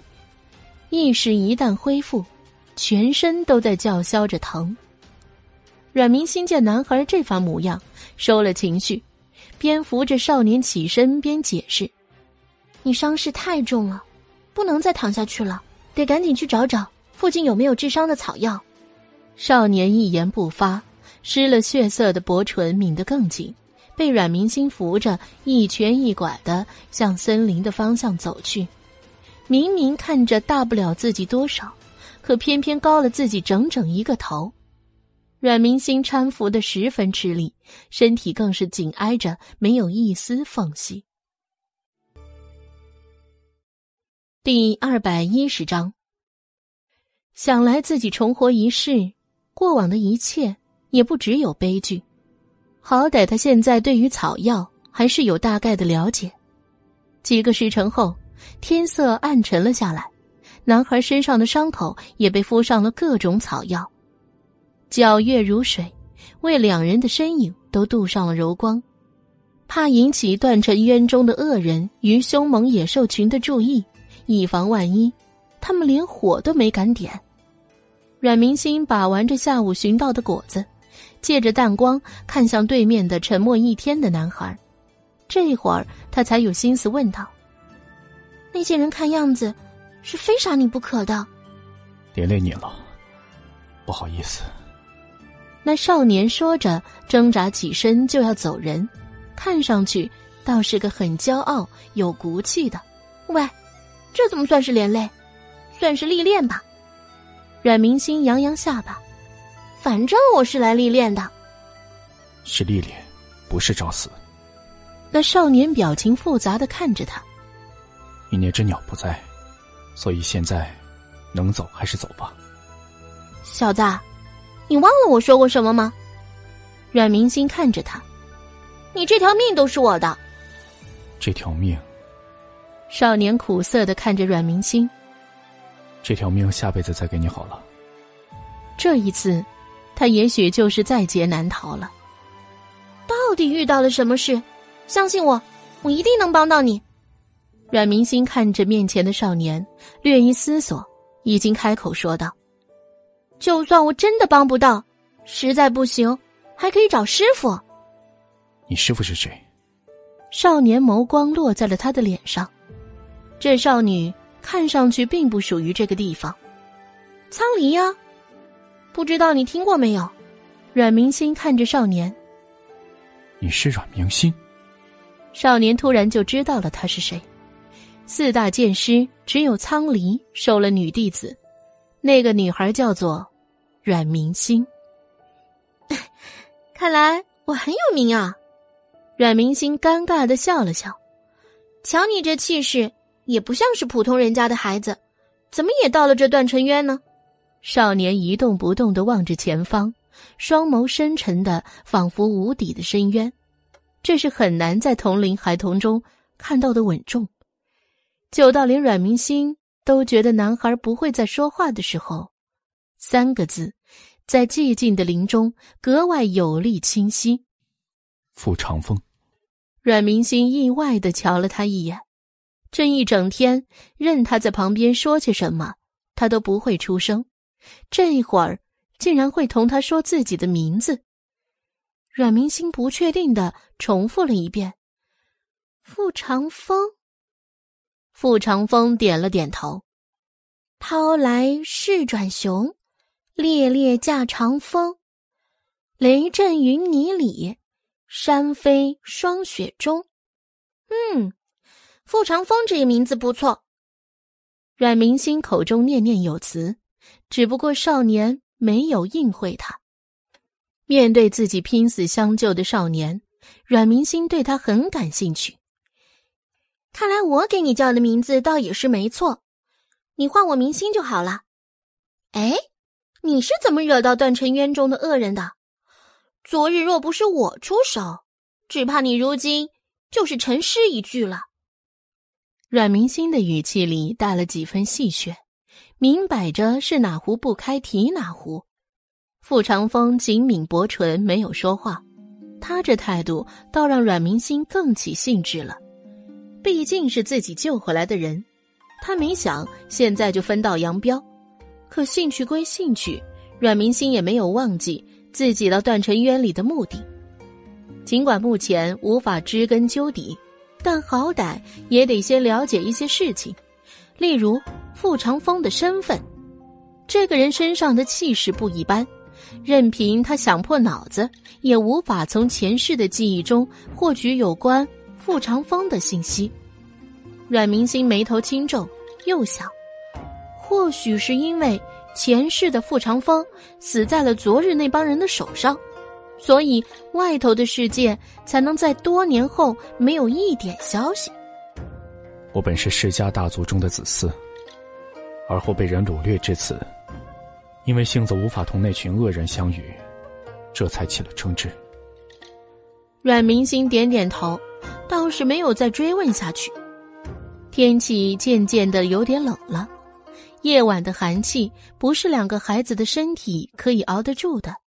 阮明星跟傅长风又没有其他的衣服可以御寒，更为了躲避追杀他们的人，他们不得不躲进深山里。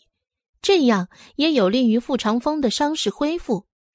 在这段被好几波人追杀而到处躲藏的日子里，他们不但要逃脱恶人的追杀，还要躲避断尘渊中的毒虫猛兽的偷袭，相互帮助扶持，在不知不觉中，他们两个形成了难以言喻的默契，成了彼此的支柱。